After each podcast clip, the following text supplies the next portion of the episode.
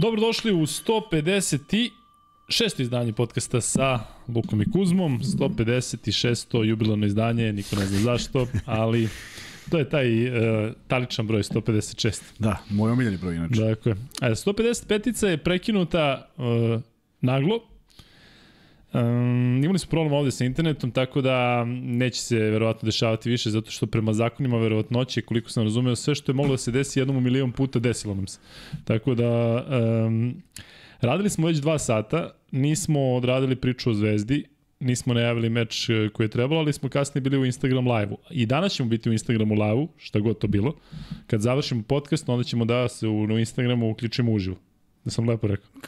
Da, i onda ćemo s vama da tamo nešto radimo kako to već ide. Ali, e, da vam kažemo za buduće, dakle, kada se desi tako da pukne stream, onda prelazimo miksa na drugi stream, tako? Dakle, samo to frki mrki, stavimo, prki. Stavimo komentar u linku. Stavimo komentar u linku. Ovde i ono kliknete na to i novi link. Stavimo komentar u linku ili stavimo link u komentaru? Link u komentaru će pre biti ali možemo i u komentaru linku šta fali malo da Pa ovaj, nek nađu, ako, da. ako im je suđeno naći. Dakle, u komentarima ćemo staviti link i onda peglamo dalje. Tako da to je za buduće kada se desi milioniti put od sada. Ali, što se tiče ovog izdanja, Ima još krećemo... 155, 154 pokušaja. Ma, jesi ludi. I još nešto, bilo je dva sata. Bilo je dva sata, da je bilo malo ranije, da je bilo neko ovakvo vreme, onda bismo sigurno i da. nastavili. Ovako u dva sata znali smo da, mnogi su, mnogi su poslali poruku šta se desilo, ali e, stvarno bi to trajalo makar desetak minuta i izgubili bi ritam i sve, onda je već ozbiljno, ozbiljno kasno. Tako da zato nismo, ali smo imali onaj live koji se pokazao prilično uspešnim veliki broj pregleda i ljudi sa dobrim reakcijama, naravno. E, sad, e, što se tiče današnjeg podcasta, pričat ćemo o svemu i svačemu. Ne možemo da pratimo Partizan e, u live-u, nešto nismo mogli da povežemo kablu, tako da ćemo pratiti rezultat ovde na internetu i Pričat ćemo naravno o tom meču gde Partizan protiv FNP-a na poluvremenu vodi rezultatom 49-43. E, Zvezda je pobedila Megu, nije bilo lako, nešto ranije je i budućnost pobedila Monar ubedljivo. Imaš nekoliko mečeva ABA lige o kojima ćemo pričati, pa ćemo onda najaviti e, i Euroligu, radit ćemo i ove nedelje, ponedeljak, četvrtak, petak, eto da kažemo to je onaj uobičajeni ritam. E, tako da ćemo danas pokriti sve što u, inače pokrijemo, pričat ćemo Mikse i ja na kraju i o NBA ligi, zakričat ćemo malo i ono što se dešava tokom noći, odnosno finale NCAA-a i eto, čak možda ćemo malo da zakrčimo, odnosno zakrčit ću, pošto vratno to niko se mene ne prati, ovo finale koje je odigrano u ženskoj college ligi e, i pobedu LSU-a. E, može i Kuzma da priča o tome ako hoće, a? Ja pamtim samo Lizu Leslie. Liza Leslie. Rekao sam ti, bila je na, na meču Koko Golf koji sam prenosio. I onako dobro se drži, ona je tu negde tvoje godine, što znači da je već U penzija. godina. Da je između košarkaške i ove mlađe, redovne ne penzije. može da je starije, ne može, mora bude mlađe. Kako ti ideš u penziju, Kuzma? Ti pitam ja da imam. Ne, imam, ja, ja imam još 40 do penzije. A, Kad smo već kod toga, da ti poklonim nešto, da ti iznenadim nečem. Mene da, mene da pokloniš. Jeste, ti meni stavno nešto što mi duguješ odavno. Evo ti moja vizit kartica. Eto vidiš, ponadaš se poklonu. Te, kad ti, kad ponadaš se poklonu. Kad ti zatreba nešto, nazovi me na taj broj. Čekaj, da li ima ovde nešto da se... Nemoj greb, greb, da nije to greb, da, greb. Da nešto ispod su neke ono tri. Eto. U stvari, poklonio si mi da znam tvoj broj telefona koji inače ono... Poslovni. Da. I samo da taj zoveš kad treba nešto poslovno. E sad vi svi koji se pitate čime se to bavi Vlajko Kuzmanković... Zašto ima samo jednu vizit kartu? On je direktor. Dakle, direktor u firmu... Nema, nema ništa manje. Koji se, koja se zove... Sve mi kaže kako se zove. Poš. Medi Service Pro. Dakle, šta god vam se desi, pokvari vam se televizor. Nije treba uopšte da se- servis. znači, tipa, Kuzma se dolazi, tako, Kuzma se dolazi tako zove, do- uopšte da. nije servis. I U nalazi se slučaju- na adresi. U svakom sredu ne moraš. U svakom Da. slučaju, svakom kome treba, on će nas naći, a s druge strane, zaista ovaj, eh, neki dobri momenti u tom delu posla, tako da smo se pomerili sa neke mrtve tačke. Kod I... tebe su non stop dobri momenti. Da, da, posle, koliko tako da ljudi ovaj, ovo to- sve više postaje hobi dok se akcenati na ovom. E, ja ću ovo da stavim, ko što je Ostoje rekao da će staviti u svojoj kancelariji ono što smo poklonili, ja ću ovo staviti u svojoj kancelariji kada je budem jednog dana imao i niko ne zna šta Čuvaj ću to, da radim. čuvaj to do tada. Niko ne zna šta će u toj kancelariji da se dešava. Dakle, e, ljudi, e, nekoliko stvari. E, pišemo i dalje Kuzma i ja na lukakuzma.rs, to su blogovi. Vi ako imate nešto interesantno da napišete, Ima, dobili smo par tekstova, da. pošaljite nam i onda ćemo mi da to proberemo, objavimo, pročitamo, ako ništa. E, na Instagramu će, dakle, kada završimo ovo, ovaj podcast, tamo negde u 5-6 ujutru, onda ćemo da se uključimo u nekom trenutku u Instagram live. Jel to treba da se nešto najavi ko naš? Ne. Da, nemojte spavati, sačekajte. I Ne, svi gledajte netremice u vam- telefon. Ako vam nedostaje, ovo. A to mogu samo subscriberi? Samo ovako mogu. Jel to ne, ih drži uporno, da. Jel to subscriberi mogu samo ili... Ne, može bilo ko. Može bilo ko. Mislim da može bilo ko. Ali treba da napravimo da mogu samo subscriberi. Onda Pa će nas onda- više pratiti. Pa ne znam šta će da nam znači da nam Ne, više nemoj, prati. nemoj, pusti neka može svako. E, da, uh, vidite, te neke zle sile su se urotile protiv nas da nismo mogli da dođemo do 20.000 pratilaca onaj dan kada su nas mučki prekinuli internet. A došli bi tačno da nas nisu Tako prekinuli. je. Tako da na, zaostajemo još 214. Internet oci su nas tada prekinuli, ali ovaj, sada ćemo doći sigurno. Dakle, vas 214 koji niste subscribe-ovani. A, hoćete da se subscribe-ujete ili ste zaboravili šta ovo? O, s obzirom da imamo 213 trenutno ljudi u live-u, da se Čekaj, nadamo samo da, da, da se nadamo da niko nije. I tako, pitaju zašto Lazić ovoliko dugo izostaje. Kuzma, to je neka povreda gde znamo kad smo ga zvali da nije baš... Morao je da miruje, što, što znači da je nešto ipak ozbiljnije. Mislim da je nešto s leđima, možda i nije, ali mislim da jeste. I, ovaj, i meni je drago što je bio sad pored pored klupe, jer na jedno vreme ga nije bilo. Tako Da. da, da moguće se vrati u neki trenažni proces i to je dobra stvar, naravno, da, da, uh, budu, da Zvezda bude kompletna u ovim preostalim utakmicama. Ima još dve jadranske, ali tako? Još dve Ne, ima još, još jadranske, nije dve. Dve su u redovnog kola. Ma, ove- da, ima ko hoćeš. Ima tri, četiri jadranske, dve ove i onda ide play-off i tako dalje. Što, što kompletniji timovi budu veće šanse za dobrim rezultatom. E, kažu da se Medi Series Pro bavi kontrolisanje, veravanje manometara, defibrilatora, piše ovde čovjek, evo. Zar vam Defibrilatora, ličim elektrokardiograma, zar ličim na nekog bez veze? pacijent, monitora i ultrazvučnih terapijskih uređaja. Ako nekom treba, Dakle, svi vi koji trenutno imate svi koji imate elektrokardiograme to kod kuće, i pokvare se. Stiže ne ide Kuzma, u servis čoveč. Nije, ne servisiramo. Nema stiže da... Kuzma u, svom, Kontrola, kontrola.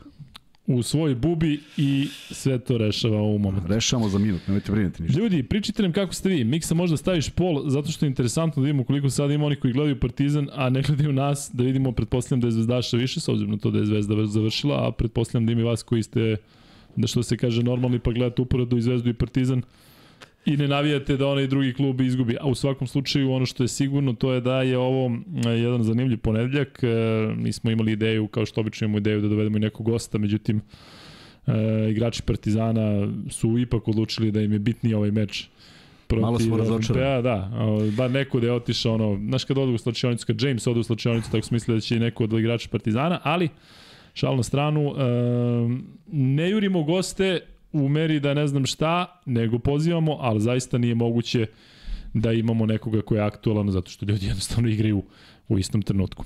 E, za vikend, odnosno u nedelju, e, ovo ovde je dres sport kluba, e, gde smo se Kuzma i ja i upoznali, on kao trener, ja kao neki igrač i e, sport klub je pobedio u jako bitnoj utakmici e, i bori se za Final Four, ili tako Miksa?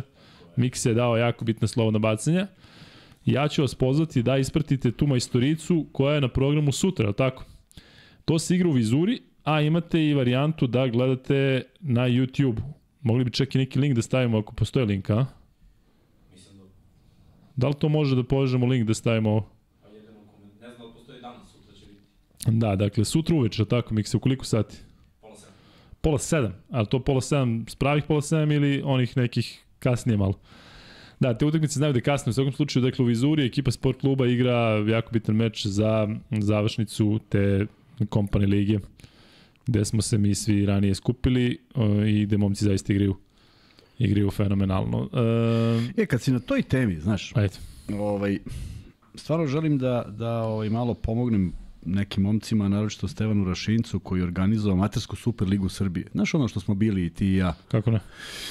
I ovaj, s obzirom da je bio neki humanitarni... Tako je, da? tako je. E, oni su, oni su napravili ligu koja ima 40 ekipa u ovoj Jeste, godini. pozvani smo u tu ligu, nego ja ovaj, nisam, nisam... Ko je pozvan? pozvani sport igra? klub, da.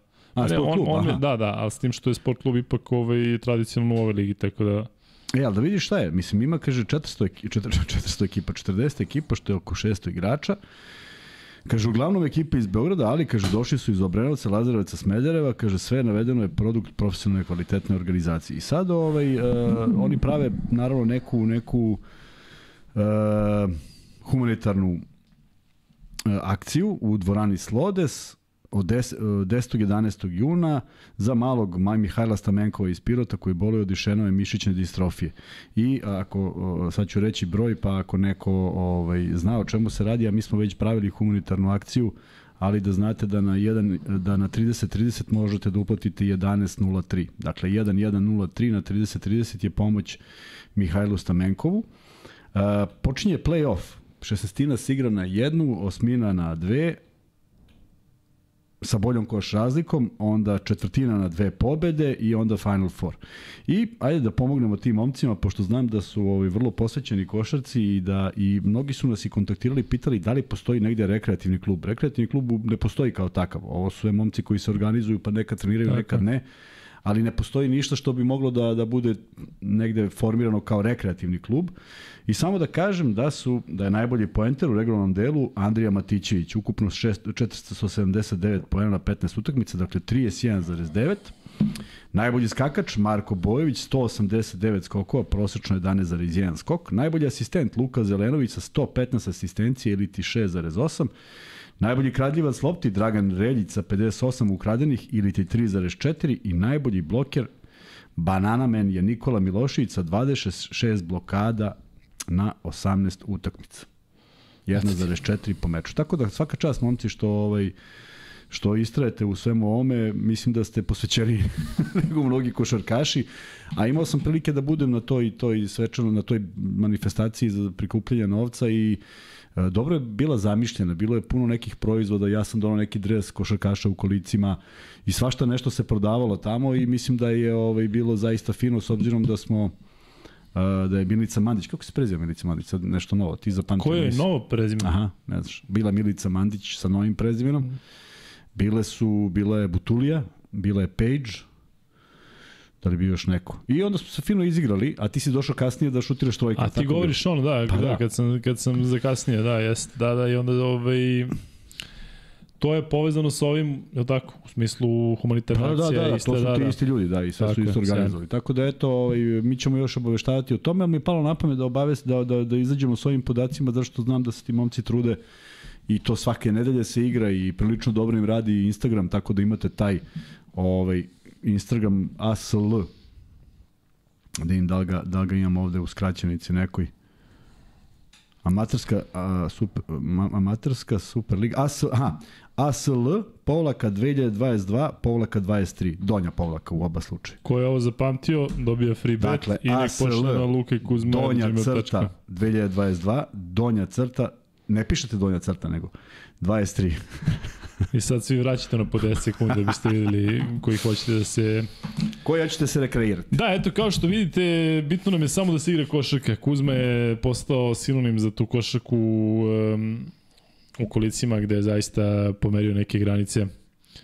Ovaj, igra se rekreativno, igra se profesionalno, pričat ćemo kasnije, eto ja ću pričati o tim devojkama, zato što je meni tu uvijek bio utisak kada sam bio u Americi koliko su oni u stvari posvećeni toj nekoj ženskoj košarci, jako interesovanje za WNBA smešno, ali što se tiče koleđa to je ipak neka druga priča. E, I dalje vas pozivamo da dođemo do 20.000 pratilaca i e, pozva, pozdrav za Kruševac, za Stalać, za naravno Čićevac. Pitaju da li sutra igra sport klub u maloj ili velikoj vizuri. Koliko znam, vizura velika je srušena na Tošnom bunaru, tako da reč o maloj vizuri. Tako, Stvarno? Na Tošnom bunaru nema više vizure. Pa de? Da, da, pa nema, da, nešto se, nemam pojma šta je. A treba da se izgradi nova ili ne znam kako već to ide. Ali e, definitivno ona zemunska vizura što se nalazi u cara Dušana. Da. E sad možda pitaju da li mala sala ili velika sala, to ni ne znam ih se. On je malo i sve ulazi tamo kad uđeš, znači ono, što god baciš uđe, možda bolje da je tamo. Idemo malo. To, pitaju kakav je miksa šuter za 3 poena. To, Miksa ne šutira trojke. Ali miksa sa penala ovaj, juče onako bio bio mini od mene koji sam koji sam ovaj gledao taj meč tako da zaista pohvale za za sve. Kažu da puče live. To je rekao ovaj jedan momak, ali dobio je kritike da je njemu pukao, jer svima ostalima radi kako treba. Pozdrav iz LA, pozdrav veliki za LA. Kakav je internet u LA? Da li radi sve? Da, povezan sa ovim našim ostanom, pada, pada nam gledanost, ljudi, ljudi odlaze, čemu se radi? Ma, možda je gusto, mene je ovde gusto utakmica. 489 u, u live-u. Da, viš da pada, stvarno pada. Ma, ajde, teraj dalje, šta pada, ko gleda, gleda, šta da radim? Ne, nešto je bilo i prošli put, zato imam sad strah od tog patnja. Ma, pusti sad. Kuzma, pre nego što pređemo, ajde malo pričamo o Nikoli Topiću. Pa jeste, to je, to je bilo sledeće po ovome svemu što smo najavili. A, nažalost, ne dođe se do pobede uvek, nisu, Zvezda nije došla do pobede u jednoj izuzetnoj utakmici, evo kažem izuzetnoj utakmici jer je nisam gledao, ali neizvesnoj utakmici, zaista. Iako moje mišljenje, verovatno će mnogi ovaj, dočekati onako bez veze, ali mislim da sva ta promocija, koliko god je to lepo i koliko god ima tu nekog smisla, ima i mnogo nekog lošeg efekta o kojima ljudi ne razmišljaju.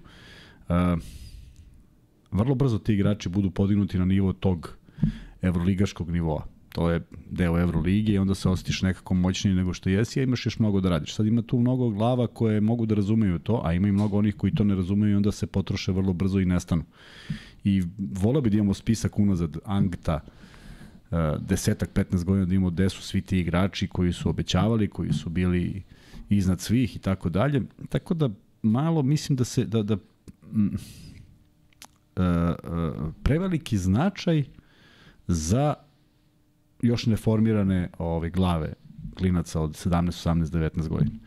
I ovaj, u svemu tome fenomenalno se snašao. Da, mislim da je isto pritisak to što se uvek na tribinama jedno hiljade i hiljade skauta iz hiljade kako i da hiljade ne, klubova. kako da ne, kako da ne. I tu su uglavnom poznate imena i igrači bivši. i Tako svi. je, tako je. I onda malo to optereti, a daću ti jedan samo, i potpuno nevažno odakle, ko, šta i kako. Potpuno nevažno, pošto mislim da toga ima dosta. Jedan momčić je došao do reprezentacije neverovatnim nekim spletom okolnosti gde smo se mi malo potrudili da ovaj, da nađemo trenera koji je dovoljno posvećen da on pozna i neke ljud, neku, neku decu koju mi nismo pratili i stvarno se nađe jedan dečko. I dođe na taj neki probni trening i ispadne sve fenomenalno i bababam i upadne on u, u, u selekciju. Radan, vredan, sve. Međutim, kreću od tog momenta, kreću agenti, kreće ovo, kreće ono i on dobija od ovih koji ga sponzorišu, dobije pune neke torbe, silne torbe opreme. Znaš, i to sad više nije isti dečko, sad on izlazi sa, znaš, onom nekom tamo čarapom na ruci i savije, u, znaš, danas nosi crni, sutra sivi. Mislim, ja stvarno mislim da se to meni desilo te 89. kad sam bio ja podelio svima, pa ko može šta ne, razumeš, ako a svi smo bili manje više iste visine, nije tu bilo baš nekih visokih, pa bismo svi nosili, ali ovo je drugo vreme i onda se on odmah izdvaja. On se, on se hteo, ne hteo izdvaja, ni po čemu, ni po čemu još uvek, E, da li je talent, talentovaniji od ovog Žike koji se još nije razvio. To je jedna priča, No, Žika je uvek dobar Žika talent. je, Žika je baš bio talent. I postaje zvezda. Sam sebi postaje zvezda. I jel veruješ da ja ne znam gde je on sad? Mislim, Koliko sad godina nema veze. Mogli bi onda da ga, nema veze. Ali ne znam Misliš da bi neko provalio? Pa otkud znam. Ali nema veze. Pazi, potpuno je neverovatno da, da, da, da, da je ispod svih mogućih radara, da to nije. Jednostavno u tom trenutku je dominirao. Samo u tom trenutku možda. I kontraefekat je bio sve to.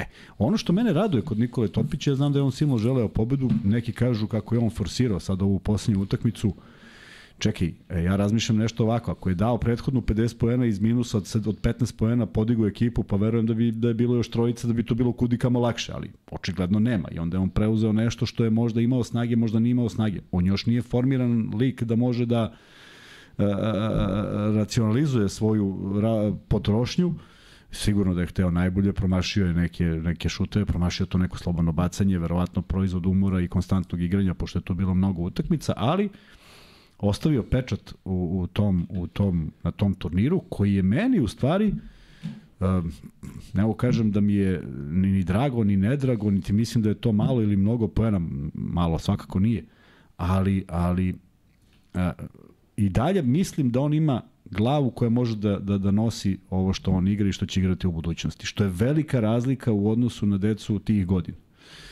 I ono što je uradio u tom polufinalu, u stvari kako se Zvezda posirala, to je prosto fantastično. Gledao sam, gledao sam te neke isečke, to je sve puno rezona, puno lepih pote, poteza, puno puno ovaj, razmišljanja o svakom potezu i zaista je onako obeležio taj turnir. Uh, vidim da se ne smeje na kraju, jer znajući, kažem, komu je otac, želo je pobedu iznad svega. Pa tamo vam pisalo četiri Nikola Topić, samo da se pobedilo. Ali, nažalost, ne možeš do svega, međutim, jedno, jedno veliko iskustvo za njega i samo da ne bude, a opet se uzdamo u to da je tako vaspitan, da ne bude neko uh, letenje, jer mi deluje kao potpuno na zemlji, sretna ga tu i tamo, pošto kad je trenirao sa Zvezdom, pa prođe pored, pored u mojom ulicom, pa popričamo, znaš, dečko na zemlji, dečko koji zna o čemu se radi, dečko koji ne leti, dečko koji odudara od svih ovih koji se kotiraju da imaju lepša tela, da su viši, da imaju strašan raspon ruku, da su skočni, znaš, sve on to neke te kvalifikacije nema. Ne kažeš sad kao vidi ga kako izgleda, ali vidiš šta radi sa loptom. I Ono što mi je najjači utisak, ima jedan potez koji je uradio na tom turniru, a, napravio je, napravio je dribling u levo i prebacio loptu i telom se zaštitio. Neverovatno. Ali neverovatno kako mi se film vratio u, u, u glavi, premoto sam ćale. Znači, neverovatno da neko, da neko toliko slično To misliš da je prirodno ili da je... Mislim da, mislim da je to samo, samo prirodno. Moguće da je on to gledao. Možda je on gledao, mada ja ne znam da li Milenko ima baš toliko nekih kaseta i, i ovaj, snimaka i da ga je nešto zanimalo da opterećuje klinca. Ali neverovatno kad je napravio taj potez, ej, tačno mi se vrati ovaj izgled kako to izgleda kada kad je Milenko to radio. Pritom tako da potpuno drugačiji tip košarkaša. Potpuno drugačiji tip košarkaša, da. Prema tome, ali očigledno da taj neki neki genije ovaj se dobro zakačio i raciju. Znaš, prosto, prosto deluje kao da on tačno zna šta, šta se tu da. dešava. Naravno da kad uđe umor i počneš da šutiraš, mnogo, mnogo ozbiljniji igrači idu linijom manjeg otpora, a ne neko ko ima 18 godina. On je 2005. godište, ne znam da li ima 18. Da, ne znam da li je napunio da 18. Tako da, eto, to je nešto lepo, jer uh, sad svi, vidio sam danas da pišu mnogi o ovome i onome, pišu o tom događaju, i onda je išao spisak, išao je spisak ovaj, igrača koji su bili na toj poziciji i koji nisu uspeli da se da se pronađu. Uz svo poštovanje svih tih momaka, neke sam stvarno znao, neke sam gledao, ovo, ovo mi odavno deluje kao nešto drugačije. Što opet nije nikakav garant za, za bilo kakav uspeh. Znači ima tu još mnogo, ali ipak neko da ovako izgleda, da ovako igra je, je drugačije od onoga što sam gledao, od imena koja su spomenuta u tom nekom kontekstu, pa čak i od malog Rebića kojeg sam ja, koji mi se strašno dopadao. Strašno mi se dopadao prvo, prvo košarkaški izgled, drugo u tom uzrastu sa njim reprezentacija Srbije bila fenomenalna. Ja čak ne mislim da je on, tu se nije izdržao pritisak one njegove sezone kada je on uh, kad su očekivali mnogo više od njega, prva sezona njegove Euroligaška. Ne može to tek tako, ne može on sad da uzme i da vodi zvezdu u Euroligi. Nije, nije došao do tog nivoa treninga uopšte. Tako da mislim da, da, da će ovde biti taj problem, ali ovo što je uradio u ovoj godini i način na koji je nastupao za zvezdu mi govori da ipak se radi o nekom, nekom koji ima drugačiji pristup sve. Šta ti od njega očekuješ što se tiče razvijenja? Šta misliš da bi bio dobar potez zato što ti E, počela sezona tako što smo čuli da će onda ide u Slodes. Pa to nije sve stvarno. Pa onda znamo šta se sve dešavalo na toj liniji, da li će u Zvezdu ili neće u Zvezdu ili gde će da ide. Meni je strašno krivo što nije ostao I kada, je, kada si rekao da je, e, kada smo čuli da je prešao OKK Beograd, ti si rekao da ne misliš da je to dobro zato što kako sad kalasa i sve. Šta je sledeći korak za koji ti misliš da bi bio najispravniji? Rekao sam ti onaj dan kad smo pričali o pet koje bi ja zadržao u Zvezdi. Dakle, prvo što bi uradio, potpisao bih njega. Potpisao bih njega na mesto broj 1 i sagradio tim od koliko god hoćeš igrača, ali on bi morao da bude u timu. Ako stvarno hoćeš sa njim nešto da radiš u narednom periodu. Ja mislim da on ima ugovor sa Zvezdom, da je on potpisao taj prvi ugovor, kako je od uvek bilo, i da bi bilo potpuno normalno da se tu i, i razvije. U ovoj konstelaciji, sada, da je on na klupi Zvezde, sad, trenutno, ide u rotaciju od onih 14-15 igrača, ne verujem da bi nešto Zvezdi smetalo, ne verujem da bi smetalo nešto o njemu, Naravno, ne mora na svim utakmicama, ali polako. Tako da, koliko je dobro ovo što igra za OKH Beograd, toliko vidiš da je on sad na tom već nekom nivou. ABA Liga je drugi nivo, a, a Euroliga je treći nivo. Bilo bi bolje da je na nivou ABA lige i da već trenira i da igra protiv igrača uh, u ABA ligi, ali Bože moj, dešava se ovako nešto neobično u krajnjem slučaju i da vidimo da li će, da li će to sledeće godine biti ispravljeno na najbolji mogući način, jer zaista mislim da može jako brzo da napreduje kroz, kroz uh, jači i bolji trening. E, da, Marko Jeremić se javlja i imaćemo, je tako, i one... Imamo prošli da. put, jednom smo zaboravili, jednom smo, jednom smo prekinuti. Da, znamo, Mare, da treba, najavili smo to da će biti Skupština Euroligi gde će se raspravljati o tome ko će biti, odnosno da se potvrdi ko će biti učesnik naredne godine. Ono što smo mi rekli je da očekujemo da i Partizan i Zvezda dobiju potvrdu da će igrati sledeće sezone, što mislim da je sigurno da ne bi ovaj finale ABA lige bilo klanica verovatno će biti kako god okreneš, ali, ali da budu ipak malo opušteni jedni drugi u smislu da finale ABA lige ne donosi i Euroligu, iako i dalje ne znamo zvanično da li donosi ili ne donosi. Uh, ne, dono, ne, ne donosi sigurno, sigurno ne donosi to, to bez daljnjeg. Znači nema već tri godine to ili dve. To nije opcija, to je jedna dobra priča zato što ovaj region i tako dalje kako oni to sagledavaju, ali mislim da sad došlo u fazu kada na, na, na moju veliku žalost ono što se desilo sa ruskim timovima je loše po košarku. Uh, s druge strane, dobra okolnost jer je situacija sad takva.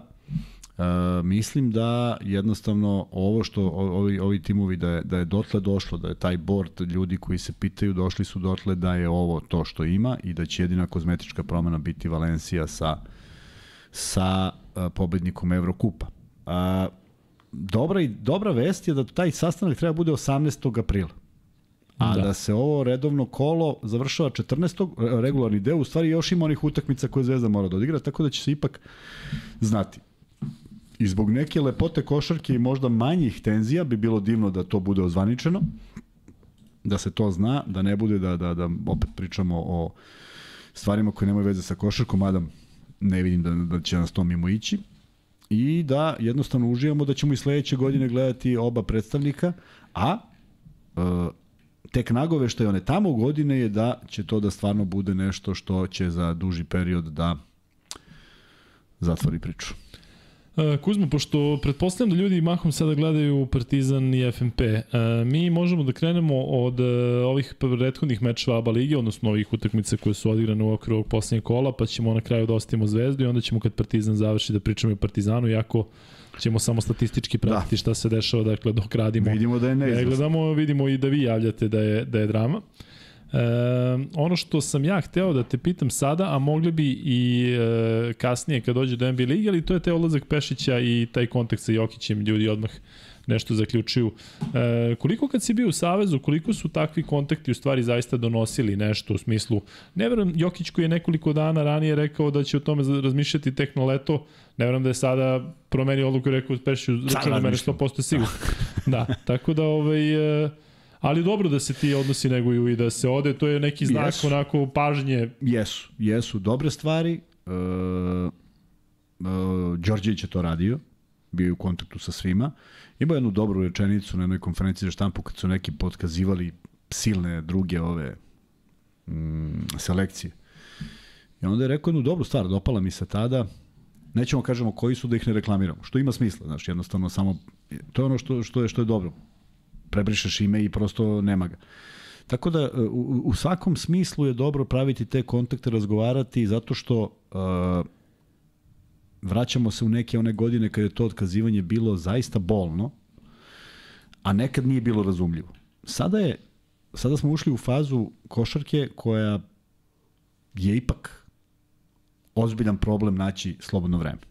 Rehabilitovati se, u krajnjem slučaju uh, uh, uh, odmoriti se malo, ne raditi ništa neko vreme, isključiti glavu i svega toga i uh, Zato mislim da je dosta specifičnije nego onih godina kada si imao 30 utakmica pa kao ne mogu na leto. To su bili, znaš, ono, poprilično loši izgovori i, i, i, i naravno da nije valjalo, međutim unazad razumem na neki način sve te probleme s kojima se suočavaju igrači koji igraju taj, niz, taj, taj broj utakmica, pa čak i evropski igrači i vi svedoci smo činjenice da sve ekipe koje su imale neke dobre momente na evropskom prvenstvu, mnogo su se ti igrači posle priključivali. Nije to baš bilo tako, sad samo nastavi. Ne možeš da ideš u pik sezone iz, iz, iz meseca u mesec. vrlo je bitno da budu u komunikaciji sa svima, vrlo je bitno napraviti o, što bolji sastav, ali onaj najbolji sastav, ono što stalno govorim, ne mora baš svako da bude. Dakle, ne znači da će svako ko je sad trenutno u NBA da popuni sastav reprezentacije na najbolji mogući način. Samo to treba voditi računa. Ne mora, ne mora po logici stvari on igra tamo da iga, zato što uh, uh, ne želim da budem neki uh, znaš, Džed koji nešto... Pa ne, ne, ne, ne, ne, možda, ne, možda neko pogrešno shvati, ali, ali na primer, ne mogu da kažem da sam očekivao da će Bjelica biti bolji i dobar ove sezone. Ne zato što mislim da je on loš igrač, daleko od toga. Mislim da je jedan od najmajestranijih igrača na poziciji na kojoj igrao. On, on je nešto što je... Tih šest pozicija na kojoj igra. Upravo to, ono što je bio Čubrilo, ako se sećaš u ono vreme. Mogu da igra 1, 2, 3, 4, yes. mogu raditi šta god hoćeš. E, tako i, i, i Bjelica, ali prosto taj povratak, izlazak iz tog nekog tog nekog miljeja, treninga, glave i povratak ovamo na sve povrede i na sve, znaš da ne može da ispadne dobro. I meni je žao što, što, što se tako desi, ali nekako, nekako mi je to bilo, bilo mi je bliže da verujem da je to nego da će biti neka wow. Jer i svi oni koji su se vratili iz NBA, opet im je trebalo neko vreme da se naviknu. Aj gledaj Guduru, na primjer, ove sezone. Nije baš bilo prve sezone kad se vratio tako dobro, je tako? Znači mora neki neki, neki povratak u, u, u ritam treninga, kapiranja, glave i svega ostalog. Uh, I nadam se da Pešić radi dobar posao, u, da, nadam se, nadam se da će napraviti dobar posao, da ćemo imati... Nadamo se svi. Pa ne, da ćemo imati 20 imena iz kojih možemo biramo, ne 11 imena pa da i 12. nego baš ovo što kažem, da mi imamo čistu sliku, da svi oni žele, da svi oni žele da dođu, E onda je na tebi da napraviš najbolji mogući sastav. Onda je taj ono što se kaže tako je, slatke tako muke, tako, tako to je da divno. Ti... Ne, ako imaš 11 i kažeš sad daj skonce i konopce. Znaš, da li sad da uzmem ovog što je niži ili ovaj što je malo viši, pa nema veze kakav je samo popuni, da popuni tu neku rupu koju ima ovako, ako nemaš rupa, ne može bolje. Jokić je zvanično najbolji igrač na svetu, ja se nadam da će i, mislim, MVP NBA ligi i ovi kažu najbolja liga na svetu, pa najbolji igrač na svetu. Ali koliko zaista Srbije zavisi od njega? U smislu, znaš, da li se stvara, da li se stvara ta atmosfera Jokić ako ne igra, onda to nije to. Zato što moj san zaista jeste da budemo kompletni, da se vrati i Bogi, da bude tu Jokić i onda kažemo idemo sada i udri. Međutim, ipak, i ako bude nekih otkaza, povreda, mislim da mi imamo zaista dovoljno dobrih igrača na svim pozicijama da, da to ne remeti u ko zna kakvoj meri planove, ambicije i domete. Jako mi je teško još uvijek da odgovorim šta nam se desilo na, na Evropskom. Da. Uh, ono što je izjavio Aca Petrović, ono što su izjavljivali svi ljudi, ono što su svi pričali kako smo igrali, zaista mislim da smo igrali najlepše. Zaista najlepše. Da igrali smo sve što jedna košarkaška utakmica, jedna ekipa može da ponudi. Što znači da može, tako? Što znači da može, ali znači da nije dovoljno. E sad, nešto, nešto nije bilo kako treba, jer onda se ovo ne bi desilo. Znaš, taj reset mora da postoji. Reprezentaciji Srbije išlo neko vreme, nismo mi baš krenuli kilavo, nego smo mi vodili dobar deo utakmice, pa je onda krenulo. A onda je krenuo pad, neverovatan pad gde, gde nekom mora se nađe neki uzrok. Šta je bilo, još uvek ne znam, ali, ali se bojim da ne odemo na svetsko prvenstvo, imamo tu najlepšu igru, najbolji igrači i sve to, a da, a da ne bude dovoljno, dovoljno efikasno. Zato, uh, kada se pravi jedna ekipa, ako imaš jednog, ne moraš nužno da imaš i drugog. Ako imaš trećeg, možda nije kompatibilan sa četvrtim. Možda postoje peti i šesti koji su kompatibilni sa ovom prvom dvojicom, pa daj njih samo mislim da treba biti oprezan, ne, ne stav, sastavljati imena, svi su pristali i sad pozoveš, imaš neki rang listu neku i kažeš evo i 12. Ne valja. Znaš, ja sam nekad pričao, kad sam spomenuo, spomenuo Birčevića, svi su ono kao jeste, ali stvarno mislim da je bitno imati takvog, ekipa, takvog igrača u ekipi. Zaista mislim.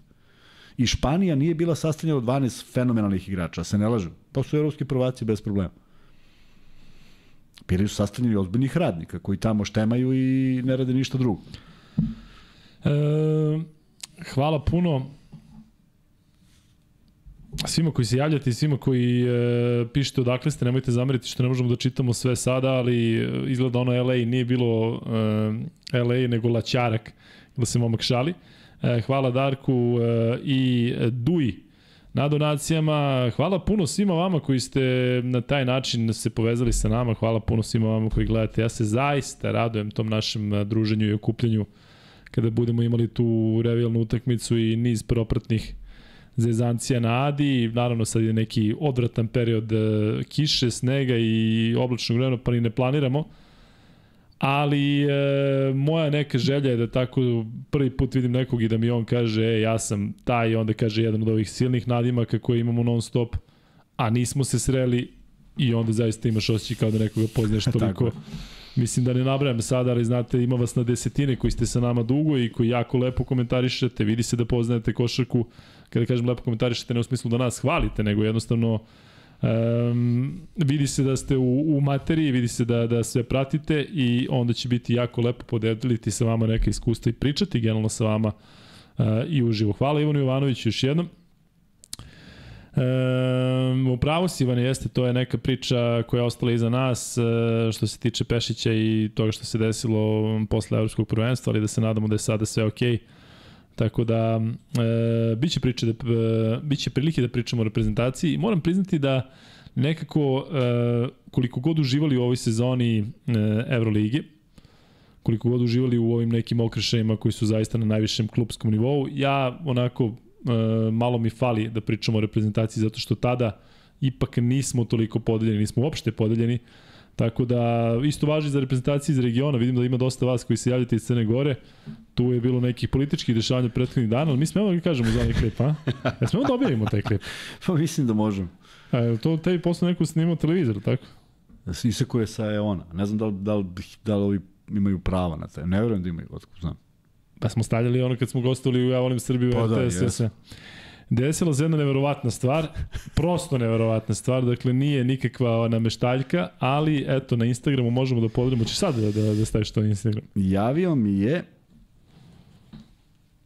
Ja sam vratio posle na onu i Marko video da... Bezbradica. Kaže, izašli ste, kaže, u sred emisije o izborima u Crnoj Gori. Ja pomislim šta priča čovek. Na televiziji sa nacionalnom frekvencijom. Da. I ovaj... ne, prosto nevjerojatno. I on kaže, premote, ja premotavo, stvarno nisam video ništa, mislim sad ono ide ipak nekom brzinom. I on kaže, ja ću ti, ja, ja ću ti isečem. I seče i pošalje. I stvarno, uključuje se. Duško Knežević, tako se, Duško Knežević zove. Nemoj tu će da nas seku onda, nemoj da, da samo reci, uključuje se sa osoba koja priča o... Uključuje se Knez Dule. I u pozadini Luka priča iz, iz podcasta, on i ja nešto pričamo. Ma, prosto ko gleda, nevjerojatno. Ko gleda taj podcast, da li on, da li neku urežu. Ne, u, svakom slučaju, urežu. u svakom slučaju ne shvataju da ceo taj segment ide naša priča i ljudi se onako gledaju kakav je to zvuk u pozadini, tako da ozbiljan uticaj. I je onako... Ovaj, potpuno zbunjen. Da. Tako da, Ozbiljan uticaj smo imali na izbore u Crnoj Gori. Da. E, ima tih momenta kada zaista shvatimo koliko, to se meni često dešava kada sretnem neko od vas, pa kad kaže neko, možemo da se fotografišemo, a ja ono, ovaj, e, ne znam čemu se radi, ali toga ima stvarno non stop. E, I onda tek shvatiš koliko ovo ima domet e, i koliko je široko i koliko ljudi gledaju i onda ti bude drago. Ne zbog tih nekih cefara, već zato što zaista mislim da da ovaj svi zajedno uživamo on na neki način pričajući o košaci.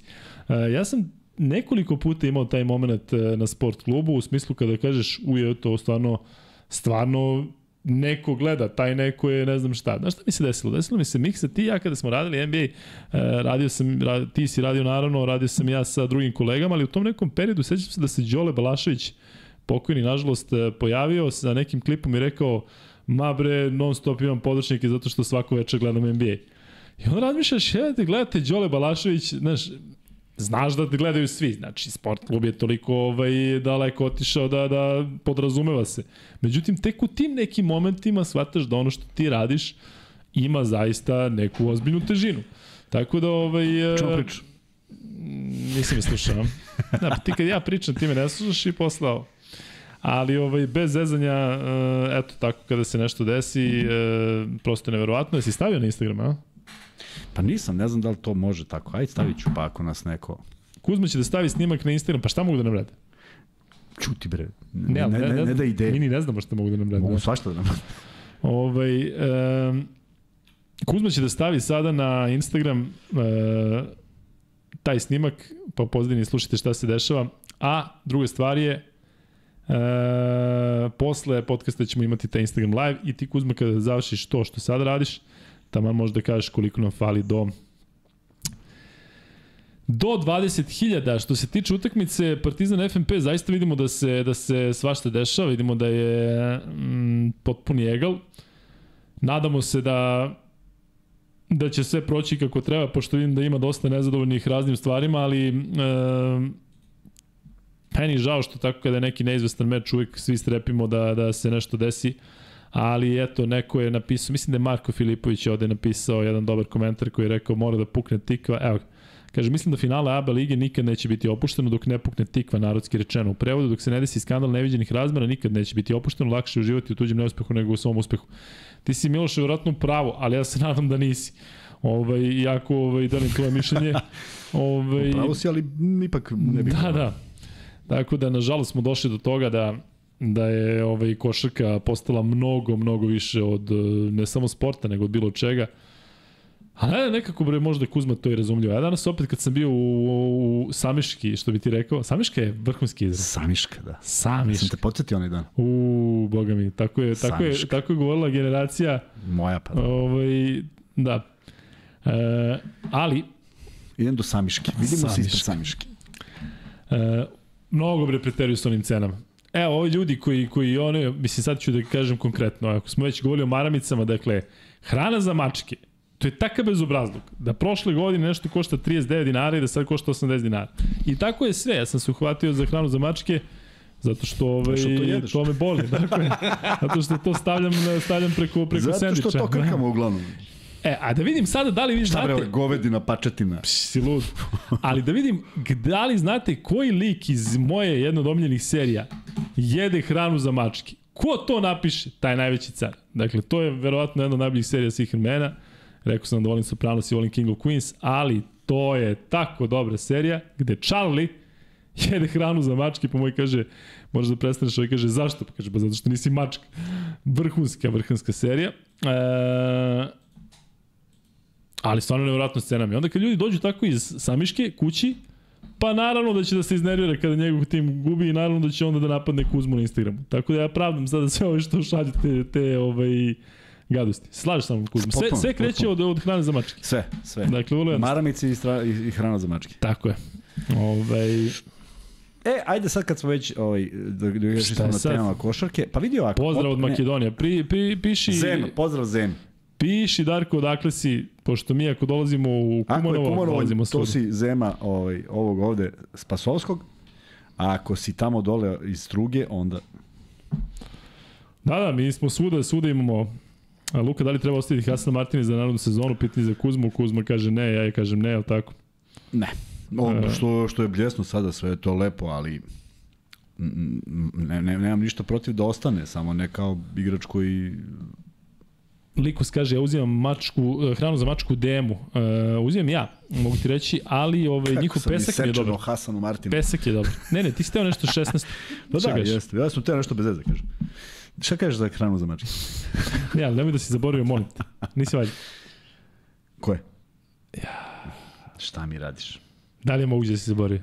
Ko je? Hranu za mačke? Ne, pre nešto si krenuo. Ma nije, samo stao za Martina da on može da bude backup Ma, igrač. Ma pre Martina nego što se pita čovjek. pre Martina, da. To, pusti Martina. Ono kad smo počeli da pričamo o knjigama, muzici i filmu i onda naravno ovaj, da ne bude da mi zloupotrebljamo ovde jer ja to nikad nisam volao da radim, onda sam ja sačuvao sad, pošto je prošlo ipak mnogo ovih podcastića u kojima o tome pričamo, da vam preporučim jednu knjigu. E, evo ga. Mog kuma. Opa bat. Jeste, u pitanju Ivan Tokin. Mi smo od srednje škole drugari, kasnije e, me venčao. I napisao je nekoliko knjiga, a ja preporučujem najnormalniji čovjek na svetu zato što a, znam dobro koliko je tu delova istinito i zato jeste za preporuku kao i sve ostalo što je napisao. Ima njegova predstava koja je sada negde premijerno, premijerno prikazuje, tako da eto jedna, jedna knjiga od našeg mladog autora, mladog, mladog koji ja, ovaj, za svaku preporuku. Gle ovu poruku. Ajde. A neka ružna. Ne, nego prosto nevjerojatno. Pošto ste trenutno naš, pročiti posljednje dve poruke. Pa mi ti reci da li to neka koincidencija ili šta je. Možda je neki nešto, ono, kletva neka. Ako tebe to okej. Okay. A šta? Pa si pročita. Isto što se dešava u tvojoj kući, dešava se u moj. A, Ha? muka. Pa moguće. Neverovatno. E, Elem. E, Elem. Možete majice Elem i BFC koju Kuzma inače nosi ispod e, Duksa Luka i Kuzma. Sve to možete kupiti na lukaikuzma.rs na shopu našem gde idu stvari kao avla. Ne kao alva, nego kao avla. Što kao alva? Što kažu kao ide kao alva? Jesi jeo ćete na alvu? Jedeš još? Znaš kao ide kao alva. Ne znam zašto ide, jeo sam, volio sam. Pa Ne da, kao nešto ide. kad alva dođe, kao odmah se rasprodaje. To taj faz. Ne znam, majke. Um, serija koju ja govorim je uh, It's Always Sunny in Philadelphia. Ne znam kako to niko od vas ne zna, ljudi, to mora se gleda. Dakle, Louis, gde Louis C.K. glumi sebe, i Always Sunny in Philly, to mora da se gleda.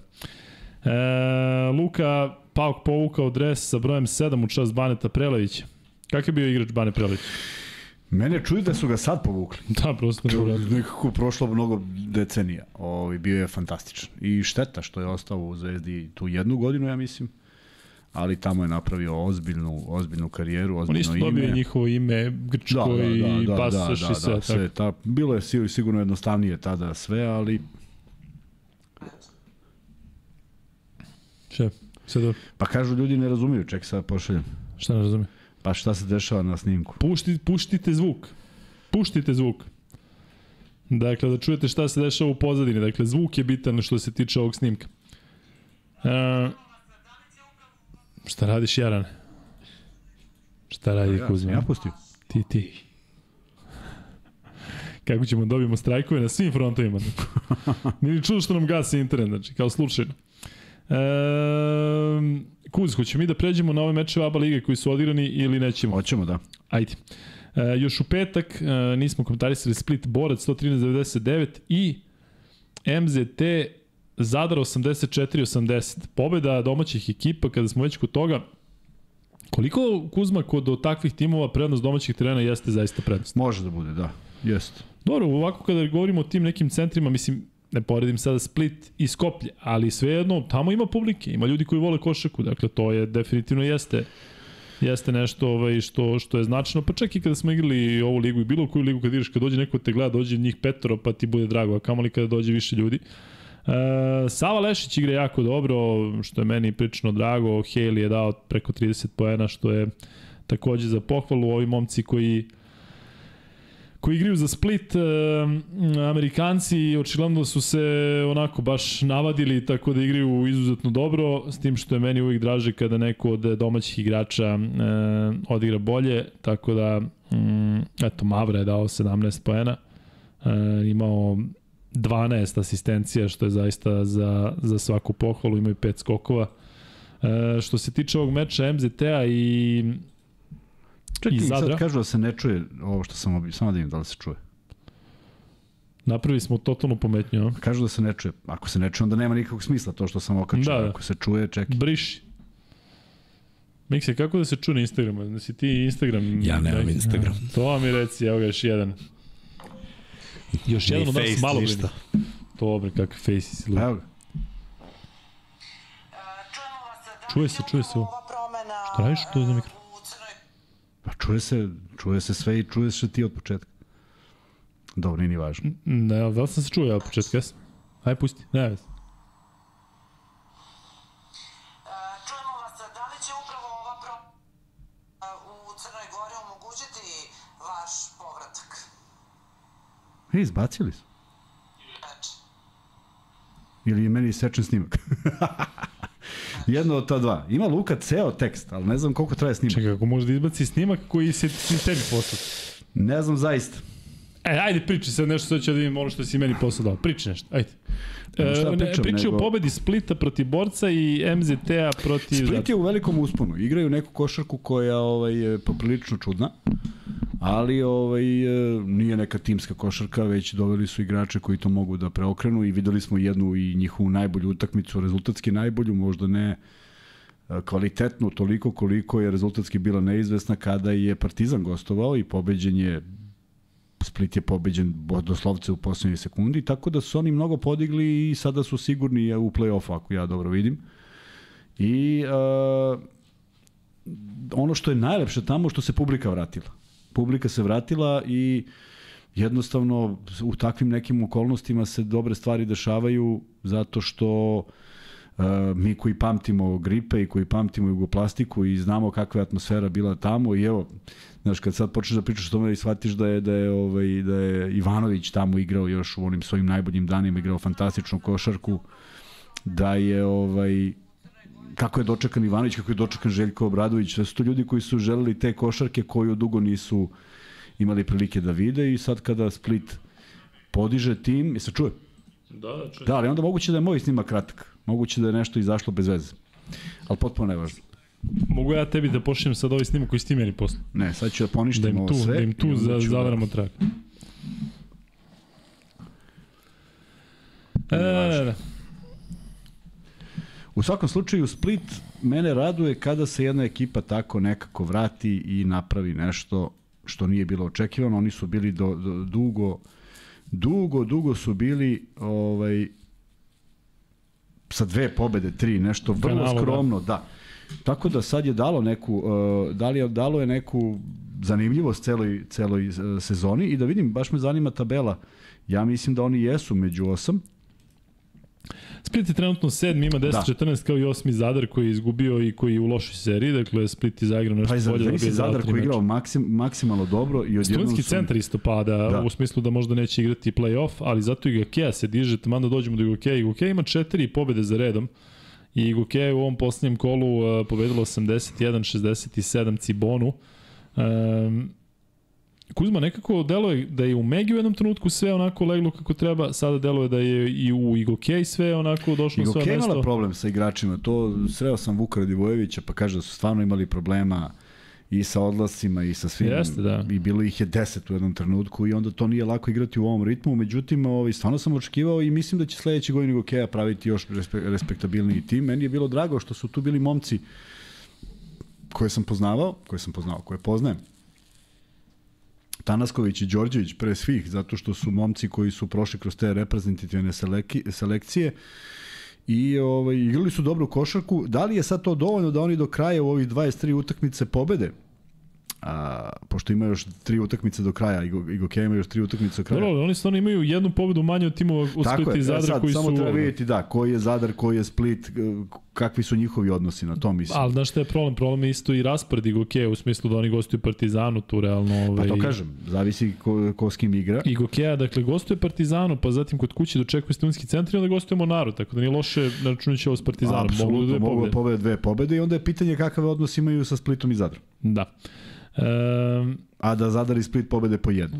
U svakom slučaju velika neizvesnost za to sedmo, osmo mesto, je li tako? da. S obzirom da je Mega otišla ipak iznad, e, jedino ko može da se približi na jednu pobedu je Derbi, koji, e, studentski centar koji igra protiv koga? Sad ćemo da vidimo. Studentski centar ima 10-13, studentski centar dakle ima utakmicu Utakmicu manje, da. manje. I ostala im je jedna utakmica. A, igraju protiv CDVita Olimpije. I sutra je to njima biti ili ne biti u, u Sloveniji. Da, i posle toga uh, dočekuje FNP i gostuje Igokej. Tako da vrlo lako može da se dešava da desi da taj meč Igokeja studentski centar u posljednjem Kako kolu... se rekao si Mornar? Znači studentski centar? Ne, Igokeja igra protiv? Monara. Partizan? Pa Mornar, pa studentski centar. Da. Aha, ja, zašto si rekao drugo, da, ostalo mi je da je Mornar poslednji. Pa moguće da Igokej jeste, ali u studentskom centru Igokeja Aha, poslednji. aha, aha, eto, eto.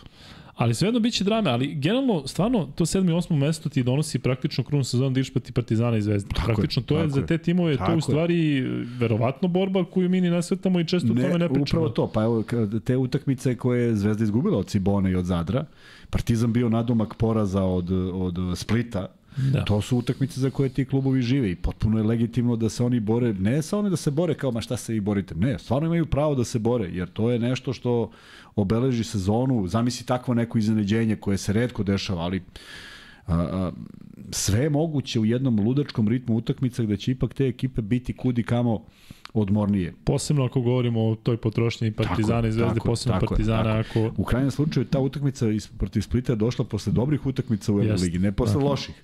Znaš, i onda je sve moguće, a ta jedna utakmica kad te ubaci u nervozu, onda si stvarno jedina dobra stvar u svemu tome je ta što se napokon posle dugo godina promenilo to pravilo igranja, igraš kod kuće prvu prvi utakmicu, a ne kao pre, jer mislim da je bilo pakleno teško pobediti nekoga posle poraza na gostujućem terenu, pobediti dve kod kuće. To takav pritisak donese da je to potpuno nenormalno.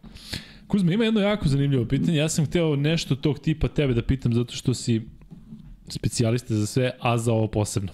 Dakle, dolazimo do meča uh, koji je sledeći, to je taj derbi Crne Gore između budućnosti Monara. Budućnost to danas dobila prilično lako, već na polovremenu je imala uh, nedostižnu prednost, a uh, Monar je dobio drugo polovreme kada je bilo onako malo opuštenije, međutim na kraju eto tih 20 razlike za budućnost. Jesi spreman za pitanje? Hajde. Luka, da li kakva budućnost ima neku zbiljniju budućnost? Nakon pada ovog predsednika juče, pošto je on realno gurnuo tu priču od, od 96. 97. godine, e, šta god da se o njemu misli, on je ozbiljno volao košarku. Koliko je za takve neke sredine zaista bitno da ima takvu podršku? Da li je to presudno? Jeste, jeste. Zato što je u tom trenutku, što se sporta tiče, sport je jedan od najboljih promotera uvek bio. Ne, nije to smislio niko u Crnoj Gori, nego prosto to jeste tako. Napravljena je ta ekipa, prvo malo skromnije, onda sa odličnim sredstvima, sa e,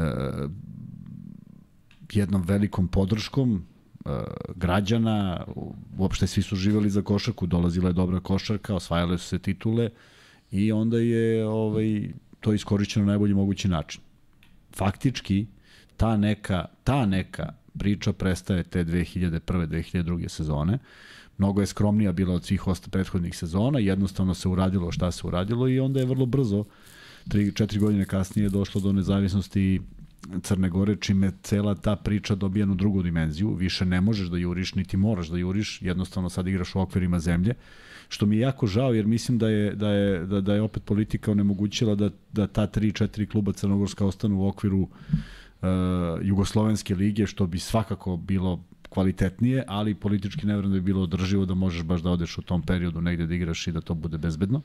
Tako da verujem da je to prevagnulo. Međutim, potpuno je drugačija priča iz onog perioda kada ti dominiraš nad Zvezdom Partizanom uh, u okviru jedne lige nego sada Jadranska tada još nije postojala, tek je ustanovljena te 2001. 2002. To su bili počeci, nije se znalo ništa o tome i e, srećom čovek voleo košarku, mogu voli boks, pa da imamo ringove po, po Podgorici i drugim gradovima.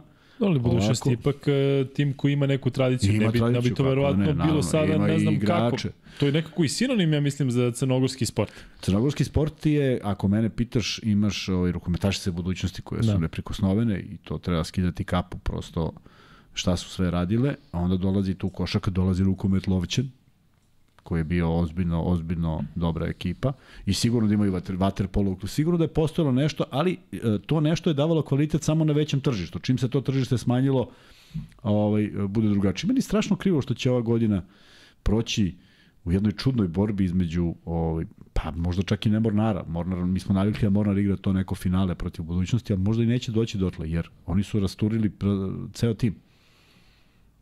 Oni faktički nemaju nikoga nikoga ko će do kraja sezone obezbedili su opstanak i to donosi jedno onako ružno, mislim, ne mogu kažem, svako ima neke svoje motive zašto nešto radi, ali mi deluje kao loša poruka. Kako sad? Nema više američkih igrača, sve smo sad sveli na to i ajde sad igraj do kraja. Nekako nedostaje mi, nedostaje mi malo više ozbiljnosti po tom pitanju.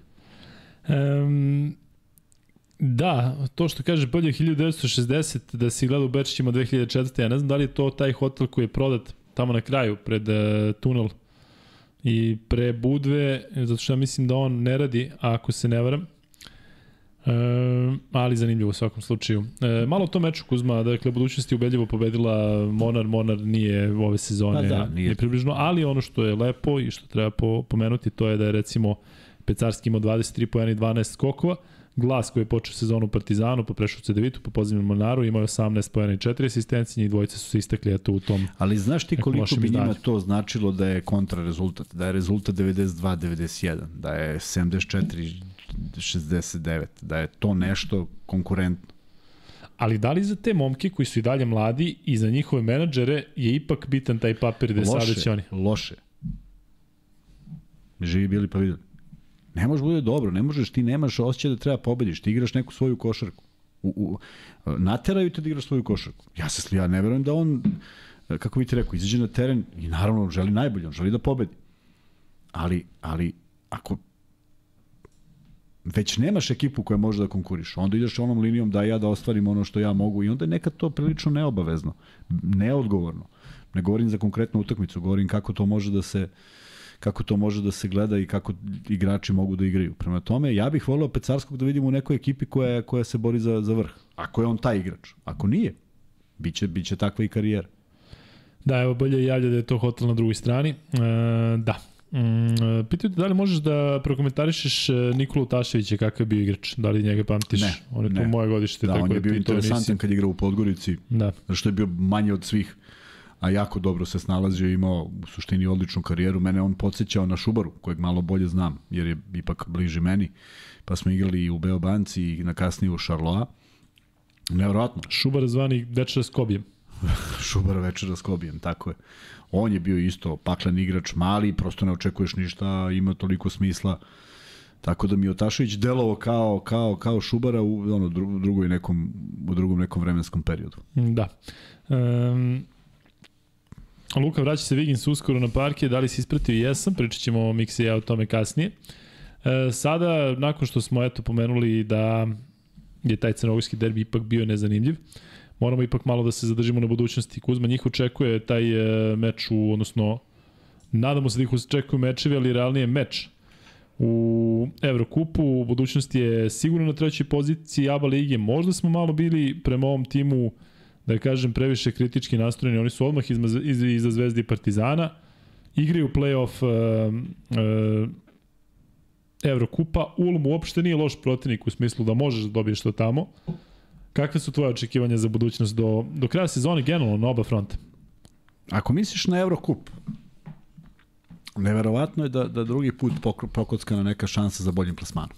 Nužno ne znači ništa. Videli smo toliko iznenađenja prošle godine, ali prosto Znaš koliko je lepo kad, kad ti se vraćaš sa, sa pobedama kući i, i eto to malo publike koja ne gleda više na to, malo bi moglo da, da, da promeni neki tok dešavanja. Ovako deluje kao da, da, su oni, da su oni, znaš, prepušteni sami sebi, pa eto, bore se koliko mogu, bez neke podrške.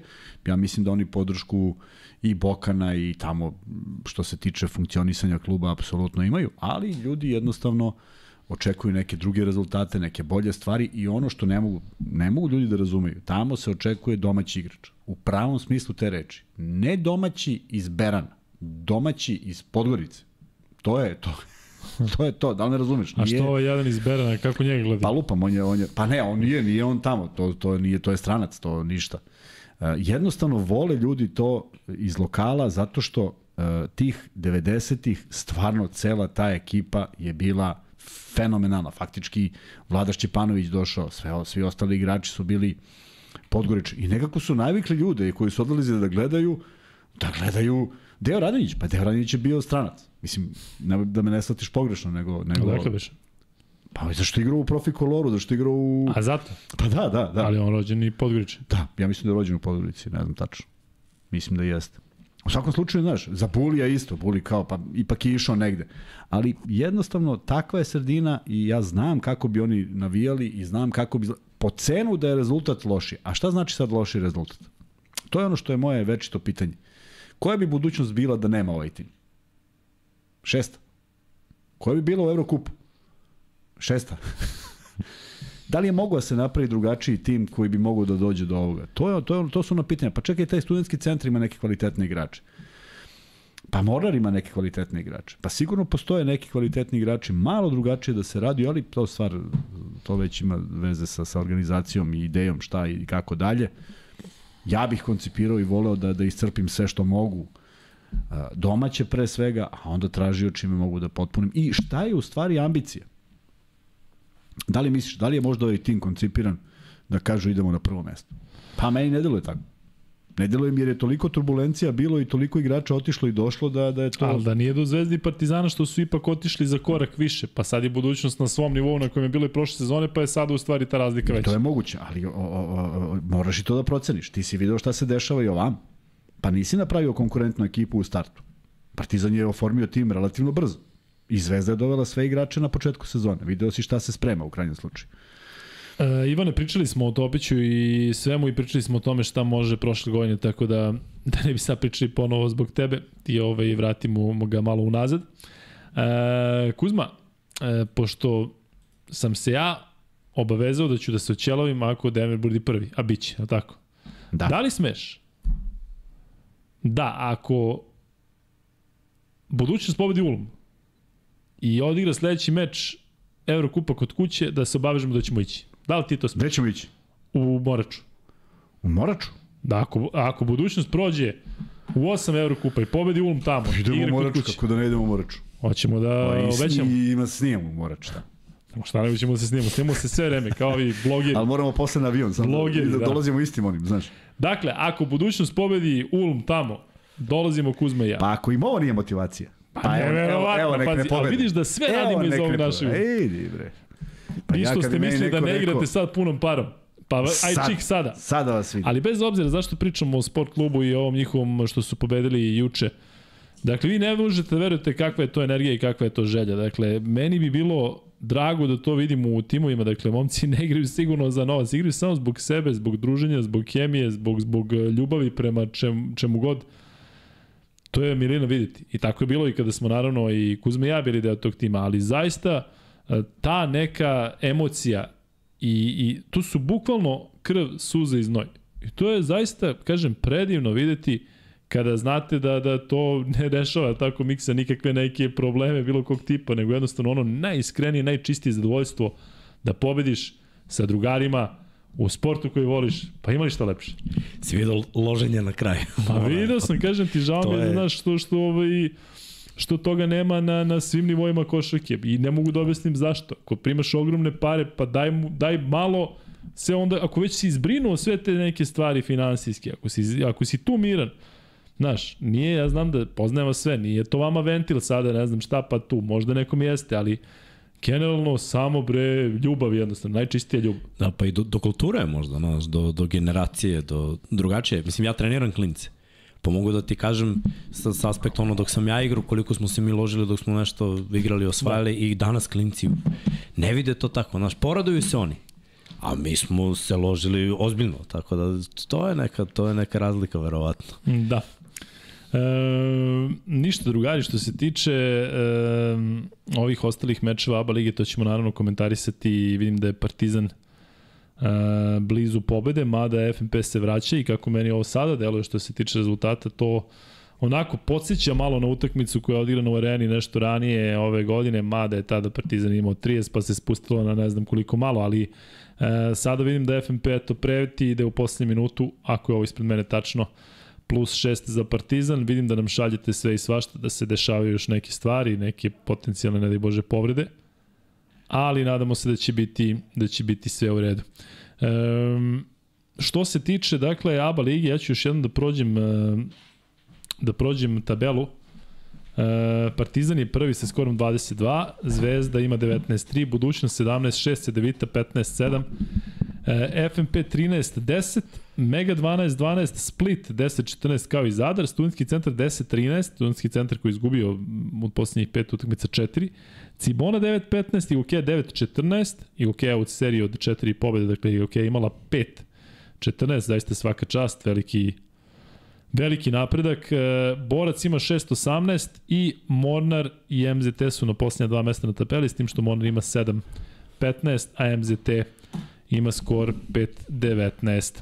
Sada dolazimo do tog meča koji je Zvezda danas dobila protiv Mege. E, rezultatski to ne delo je tako ubedljivo, takođe ni, ni ono što sam ja ispratio nije bilo tako, međutim e, možda malo opuštanje na kraju, eto Kuzma neki opšti utisak e, u hali sportova, odnosno u hali Ranko Žerovica, je bilo 2500 ljudi, dobra atmosfera, onako kako se tebi, eto, da kažem, sviđa utakmica, odnosno da li si zadovoljan kvalitetom utakmice?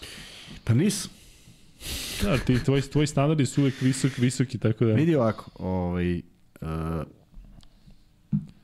ne, nešto je trebalo da se desi, prvo, prvo ajde ovako, uh, ni približno jednostavna utakmica u posljednjoj četvrtini. Tri četvrtine je bilo dvadesetak poena i to je stalno bila ta razlika. A onda je malo proradio vjerojatno ponos, inat, želja i videli da neke stvari mogu, pa su momci klinci iz, iz Megi odigrali stvarno jednu dobru četvrtinu.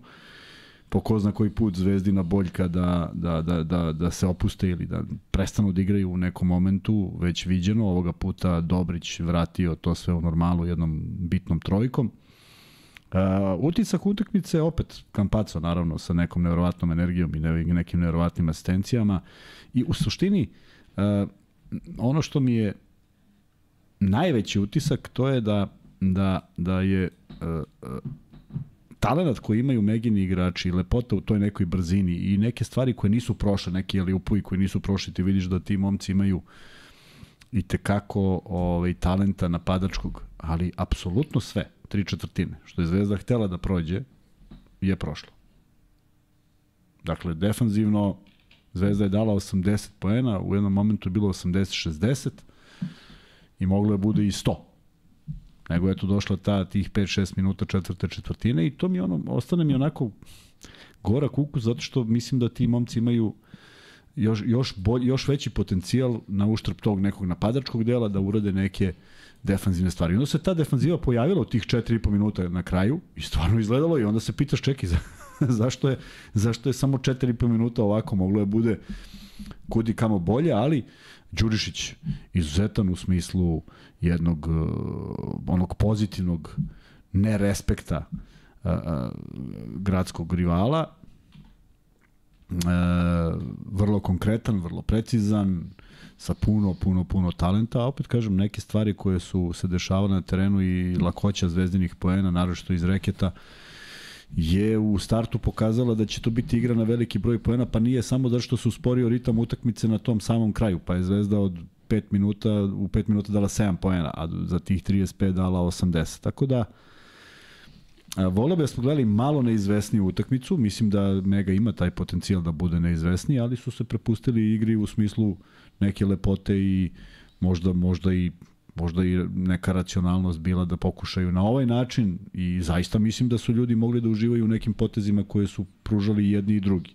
Prema tome, za nekoga ko je došao na utakmicu s porodicom da pogleda dobra utakmica.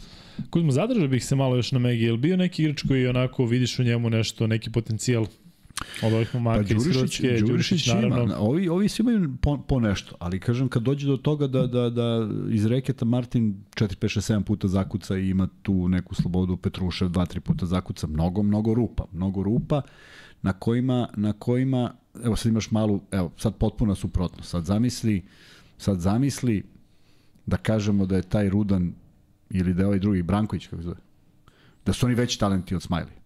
A zamisli ovaj čovjek koji kada napravi tu jednu grešku jer mu stopala nisu stajala dobro, ovaj ga pozove na klupu i kaže s punim pravom, jer tako se igra Euroliga. Ja mislim da je bolje da oni već sad znaju kako se igra Euroliga nego da to uče kasnije pa neki mnogi da ne nauče. Ali znamo da je kod nekih od njih Euroliga uopšte nije, da je to stepenica koja se preskače i da se ide u NBA Odlično, ligu i da je to čak i odlično. legitimno u smislu da se to Tako je. čak i tako kaže, da nije sad Tako, kao... idemo, mi nas ne zanima ovo i sad ako ti 12, svih svake godine 12 odu, to je fenomenalno, samo se bojim da neki moraju da igraju i nešto drugo. E onda i ne dostignu taj nivo možda baš zbog toga. Tako da to je stvar ovaj, ideje kako to funkcioniše, da li će Branković, da li Branković svojim fizikalijama može da dođe do NBA lige, ne znam. Da li može da bude ozbiljan evropski igrač? Mislim da može. Šta mu je izbor? Ne znam. Ako neke stvari ne bude radio sada, sledeće godine i još jednu godinu, pa nikad neće ni da ih radi. Zato što su zahtevi Evrolige za koju mnogi ko košarkaši kažu da je mnogo kompetitivnija nego uh,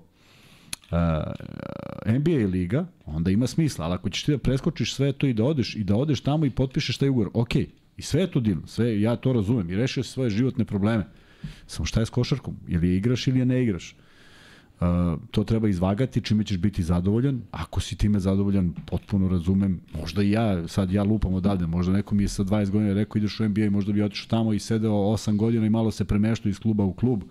Neko me tamo zagotivi pa sam tu, malo ovako. I haj, oho.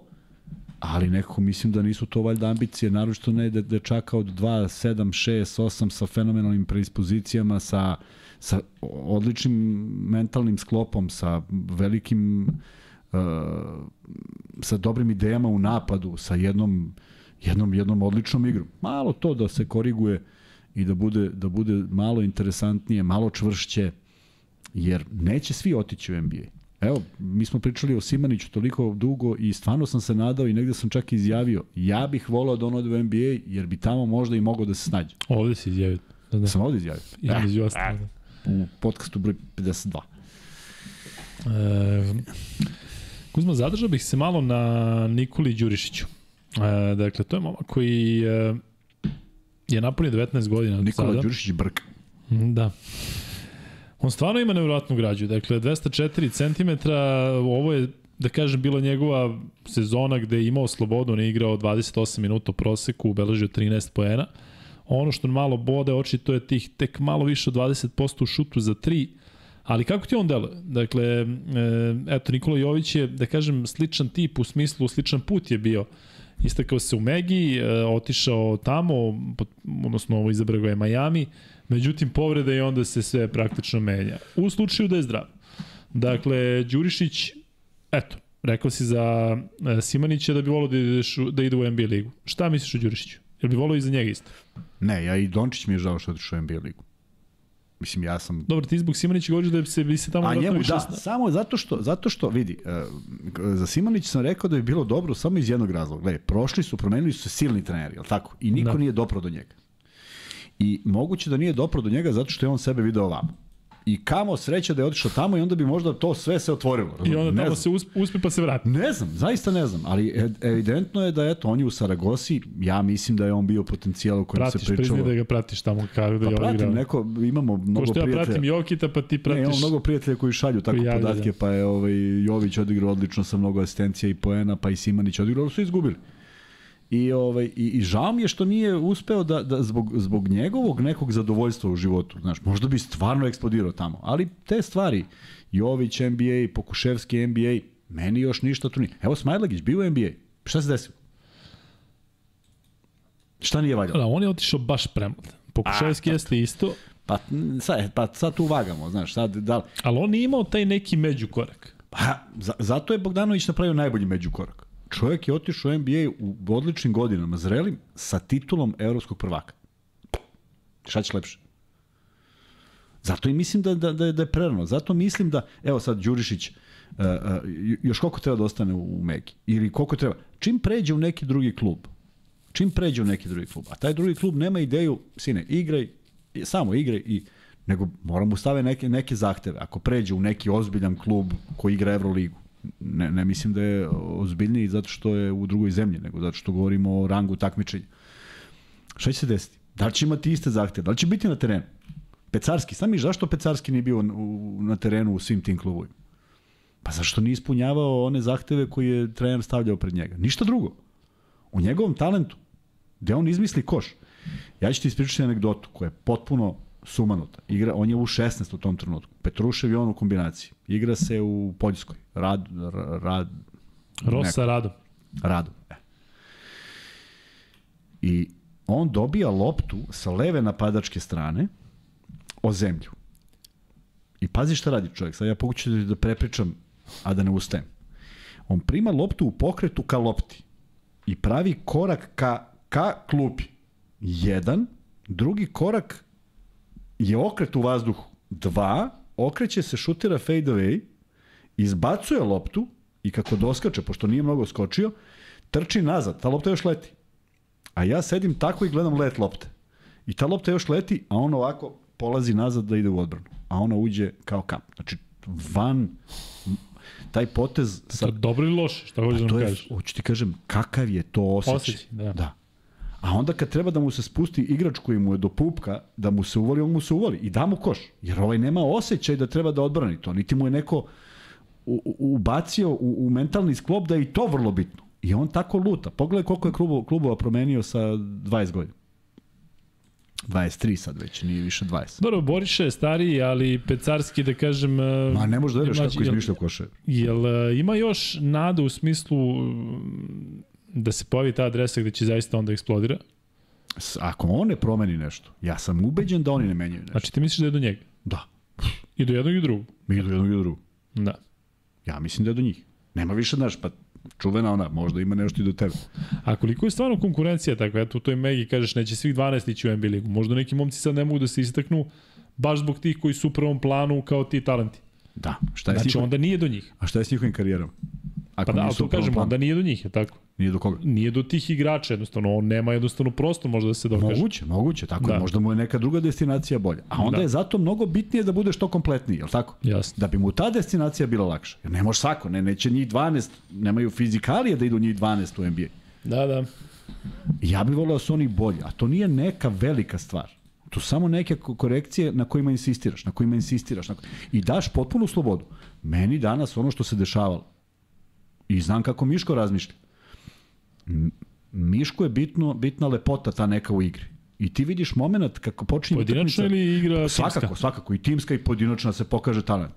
Ti imaš jedan divan moment kada čovek hvata loptu i ne izbacuje dovoljno kontrolisano. Mislim da je Branković. Ne baca je na ali up dovoljno dobro, a ovaj već skočio i propadne ali up. Ali taj kliker da su oni to, to stvarno jeste da kažeš, evo te bre vidi ovo kako da. funkcioniše, to, to ovako radi glava. Znači prepoznao je situaciju. Kao što je Kampaco imao asistenciju za, za, za, za Holanda, neverovatno, mislim, niko nije očekivao da lopta ide na njega. E, to su neke stvari koje su zaista za, za svaku pohvalu. A sad zamisli na to nadogradiš samo, vidi ovde ne levo, ovde malo ovako, ovde malo onako i ne sme da koš. E onda se tu dovodi u pitanje koliko minuta igraš. Jer vrlo lako može da se desi da, pazi, Zvezda koja igra jaču odbranu, koja ima fizički sigurno sposobnije igrače, samim tim što su stariji, što su što znaju kako i da udare i kako da se postave. Pa ne može bude Zvezda četiri faula, a Mega jedan u jednom trenutku. Ne može. Mora bude, ti mora budeš agresivniji ako hoćeš da pobediš. Koliko je za te mlade igrače, Kuzma, bitno da imaju dobre trenere? Kad kažem dobre trenere, e, eto to što ti, ti govoriš, ti neki detalji sitni. Naravno u Megi se forsira i, i toliko mladih trenera i to je tekako dalo rezultat u smislu Dejan Milojević, Nenad Čanak, da ne nabrajam druge. Ali da li bi možda tim mladim igračima, toliko mladim bio dobar, dobar neki trener, ta neka stara Kajla koja drži košak u malom? Ne. Ne. Zato što nema Zato tog što je- odnosa prema tako je. potpuno generacijski je. Si gledao onaj snimak kad Jordan kaže zašto nije teo bude trener? Podsjetim.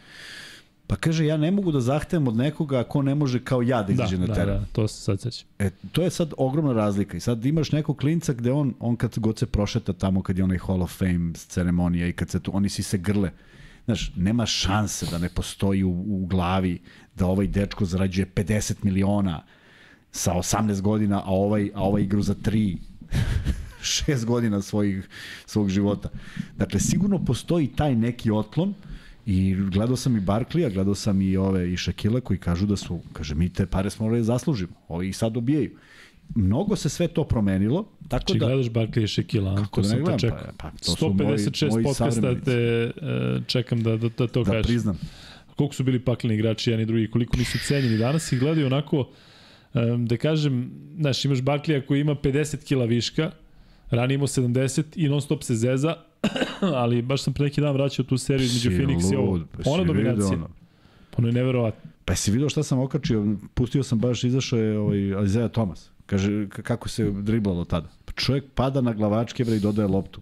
Video sve. Znači, mi pričamo o nekoj seriji nenormalnih igrača. U fizički izuzetno Da. da. kompetitivnoj ligi gde je faulova bilo koliko god Jest. hoćeš, jer nisu se štitili igrači. I to ne faulova, nego uvatiš ga za glavu ako treba da ne da koš. Da, da.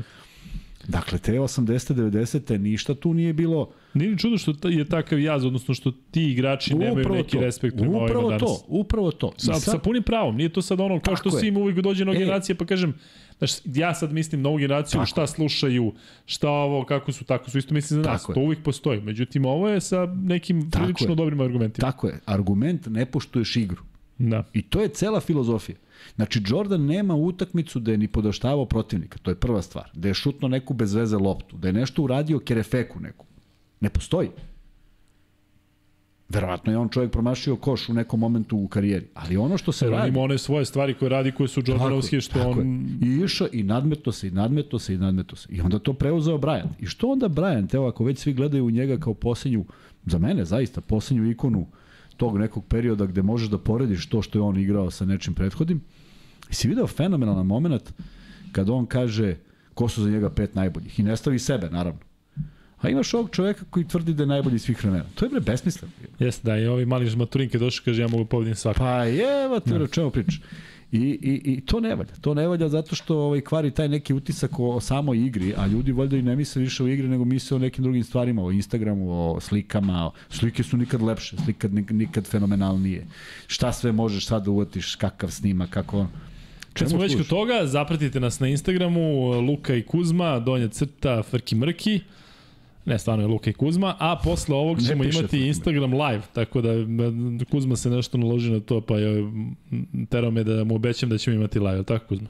Da. Posle ovoga. E, evo, hvala te za tu objavu sa Izeom.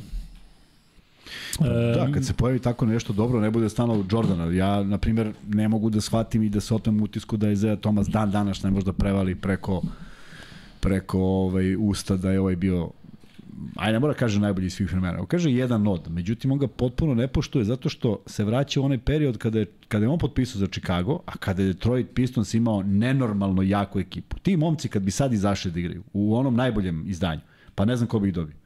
Pa oni bi prebili sve živo, i klupu, i pomoćne trenere, sve bi izašli i, i, i stamburali i pobedili. I sad oni kao, eto, kao gde je on bio kada je tu bio trio, uh, pa sebe ubacuje Detroit među Lakersa i Boston. Evo sad da se lažemo, i, i Pistonsi su dve sezone prvi, jel tako? Ne sedam sezona, nego dve za redom. A tad je vladavina Bostonsa i Bostonsa, Bostona i Lakersa. Tako da kad se ovaj pojavio, stasao i dobio prvog krštenog igrača, onda je i počeo da pravi rezultate. Um, sigurno da su Detroit Pistons bili dve sezone šampioni ili Ja, dve, dve, ja mislim da su dve. A? Dve za redom, jel? Dve za redom, da, da. Nemoj da mi diraš to 90. Pa to bre znam na pamet. Pa 16. aprila odigraju oni utak. Tad je gledao. Tad sam gledao poslednji put. gledao. Ja sam od tada gledao. Dakle, mene je Pa Detroit kad si se Pistons rodio ja. tri godine ranije. Tako je. E, dobro, pričat ćemo sada o Zvezdi. E, vidim da se završio meč Partizana i FNP-a, da je Partizan dobio. Hvala puno Milanu i Mikiju, dakle dvojica Mikija na donacijama. E, još malo ćemo, malo ćemo pričati o ovom meču između Mege i Zvezde, pa ćemo onda preći na Partizan FNP, pa ćemo onda pričati o Zvezdi najaviti Euroligu. Danas e, je ponedeljak, Zvezda igra u četvrtak, Partizan igra u petak, tako da ćemo petak e, naravno raditi posle Partizana, posle 99 yardi, tako redovno je mikse radite u petak. Ono, ali mogli bi negde oko pola 12, ali misliš da je realno. Pa kao prošli put. Je li tako? Da, da, dakle, o, to je mi smo okej. sad zakucali 8, 8 znači Sjesta. završimo do 11 i onda promenimo Vrh. scenografiju. Milin.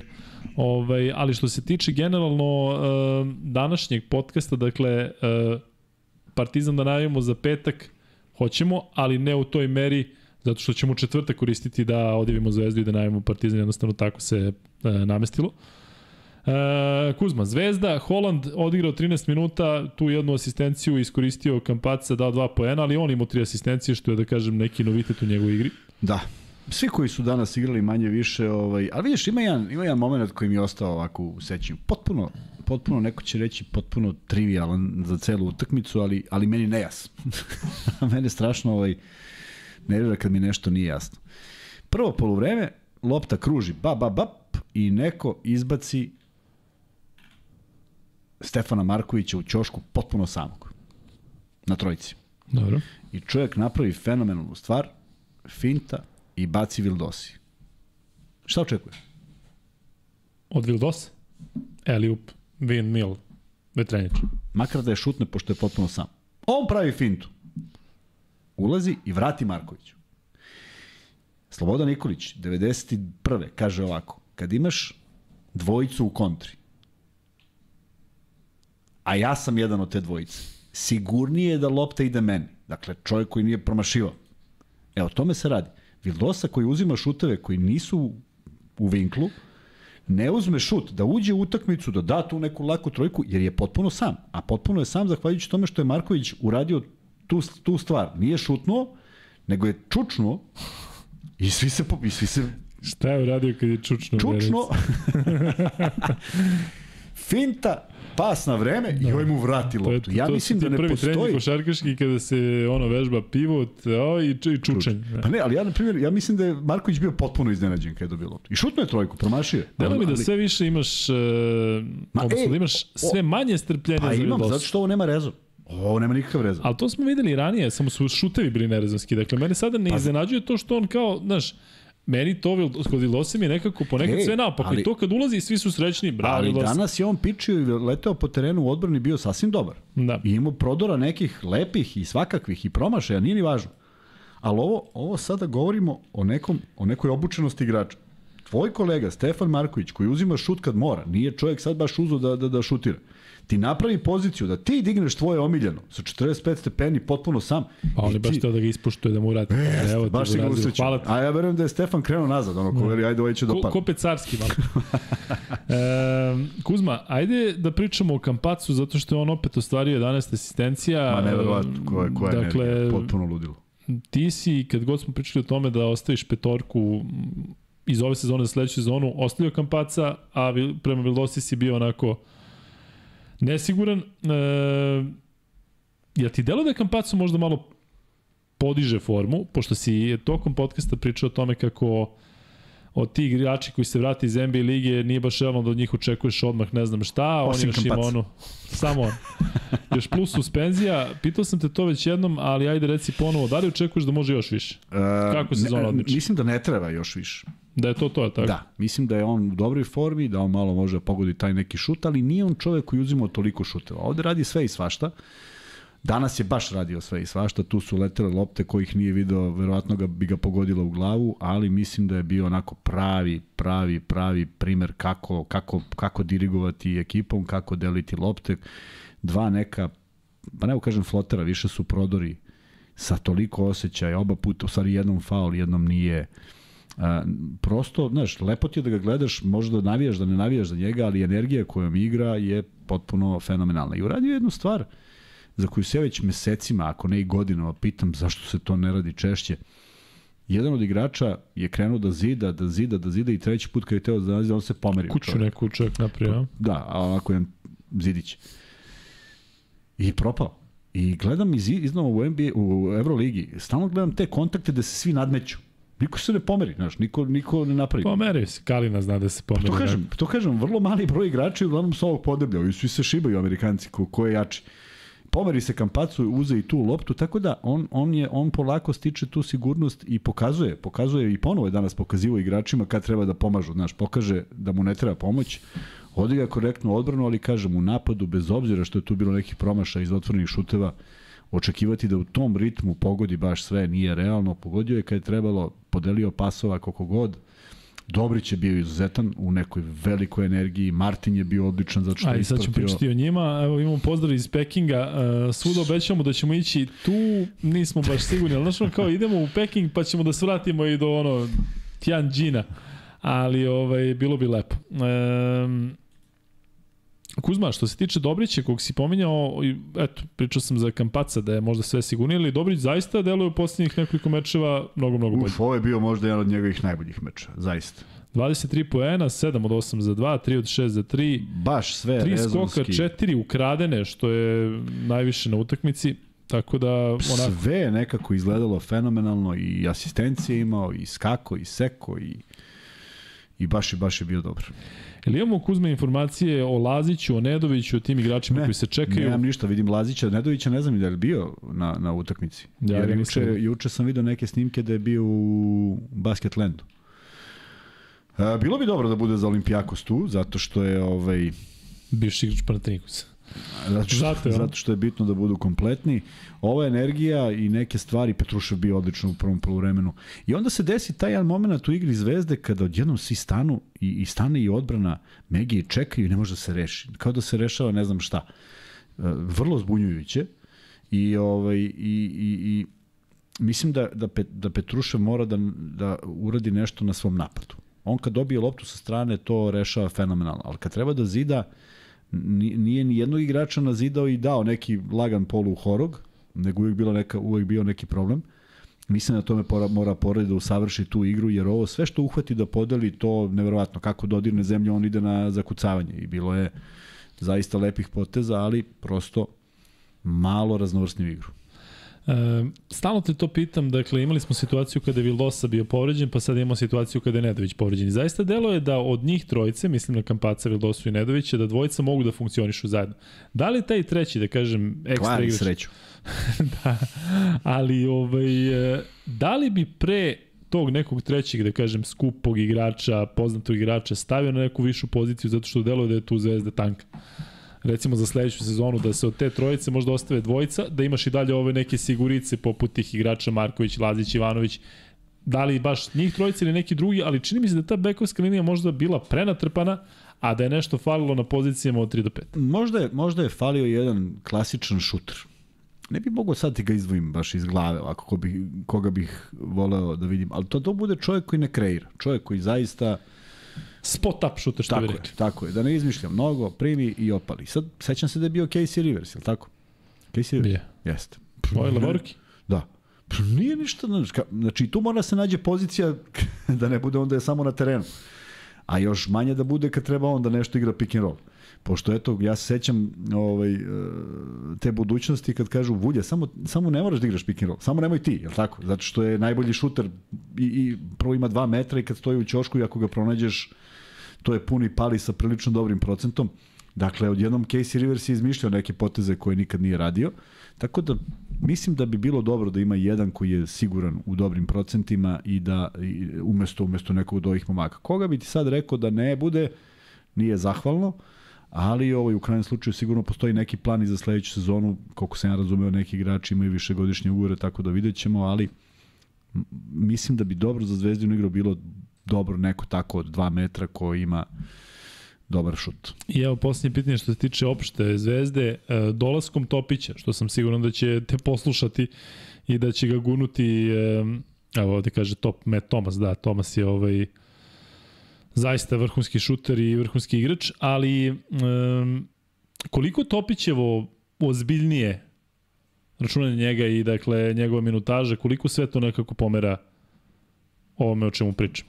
Imaš te su- super uh, igrače od kojih odmah očekuješ da budu na visini Kampacu asistencije, Nedović poeni trojke onda ubaciš jednog mladog igrača u vatru, ali ne kako ga je ubacio Jovanović u smislu, znaš, počeo sa njim protiv Panatinikusa i znaš da će on biti 5 minuta na terenu i da više neće igrati.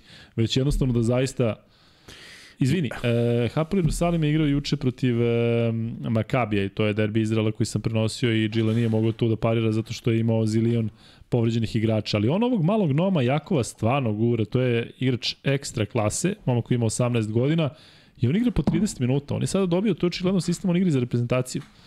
Dakle, radi se tako da jednostavno se njemu da šansa po cenu nečeg drugog. Je li to kod nas moguće?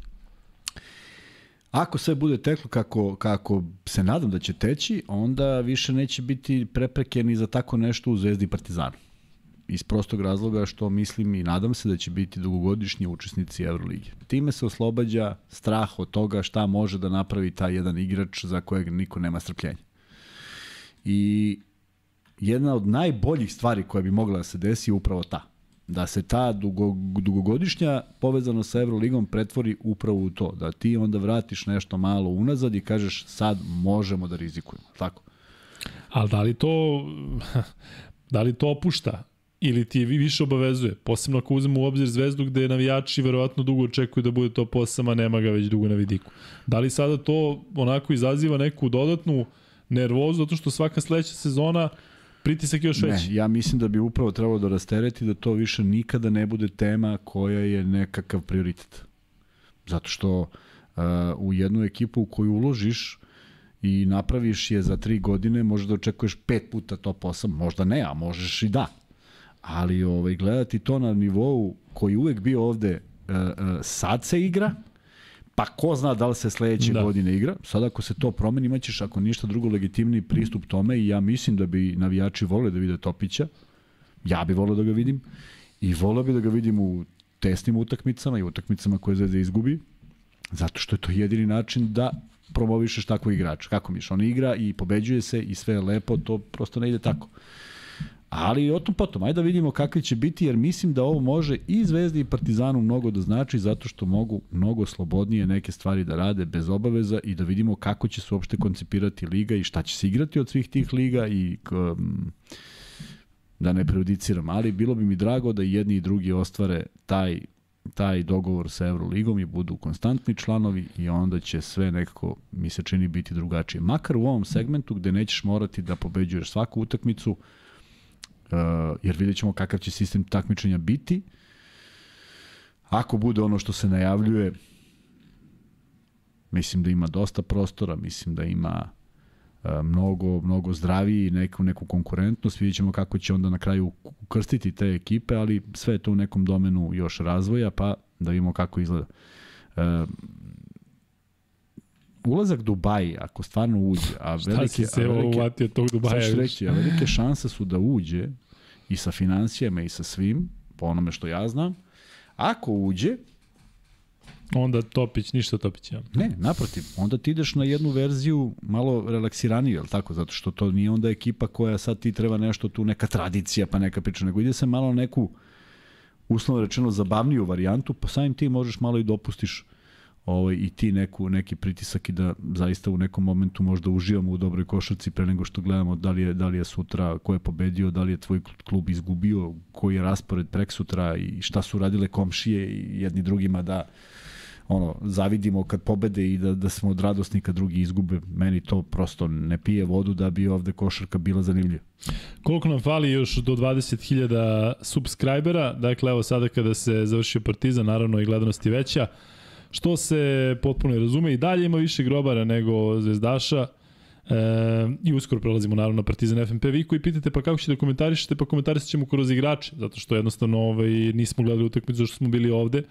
E, jednostavno tako se potrefilo, ali bi volili i vi recimo da nam e, Daj da čujemo da kako nam je ko a, igrao. pišete tako je. šta se dešavalo, malo nam govorite više igrački, vidim da ovde komentarišete jedni i drugi suđenje, da komentarišete neke stvari koje nam ne znače puno u smislu utakmice, dajte malo neke, neke stvari oko tih pojedinaca, znate da mi pojedinačno po- komentarišemo igrače, pa kada o nekome pričamo, vi se uključite konkretno u tom trenutku da nam kažete nešto 203. što mi nismo videli. Još 203. Još 200 trojica sub, da se subscribe-uju i dolazimo do 20.000. Dakle, kažem još jednom, verovatno bi ovo išlo brže da, da nismo imali onaj peh u e, petak. E, dajte pol ko je za gašenje ABA ligi. E, pa da, ne baš za gašenje, ali ovaj, da, ako srpski klubovi istupe, to je praktično kraj ABA ligi. E, Evo, momak od prošli puta, Marko Mladenović e, je pitao prošli put mnogo puta, pa nismo stigli, pa su nas ugasili. Kaže, opet ja sa pitanjem i tezom da Zvezda nema DNK za Euroligu. Šta je DNK? I šta je Pa to što hoće kao, da kaže da tu postoji nešto što godinama ne funkcioniše, Ne funkcioniše. Do, da bi se došlo do tog nivoa? Mislim, možemo da analiziramo šta god, ali ovaj, nemamo drugi reper. Zvezda igrala Euroligu, kad se vratimo u period Partizanovog igranja, stvarno su drugačije okolnosti bile u smislu koncepcije ekipe, domaćih igrača, vrhunskih domaćih igrača, koji su, po mojem skromnom mišljenju, bili obučeniji nego sadašnji pojedini igrači koji gledamo širom Evrolige. Ta plejada mladih igrača, koliko god su oni imali 21, 2, 3, 4, to su ljudi koji su bili obučeni da igraju ozbiljnu košarku. Kada setite se e, kogod e, voleo ili ne voleo metode e, Duška Vujoševića, kako je uvek četvrtinu završavao posedom da pokuša da se postigne poslije napad, zašto ti dođe jedna ta koja ti je potrebna. Možda nikad ne dođe, ali kad dođe, bar si spreman na tako nešto. Tako da, Da, su to, to je bile neke... insistirao baš Jeste. yes. ljudi, mnogi to su zaboravili, a čak nisu ni primećivali tad. Tako je, tako da su to bile neke bitne stvari koje su od tih igrača stvarale dobre igrače. Ja stvarno kad se, pot, kad se prisetim ko je sve igrao, nemaš ti evo sad, sad, taj, tur, sad taj susret ovih eh, veterana. Okej, Vule Avdalović sigurno ne spada u Korbalanovu generaciju, ali Vule Avdalović igrao ozbiljnu košarku, bio genijalan playmaker, naučio mnogo toga. Trpeli svi u Partizanu. Kad kažem trpeli u pozitivnom smislu, Nije on, nije on od prvog dana igrao kao sad. Pa tu Tepić, pa, pa Rašić, pa oni još mogu da igraju košarku realno kako izgledaju. Prema tome, to su sve igrači koji su obeležili te godine kada je Partizan igrao i sad to nije uporedivo ni sa ovim sistemom takmičenja, ni sa ovim. Tako da, zaista ne znam kako bi izgledalo da je neko drugi igrao, ali možemo da napravimo jednu simpatičnu analizu, da vidimo koji su se te timovi u posljednjih pet godina ubacili u top 8. Možda nema više od 10 timova, možda ima, a možda ih je 10. Možda i dalje on, osam onih nema uopšte u top 8. Pa šta rade? Ne, ne ubijaju se po, po, po ne znam gde da se ubijaju. Gde da se ubijaju? Po ulici. Po ulicama. E, Kuzma. A prelazimo na Partizan i FNP, pričamo o meču koji je završen u trenutku kada smo je već uveliko radili, tako da znamo rezultat i imamo statistiku. I Ajmo na čekamo osnovu da nam rezultata kažete. da pričamo, da. 91-97, e, tesna pobeda Partizana, utakmica na veliki broj poena, da li si ti to očekivao? Ja iskreno jesam, zato što Partizan zaista, Da, tako igra, iako je jest. Željko rekao da je akcenat potpuno aba ligi, ipak mislim da je bilo nerealno očekivati da se sada FNP počisti, ipak je o, tako da Partizanova tesna pobeda protiv CDVita i sada protiv FNP se apsolutno uklapa u ovaj momentum Partizana tako je. koji, bez lesora, koji, bez tako lesora, to se potpuno uklapa u ono što je bitno, a to je u jednoj čvrstoj utakmici, kakva je očigledno bila i u jednom trenutku mislim da je bilo dva razlike, nešto najmanje. Ako, možda ako, ako grešim, neka nas neko ispravi, zato što sam pratio preko sajta. Kao što je Partizan preživeo zaista u pravom smislu reči to protiv Splita i koliko je to bitna pobeda, tako su i ovo bitne pobede protiv protivnika, malo čas si rekao, koji highlight sezone traže upravo u tom. Rivalitet FNP-a i Partizana iz hiljadu razloga, da li treba uopšte spominjati, sigurno da je utakmica, pročito sam Daj, da je daj trajala, pet od tih hiljada. pročito sam da je utakmica trajala 2 sata i 20 Jeste, minuta. tu je Marko Vlahović naš koji Strava, ovaj, da. kaže 2 sata i 20 minuta, ali da, možda u neku ruku i očekivan. Pa eto, u svakom slučaju ovaj e, Partizan je pobedio što je što se jedino pamti. E, mislim da je po ovome što gledamo da je FNP dao jedan ozbiljno dobar otpor i da Izvini, kaže Luče kapitan, ma da, tesna Luka, kako tako, nisi gledao utakmicu? Pa zato što sam sve vreme pratio, Pa ovo što Kuzma kaže, bilo je dva poena razlike, od trenutku pa je bilo Jeste se Partizan odvojio na 14, ali ako ti misliš da 91-97 nije tesna, Da. a opet nije to ona priča potpuno što sam pomenjao onaj prvi meč gde se Partizan opustio u Beogradu protiv, e, u areni protiv e, FNP-a, pa je bilo 30, pa su ušli, ušla druga petorka, pa se spustilo na koliko, na dva poseda po toku utakmice i po onome što sam video, pošto sam gledao deo prvog poluvremena, delo je da je ipak bilo mnogo bliže. Tako da, ako ti misliš da nije test na Lučo, ovaj, različito razmišljamo. E, Kuzma, ali veliki broj poena, to je nešto na što nas je Partizan navikao, ali nekako jest, se jest. uklapa sa tim što FNP igra. FNP zaista, posebno na svom terenu, igra na, na veliki broj koševa. I eto, četvrtina, 18, 24, 25, 25, 23, 25, 25, 23. Kažeš, Lučo nije test.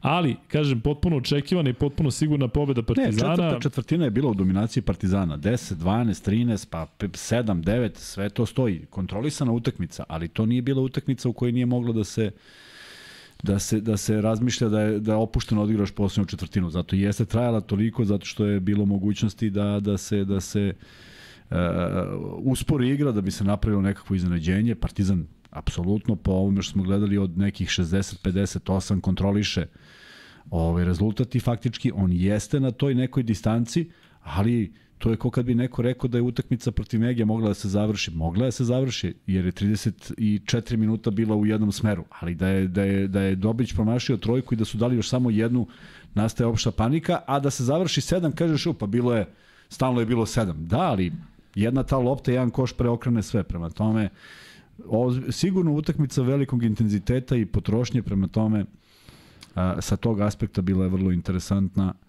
a, ljudima koji su bili cenim da, da, da u 2 sata i 20 minuta imalo šta da se vidi. Raste broj grobara, tako da ćemo pričati o Partizanu sada. E, pojedinačno svakom igraču, pojedinačno svakom, o svakom potezu, odnosno onome što vidimo po statistici, ali pošto imamo skoro 2000 um, glasova, možeš Miksa da isključiš ovaj pol gde je 56% Partizan, 39% Zvezda, 5% uh, neko treći i da staviš pol zato što su ljudi uh, pitali to, nas zanima. Uh, dakle, stavi o čemu volite najviše da pričamo. O čemu volite najviše da pričamo je e, pitanje, kada kažem pričamo, pričamo Kuzma i ja, pričamo sa vama. E, prva, prvo Euroliga, pa drugo ABA liga, treće NBA liga i sad četvrto stavi KLS slash Eurocup.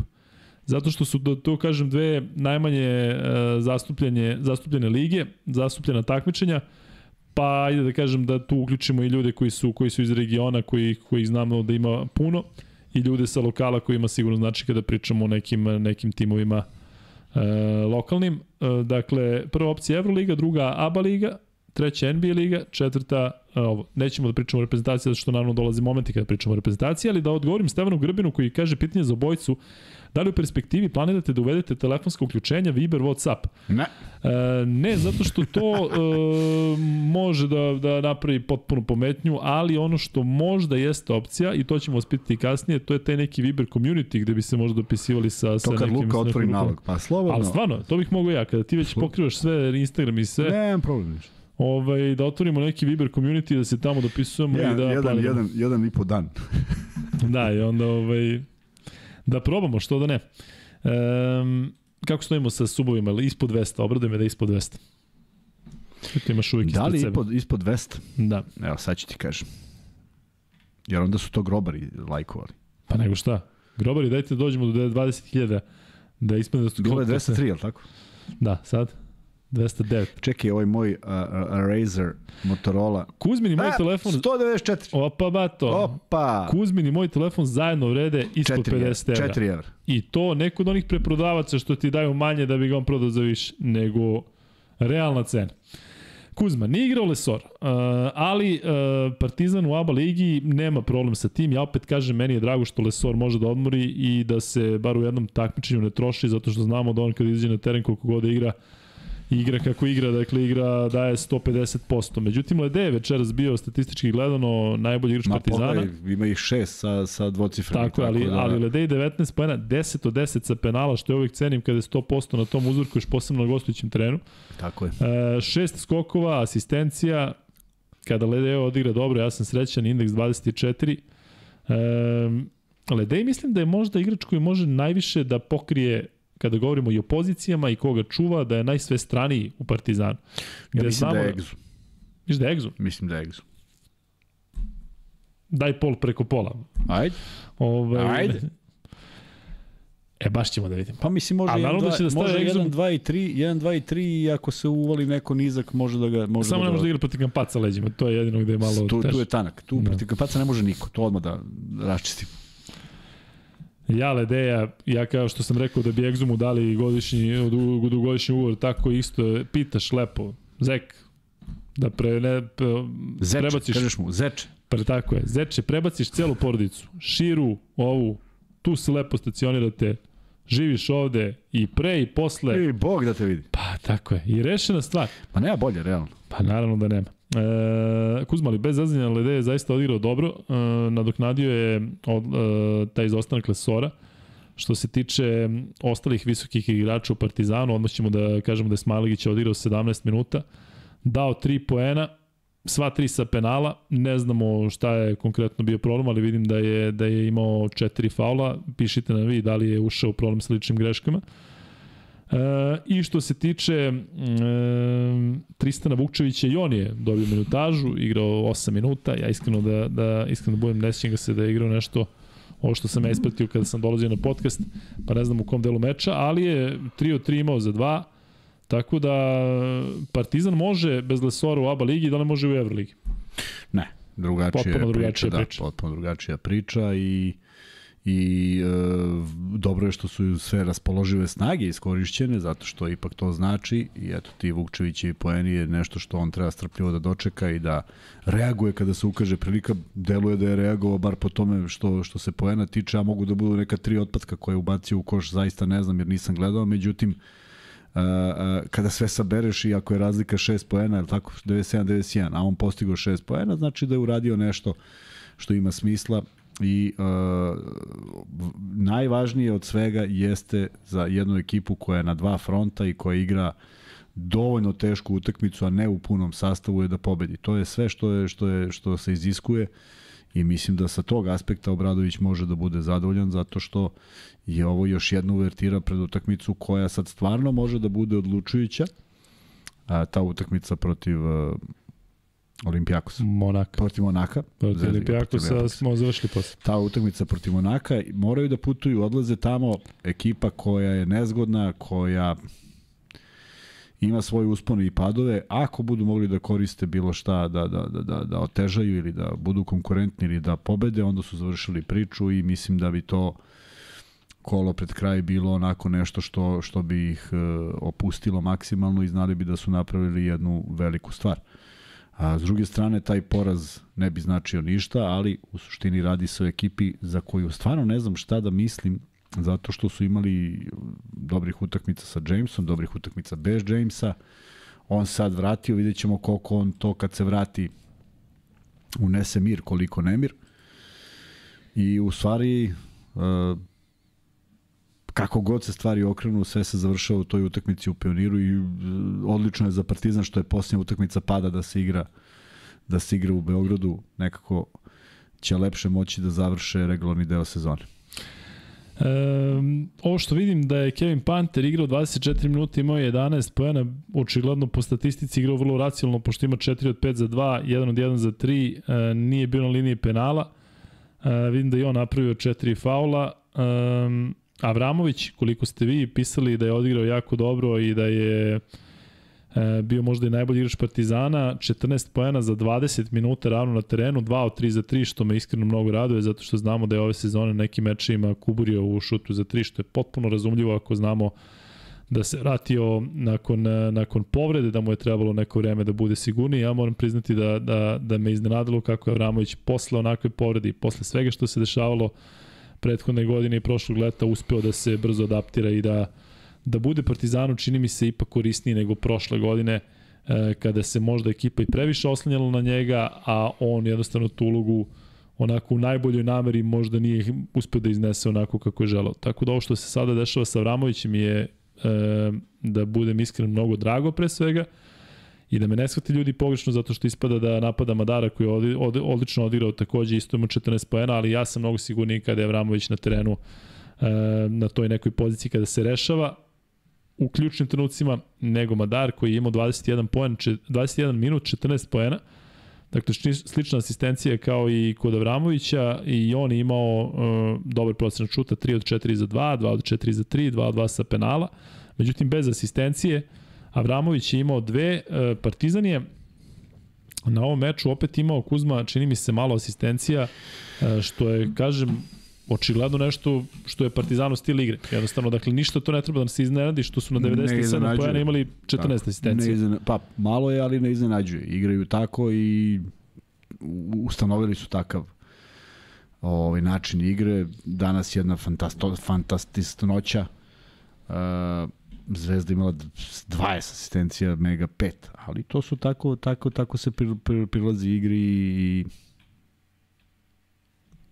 ne mora nužno da bude loše po rezultat koliko može da bude nekome lepo, nekome nije lepo, gledljivo, negledljivo.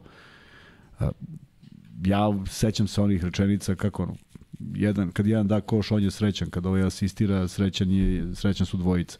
To je bilo baš davno, a Jokić to malo malo pa govori. Pa eto, malo malo pa on govori, to smo i mi govorili, Sećam zašto je bilo, zašto je bilo ovaj, uh, fora dodati loptu kad je neko u boljoj poziciji, zato što je zato što te zaista učini srećnim. Koliko si imao najviše asistencije u karijeri? Si imao nekad dvocifren broj? Joj, nemoj moje asistencije, zato što živimo u, igrali smo u preistoriji, pa onaj kad se zaleti, to je, to je asistencija, mislim. Sve ostalo, sa, volao, bi, volao bi da neko pogleda utakmicu sa ovog, bilo koju, iz tog perioda, ne moju, nego bilo koju, samo da ustanovimo koliko bi bilo asistencija po današnjim kriterijima. Samo to. Kad se izmenilo to uh, drastičnije? U kom periodu? Ti si već prestao da igraš e, uvijek, da, da, da, da. Da. Kuzma, ono što mene takođe raduje kada reče o Partizanu, to je jako dobro izvođenje slobodnih bacanja. Dakle, to je nešto što je već postao standard e, i reci nam iz čega to ide. Bilo je problema nešto ranije tokom sezone, posebno kod pojedinaca, ali evo danas. 10 od 10 Ledej, 4 od 4 Avramović, 3 od 4 Smajlagić, 9 od 9 Egzum, Naneli 1 od 2 i Madar 2 od 2. Dakle, Partizan je pokidao sa, sa linije penala 29 od 31 i kažem posebno ako uzmemo u obzir da je to ipak na gostovanju, gde su, da kažeš, ono kao drugačiji obruči, drugačije drugačija atmosfera. Uh, Partizanova sigurnost se ogleda između ostalog. Ogleda se u tome i svaka ekipa koja šutne slovo bacanje na tom nivou, zato je uvek bilo i bitno i za, za samopouzdanje ekipe pogađati, da ne govorim koliko donese u konačnom skoru, prema tome kad imaš takvu ekipu koja, za koju onda više razoružaš, razoružaš odbranu jer ne znaju koga da fauliraju. Nekada kad je to bilo evidentno ko loše šutira, pa tap, Tako tap, je, ovde sada ne daješ nikome opciju. Da, Posebno ako uzmeš kako je Lesor e, uz svu potrošnju, uz sve što Tako je. dešava, što radi na ofenzivnom skoku, on čovjek ima da, ove sezone zaista fantastične procente e, sa linije penala. Tako da to je nešto što može zaista da raduje sve one koji navijaju za Partizan. Što se tiče šuta za 3 poena, koliko vidim, danas je Partizan imao um, 10 od 21. To je Kuzma takođe na tom uzorku i više nego, nego prihvatljivo. FNP sa druge strane imao 4 od 19.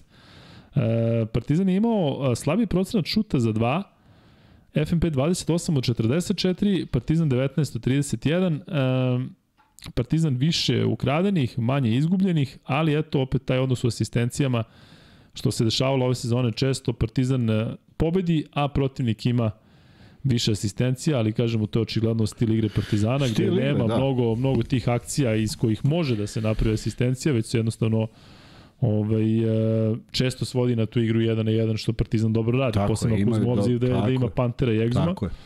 Egzum 16 poena, vidim da pišete da je danas bio sjajan, posebno ako uzmemo obzir da ima i 8 skokova, najviše skokova u redovima Partizana, eto vidiš, danas se potrefilo to da mm, ko je sve strani i ko više može. Nisi ni gledao, a, A znao si. ostaće, ja ti kažem. A možda ti neko poslu, pa kao e, Kuzma Samo to slaju, Egzum. slaju, slaju snimke A, svakog da. skoka po nosu. Kuzma, i da pređemo onda na Euroligu i da, eto, imamo jedno opšte pitanje za Zvezdu i za Partizan. Zvezda igra u četvrtak, Partizan igra u petak. Mi ćemo raditi i u četvrtak i u petak, dakle, Miksa i drugari kada završe 99 yardi, uh, dakle, negde oko pola 12 u petak, a što se tiče četvrtka, ja radim uh, Euroligu, ali Euroligu koja počinje isto kad je Zvezda od 19 časova, dakle, Žalgiris Makabi, Tako da ćemo moći da po, po, počnemo neko pristojno vreme, tako Kuzma u četvrtak, dakle tebi studiju neće 9:30. trajati.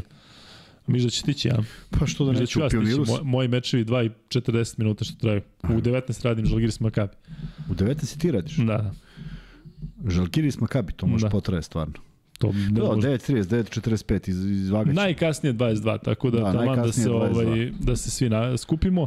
E, Kuzma, Zvezda igra protiv Olimpijakosa, Partizan igra protiv Monaka. Zvezda je pobedila Olimpijakos uh, u prvom meču i to onako baš jednom super igrom, a Partizanu jedan od najboljih duela, posebno u, u, u tom delu sezone, bio taj meč protiv Monaka, kada su ovde zaista svi pokidali. E, koliko te utakmice imaju bilo kakvu e, težinu sada, da kažeš nekog si sa tim sastavom pobedio, Partizan je, da mu kažem, ponizio Monako, ali ga je razvalio, a Zvezda je dobila, ne, ne, ne, može, nije ponižavanje, a Zvezda je pobedila Olimpijakos tamo što čini mi se da je Olimpijakos da ima samo dva poraza kod, Kod kuće kuće, sezone. Da. Da. Tako da to je to Sad će jel Olimpijakos... puštaju sada treneri to igračima Da, da, da, da. Olimpijako sigurno. Pobedili su nas na domaćem terenu, to sad mora da se... Ovi E, više da se... mislim na Željka i na Duška. Da li oni sad to kažu? Vidite kako smo ovo radili da je prvo ne, ne, vidi ovako, jedni sad gađaju, pobedili su nas, daj da im vratimo Milo za drago, a drugi kažu ako smo pobedili tamo ili već Partizan u Beogradu, možemo ponovo, možemo jer rešavamo celu priču. Zvezda pobedom pobeđuje Olimpijakos jednog od sigurno učesnika, evo kažem Final Four da ne preterujem, ali top 8. Pa pazi, ako nalete na Partizan, onda neće biti na Final Fouru, a E, ovako tu, te, tu, možda... te, tu te neko pitao da li, da li bi Partizan trebalo da kalkuliše. Ja mislim da nema šta da kalkuliše. Nema, mislim da nema, nema ni tako kalkulacije, da- niko, mislim da Željko neće kalkulisati, tu ko- tako da mislim gore? da Partizan gleda sebe. Partizan Da. u dobroj poziciji da gleda sebe, a ne šta se dešava Tako gore. je, spremit tako će da. se za utakmicu svakako kogod da je Tako protivnik, prema tome nema tu mnogo dileme. A ovo su vrlo bitne stvari. Prvo, Barcokas i, i, i Obradović želeće da triumfuju, to je potpuno normalno. S druge strane, imaš činjenicu da si pobedio u gostima, zašto ne bi pobedio i kod kuće? Kažu da su raspravate sve karte, opet će biti jedna dobra atmosfera. Ne igraš sa Olimpijakosom svaki dan, jedino što bi trebalo zanemare one bratske odnose, to, to me uvijek izluđivalo. Ja razumem da se navijači neki poznaju i da je tu ista koreografija, ali to nema nikakve veze. Ja, ja ne pamtim da je Olimpijakos poražen od Zvezde kad je Zvezdi i Iole ikada bilo šta bilo potrebno. Prema tome, dosta više, jednostavno, sve je to lepo, navijete zajedno, ali ovi na terenu nek cepaju svoju priču. Partizan samo može da overi sve to utakmicom protiv Panatanikosa, za koju se zaista nadam da neće biti odlučujuća u smislu Panathinaikos. Misliš na u posljednjem kolu? u posljednjem kolu, da, Da, da, da. overi, da overi ovaj, o, ovo šta god se desi protiv Monaka, ako se pobedi, Jer overa to je- daje neku vrstu opuštenja da ti znaš da imaš ne popravni, nego jednostavno Ipak da... znaš, tako, ipak znaš. I ovde ne, ne, ne moraš da odigraš u grču da sad šta se dešava jer, jer postoji, a opet treba da odigraš dovoljno dobro da, da, da pokušaš da ta ne bude odlučujuća. Nema, nema ništa gore nego kad je ta poslednja s kim god da igraš, proti koga god da igraš, uvek, uvek mogu da se ovaj, da se pojave neki problemi, nikad ne znaš šta i kako, prema tome završiti to u jednom boljem maniru, a onda prilika da se odigra jedna rastarećujuća utakmica. Sad vidjet ćemo koliko će to biti prostora, jer i Obradović, negde, ne mogu kažem da, da, da, da su baš učenik i učitelj, ali sigurno da je mnogo učio od Obradovića starijeg. Nisu se negde zatekli zajedno samim tim što su igrali u Da, to je možda malo čudno, znaš, nekako očekuješ da će nekako da im se ukrste Pa putevi ne može, klubski, ipak da, ba, ne, u jeste, dva različite jeste, kluba, tako da- A ipak i Zale je bio u Nemačkoj toliko dugo, tamo Tako izgradio tako neki je, status neko- legende, Tako je, tako je. Željko bio na, na drugim mestima. E, Nenad Tucaković kaže, Luka, možda prenosiš istorijsku tekmu ako Žalgiris dobije Partizan je i e, zvanično u, u, e, u top 8. Ja sa tim istorijskim tekmama ne stojim baš najbolje, zato što, pazi ovo, ja, Nix i ja kad smo prenosili Denver, sedma utakmica protiv Portlanda, ćao. Posljednja sezona kada je uh, NBA Liga bila na sport klubu. Prenosio sam Kantu ekipu Italiju protiv Srbije. Prenosio sam Đokovića protiv Medvedeva, p- prekinut, prekinut nemoj, niz od molim te. 50 poraza, pe- 50 pobjeda, tako da ovaj, e, se držim ja lepo ovih o, Valencia, Panathinaikos i tako to. Ovo je neutralno. Ovaj, da, šalu na stranu. Um, ono što bih hteo ja da, da pitam vas, kakvu očekujete atmosferu u Monte Carlo? E, ne znam koliko je moguće da Partizan napravi, zato što to idealna dvorana gde nije navijanje na ne znam kakvom nivou, dakle oni ljudi što imaju milijarde dolaze da gledaju košarku, vjerojatno zašto im je dosadno, dakle nema tog odnosa ovaj, u Monaku i prazne su im, obično ona mala dvorana često zna da bude i prazna po ćoškima što mene izluđuje, ovaj, pa me zanima koliko je moguće da navijača Partizana bude u Monaku onda koliko je moguće da se iz Francuske skupe. Ako neke informacije imate, javite nam, zato što bi bilo lepo zaista da evo ovo pretposlednje kolo, kao što si rekao, Zvezda rasprodala protiv Olimpijakosa će sigurno biti e, atmosfera dobra. I bilo bi dobro da se kod Partizana nastavi ta tradicija ovaj, da, da navijači Partizana pune gostujuće dvorane, s tim što kažem ne znam kakav je ovaj, da li ima naših gastarbajte- gastarbajtera mnogo u, u Monaku, ali bilo bi lepo da Novak dođe, zato što je Novak otputovao u Monte Carlo i on tamo živi, što da ne dođe na utakmicu ako već dolazi vam. To bi možda moglo da znači Partizanu. Tako da, da, da pišite nam e, šta, šta očekujete vi, da li znate nekoga ko putuje, da li zaista neko putuje. E, Kuzma, ajmo malo još o, o, o prvom meču, dakle Zvezda protiv Olimpijakosa. E, pobedom opet nastavlja niz, dakle ovo ne možemo da kažemo ni iz jednog ugla da je nebitna utakmica, šta više. Ko je? O Zvezda Olimpijakos, dakle koliko Ma god koliko nebitno, god tih top Ja 8 to- potpuno je nerealno, oni- niti bilo šta. Niti oni treba da gledaju ko šta igra u tom pretposlednjem kolu, jednostavno igraju protiv Olimpijakosa, pokušaju da još jednom triumfuju, da nastave ovaj niz. Danas je opet 30 minuta bilo zaista lepe košarke. A, ako uspeju u tome, fantastična stvar, zato što su onda blizu mogućnosti da ostvare 17 pobeda, 17 pobeda nije za pocenjivanje. Da li je to moglo drugačije? Zaista sto puta sam rekao za analizuje i zašto nije i ima tu stvari koje sami oni treba da vide gde, gde je nastala greška. Neće biti jedini, ako ne uđe Efes, tražit će gde je bila greška, ako ne uđe Baskonija, tražit će gde je bila greška, ako ne uđe Žalgiris i njima će nedostajati jedna pobeda. Dakle, sve ima to, ovaj, mnogo će biti razmišljanja gde se to ispustilo, tako, tako funkcionišu stvari, tako je bila ova sezona za analizu nekih ljudi koji su za to kompetentni, ali ja mislim da je divno završiti ligu sa što većim brojem pobjeda. Uopšte ne vidim koliko god da je to. Nekome će, nekome će ovo biti maksimum koji je ostvario. Možda nije mogao više, možda, mada ja mislim da ima malo ekipa koji u nekom segmentu nisu podbacile, možda je, možda je Fener tu negde naj, najčudniji Fener i Efes. Možda su oni baš ekipe koje su podbacili od kojih smo očekivali više. Efes definitivno u top 8, Fener će biti ako baš ne izgubi ove dve pa se poklope neki rezultati koji su e, zaista u domenu neverovatnoće da se sve tako odigra, ali to je moguće, pa ćemo vidjeti. Um, vidim da ovde pišete kako ja ne znam da je najveća ta, Vuk Grbić to kaže, ali on kaže naravno lepo, kako Grobar i Pariz i Grobar i Cirih dolaze, to je sjajno. Ali koliko ja znam, Pariz i Monako nisu baš toliko blizu, tako da ovaj, da su blizu čak i neki drugi gradovi e, iz drugih država. E, Šal na stranu, zaista bilo bi lepo da, kao što je neko napisao, da 20. grobara će napraviti tamo žurku ovo idealna atmosfera da Partizan dobije dodatnu pod, o, podršku, odnosno vetru leđa. Kaže, Kaže da Marko kaže da se ide samo preko kluba da će moći da se uđe. je li tako? Da. Čarterom i preko kluba, eto. Um,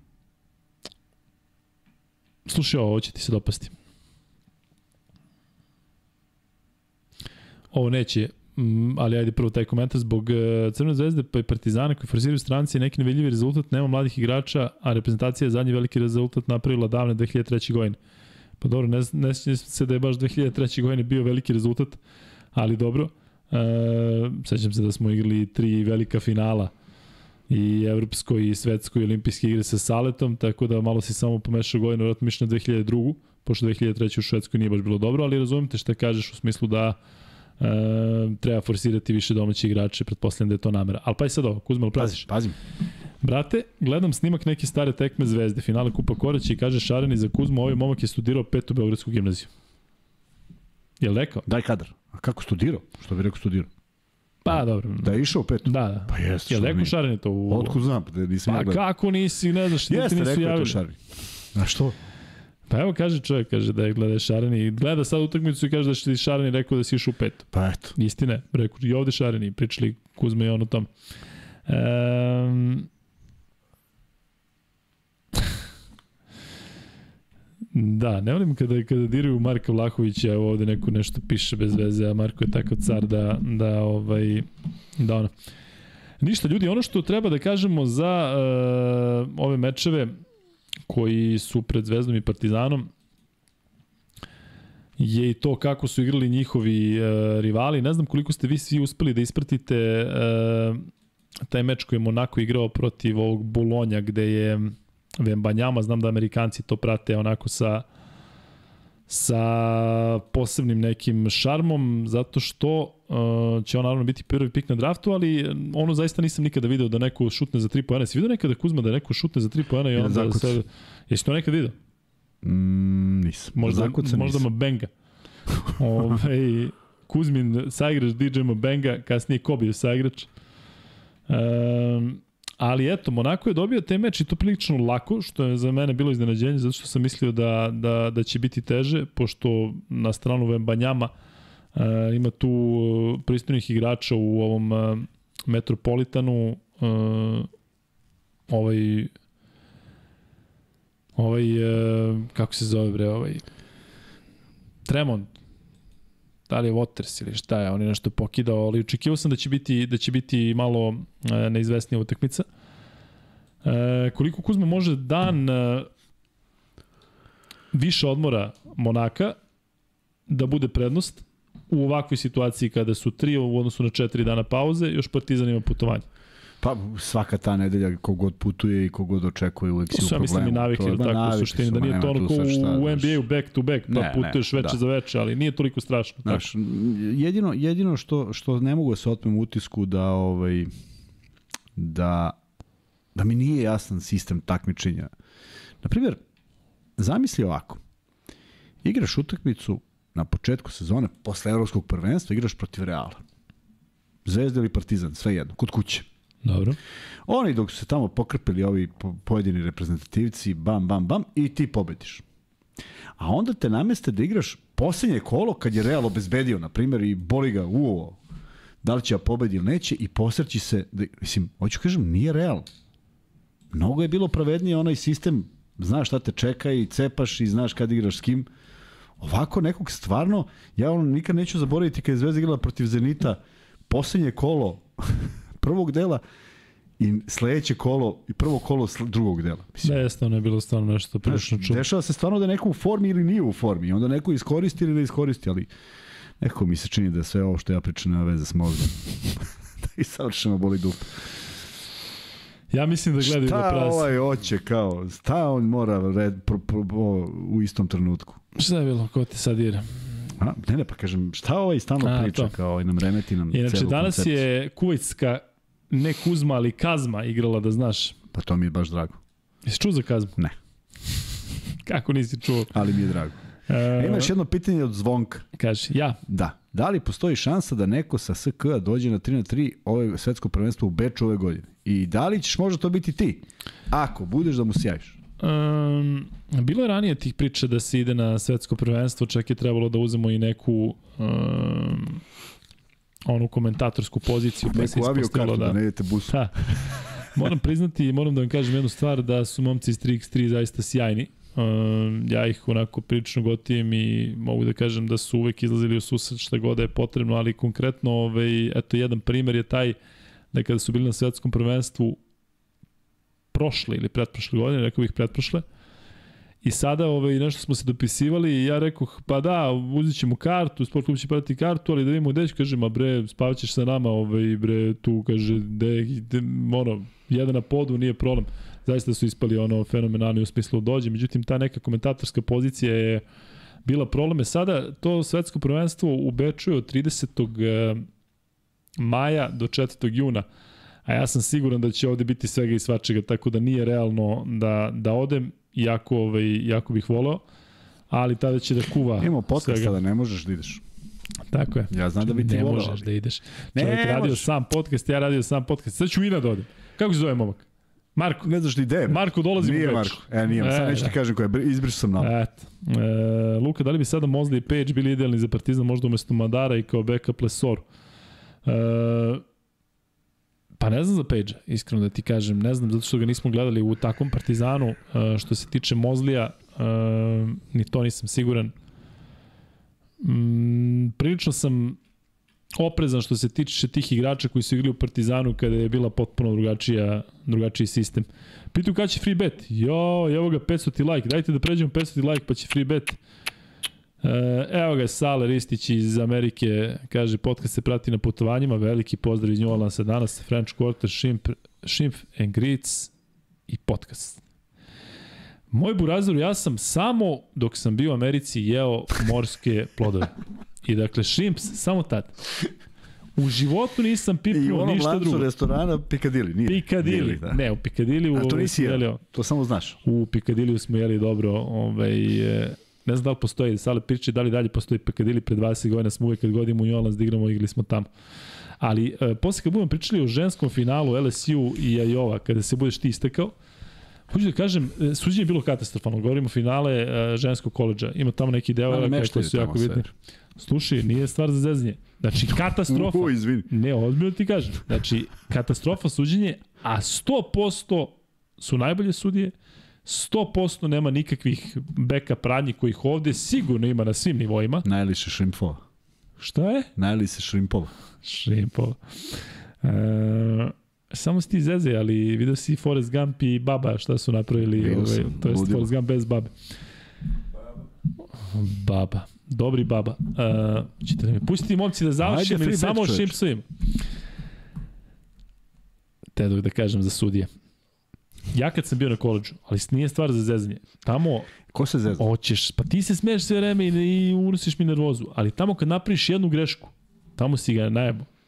Znači ja sam jedan, jedan uh, čas sam prijavio koji nisam smeo, oni te šalju, ti lepo čovjek se smeje, neće da pričaš. Ne. Ali ja mislim da si ti... Brišu te iz- iz- iz- iz datoteke te brišu. imaš neki da napravio grešku? Naravno da nije, zato što su svi tamo imali te savjetnike, ja sam išao, ono, sam se posvađao sa ovim. Ma kažem ti, brišu ti... E, Sve. Moraš, Ne postojiš. ja prijavio logiku, ne može logika, on ti briše i ne znam šta ti još briše. Ma, sistema te gasi. Ja kao, nije ono, hoću ti kažem da nije bilo ono, ja došao kod trenera naviku na ovde srpski fori kao, Pa, trener, možemo da da. provučemo. Kaže, si ti normalan? Pazi ovo, kada sam izgubio kofere, ja pitam ovog asistenta, Rekao, jel možeš ti da mi pomogneš ovde da mi staviš samo šta sam izgubio? Kažem, ne sam ja to diram, ne mogu ja da stavim da si ti dva šorca, tri šorca. Znači, oni se bukvalno od bilo kakvih pozadinskih radnji, malverzacije, bilo čega. ovo. A mi ovde vi kako petljamo. Ne sam se smenio. E, Ne, čovjek me nestati, ne znam, ja, ja sad kad budemo došli do Caitlin Clark i ove... Samo nemoj do njih da dođemo. Ajde, Angel free beta ispucaj. E, Luka, gde si bio na Barceloni? Na Barceloni sam bio tamo iza, trebalo da budemo vamo gde su novinari, pa sam bio vamo iza novinari. Pomerili su me zato što su tu sedeli svi novinari, tako da sam sedao onda u onom prvom redu iza novinara, dakle, um, iza ovog koša koji se U vodi kao da je... redu, iza drugog reda. Da. Ima Pikadili pola sata odavde, možda sutra odem pred utakmicu. Ekstra. Um, i Luka i Kuzma, ja sam iz Kumanova i pratim svaki vaš live i redovno idem na utakmice Partizana kada dolazite u Kumanovo. Dolazimo, ne znamo kada se završi sezona, pa će biti prilike. E, Luča, Uroš, pokušana... Gde smo stali? Šta sam teo? Hteli smo ovaj e, free bet, hoćeš ti free bet? Ne mogu ja, ti ćeš. Kako ne možeš? Ne, ovo ne pada mi ništa na pamet. Ti imaš tu Kako neke meni poene. pada svaki podcast Pa gledaš, 16 stvari. gledaš nešto. O, pa gledam, znaš ti koliko ovde ima stvari koje ti skreću pažnju, ali ajde. E, za, pošto Partizanovac ima više, više prvi free bet je sledeći. E, napišite koje ekipe i kojim redosledom su protivnici Partizana do kraja ABA ligi. Dakle, kojim redosledom, dakle, N, N, N, koliko utakmice ima i ko su protivnici e, Partizana u ABA ligi. Znam da to ne možete, vi koji ne znate, da izgooglate brzo, zato što će ovi koji znaju da e, da odgovore, a e, moram priznati da mi jako žao što u ABA ligi nije veće posjećenost, dakle, jeste Partizan delio karte protiv Cedevita Olimpije i kažem, baš će biti drago da vidim da li će svi oni novinari zbog kojih nije moglo da se sedne, novinari, da li će biti protiv OK, plašim se da neće. E, Luka, plaž, pa, kaže Kuzmi da pogleda Instagram DM, poslao sam sliku tebe sa Barse. Stvarno? Da, ali to sad ti ne može da ne možeš da vidiš. Ne, pa sad ću. Nikola. Uh, Luka, podsjeti Kuzmu da pomene A, Beočin. jel, šta da? Da pomeneš Beočin. da po... E, Igokea Zadar budućnosti je tačan odgovor i e, Vuk Grbić naravno ko drugi. Ko ti je rekao da pogledam? Nikola. E, Igokea Zadar budućnost, e, Vuk Grbić prvi, Ilija Živodinović drugi. Stvarno će misliti ljudi da, da nameštamo. E, Vuče znaš, naravno, m, lukajkuzme.gmail.com. E sada Miksa možda ugasiš i ovaj pol. Slušaj, slušaj e, ti, smevac, što mi se smeš Ajde. ovdje kad pričamo o svojim životnim problemima. Ajde. E, slušaj, koji je odnos, e, o čemu vole najviše da pričamo? Šta misliš o čemu? O Juba ligi. Da je trebalo da stavimo Juba ligu. A što si ugasio Miksa stvarno, a? Ne misliš što si ugasio, ne mogu da ga vidim ovde. Kako ne možeš? Ne mogu, svega mi. Ma scrollujem, evo neće scrolle. Au. O, opet nešto gasi. Evo, šalim se. E, 86% Euroliga. NBA 7%. ABA Liga 3%. Prelazimo odmah na NBA ligu. Euro kup i KLS u- ukupno 2%. A šta najviše žele? Čovječe, jel ti razumeš ovo? 86% Euroliga. 86%. Da. Pi. NBA 7%. Opa, Winet. Winet Kuzmi, ABA Liga, Eurocup i KLS Pa, ali mi manje od stavili, ali NBA. nismo stavili Juba ligu. Ponovo pol. I ponovo svi koji su se isključili među vremenu, E, daj ponovo pola. E sad, e, nemojte da ste glasili za Juba Ligu, ako... e, tako, pa je. ne možeš mi se daješ ponovo pol. Ali dobro. Idemo ovako. Što se tiče, ili ima ta slika mene sa Barci ili nema? Ne mogu da nađem zato što ne znam gde je poslao. Nisam jeo laufere rakove sa šlagom dok sam bio u Aliku. Tamo sam uglavnom jeo Mac. Zato što kada odeš iz Srbije, ovaj, na Slusenu je bio McDonald's. I kada odeš iz Srbije gde je Mac bio ono bog i batina, tamo odeš, tamo Mac gledaju kao ono sve rade skinsi tamo i neki prljavo do zla, tamo je Mac ovaj, dostupniji, tako da sam ovaj, uglavnom jeo u McDonald'su, ali Moj brat je uh, radio u restoranu koji se zvao Leonardo i više ne funkcioniše, tako da sam tamo često išao, italijanski restoran koji je bio zaista fenomenalan. Odmah pored je bio gay bar i to je moj prvi kontakt sa, što smeš tamo? E, to je bio moj prvi kontakt sa, ovo, ono, znaš, dođeš iz Srbije gde se ono, gde ja otišao 2000-te, ovo, a oni pored, ovo, sve se nešto smeškaju, jer ku šta je ovo, kaže, ba da je ovde normalno, kako dobro. I tako, sad će nam zatvore podcast. E, dobro. Luka, tvoja i Kuzmina prognoza za parove četvrt finala Euroligi. Partizan, Barsa. To je moja prva prognoza. Imaš ti neku prognozu? Ne, ne, ima još mnogo da se igra. Biće tumbanja i neće zadržati ovaj, ovaj trenutni Ma, bere, sve se zna unapred, nema šta. E pa sad neko zna, neko ne zna. Kaže, dajte neki free bet što se ne može naći na internetu kasnim i normalno nema šanse da budem prvi. Pa znaš šta, mislim da je problem što nije samo do interneta, nego do toga što nekome ide taj stream brže. Ja sam razmišljao o tome da budu neki free betovi koji su u stvari pogađanja. Dakle, da sada tipa, uh, to smo već radili, tipa koja je Kuzmina omiljena knjiga, a, ili šta je već spominjao, koju si knjigu pominjao, autostoperski vodič, ili koja je omiljena serija, da dakle tako malo ovaj, uh, ubacimo neku foru, zato što ovako stvarno deluje da da isti ljudi dobijaju. Šta da radimo? Ajde, nešto ćemo, nešto ćemo, radit ćemo na tom. Uh, Luka, ili imaš neki partizanov dres? Pa imam iskreno dresove, uh, s tim što ih već dugo, dugo ne nosim, nemam gde da ih nosim iskreno. Prebije neko tamo kod mene u kraju, ali šal na stranu ima. Kuzma, zamisli broj od 1 do 1000, pa mi udri. E, da, da, Vuče, znam da je ovo što se tebe tiče išlo iz glave, tako da nema šta. Kuzma, ali imaš nešto da kažemo što se tiče ovog, e, ove Evrolige, osim da kažemo koji su, e, koji su parovi. Dakle, u četvrtak kada igra Zvezda, e, Kuzma prenosi Zvezdu, ja prenosim Žalgiris u isto vreme, 19 časova. Može, ti iz pionira, ja iz kabine 4. Da. Uh, bitne, bitne utakmice za jedne i za druge. Zvezda, pričali smo, Žalgiris da ostane u trci, čeka kiks Baskonije, gleda i u Partizan, koji može to da reši u sledećem kolu, pa da gleda koliko god hoće. A interesantna vez dolazi baš iz Litvanije, da su naturalizovali playmakera, Litvanci. Keenan Evans, Jeste. jedan povređen. Poslednji smo bastion. Poslednji bastion u Evropi. Dobro, sećaš se da je taj sedni kad igrao za Žalgiris da su gledali kao svog, tako da ovaj, Ne sjećam se. kako se ne sjećaš kad je Divac igrao za Zvezdu, to se ne sjećaš. Ma koje veze sad tu ima kao svog, nego hoću kažem naturalizovali su ga za reprezentaciju. Pa mislim da je bilo priče ranije. Ovo je sad prvi put što se tiče... Prvi put kažu da. tako, pišu da, Jeste, da, da moguće. Litvanci nisu imali. E, Neće da. ne se plasiraju, sad ćeš. Dobro, momak je stvarno pokida. Ako je nekog trebalo, trebalo je njega um, na poziciji pleja, što se tiče Litvanaca, sada kada je su otišle ove stare kajle, poput Kalnijetisa i ostalih, očigledno da im fali. Ne bi ga naturalizovali da on. Fenerbahče Efes, Fenerbahče igrao danas, e, to je turski derbi, e, Efesu i dalje veruju da mogu da, da Efes je po kladionicama što sam video kao već favorit da osvoji Euroligu od Partizana, ali dobro, mislim da će tu da bude neko popuštenje kao turski klubovi pa da sada Fener pusti Efes. Ne može Fener, da pusti Efes jer ima 18 pobjeda, ali tako? Ma da, ali svejedno Fener je siguran i smo rekli da ta tumbanja ništa, ništa ne znači. Fener ne može da ima prednost domaćih terena. Ne može, Da, tako ali da može ima, ispadne. Ne može da ispadne Sa nikako. dve pobjede. Sa dva poraza. A? Sigur? Prilično. Stanje na tabeli ti je sledeće, moj vlajko. Ajde. Fener šesti je što kažeš možda ispadne. Fener je šest ima 18 pobjeda, ali tako? da, imaju dva poraza za red. Pa da, iako izgube... Pomešali mi se Makabi. Makabi je peti, da, 19-13, Pa da, iako a izgube Fener da. dve, iako izgube dve, a idu, dolaze zvezdi i igraju sada koga, kod Efesa. Mm, ne, oni dočekuju Efes. Pa dobro. To će baš se- biti drama. da, Pa da, bit će drama. nekom iskreno je- drago što ti turski klubovi onako moraju jedan preko drugog Pa, da se jasno. bore grčevito. Pa nisu oni, ono, prošle godine su baš u ratnom stanju.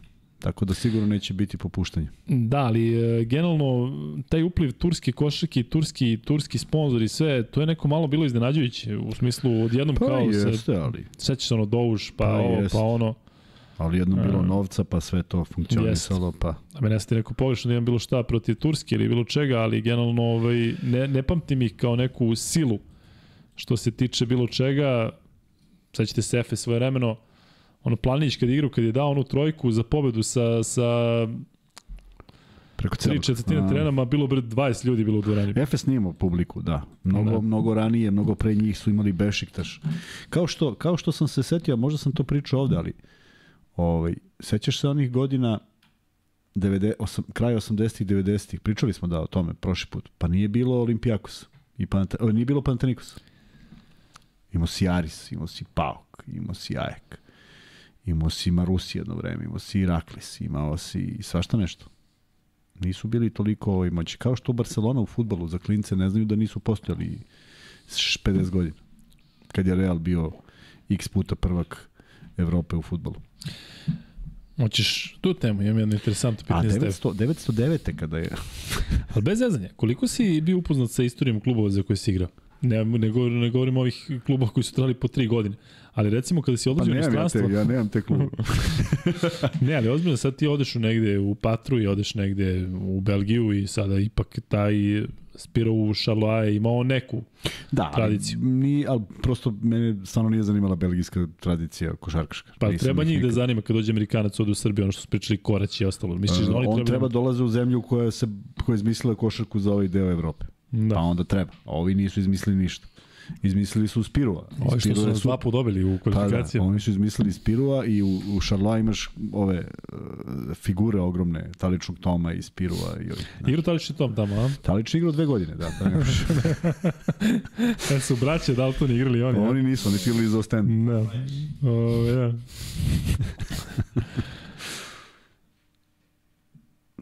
to bi moglo da bude free bet pitanje.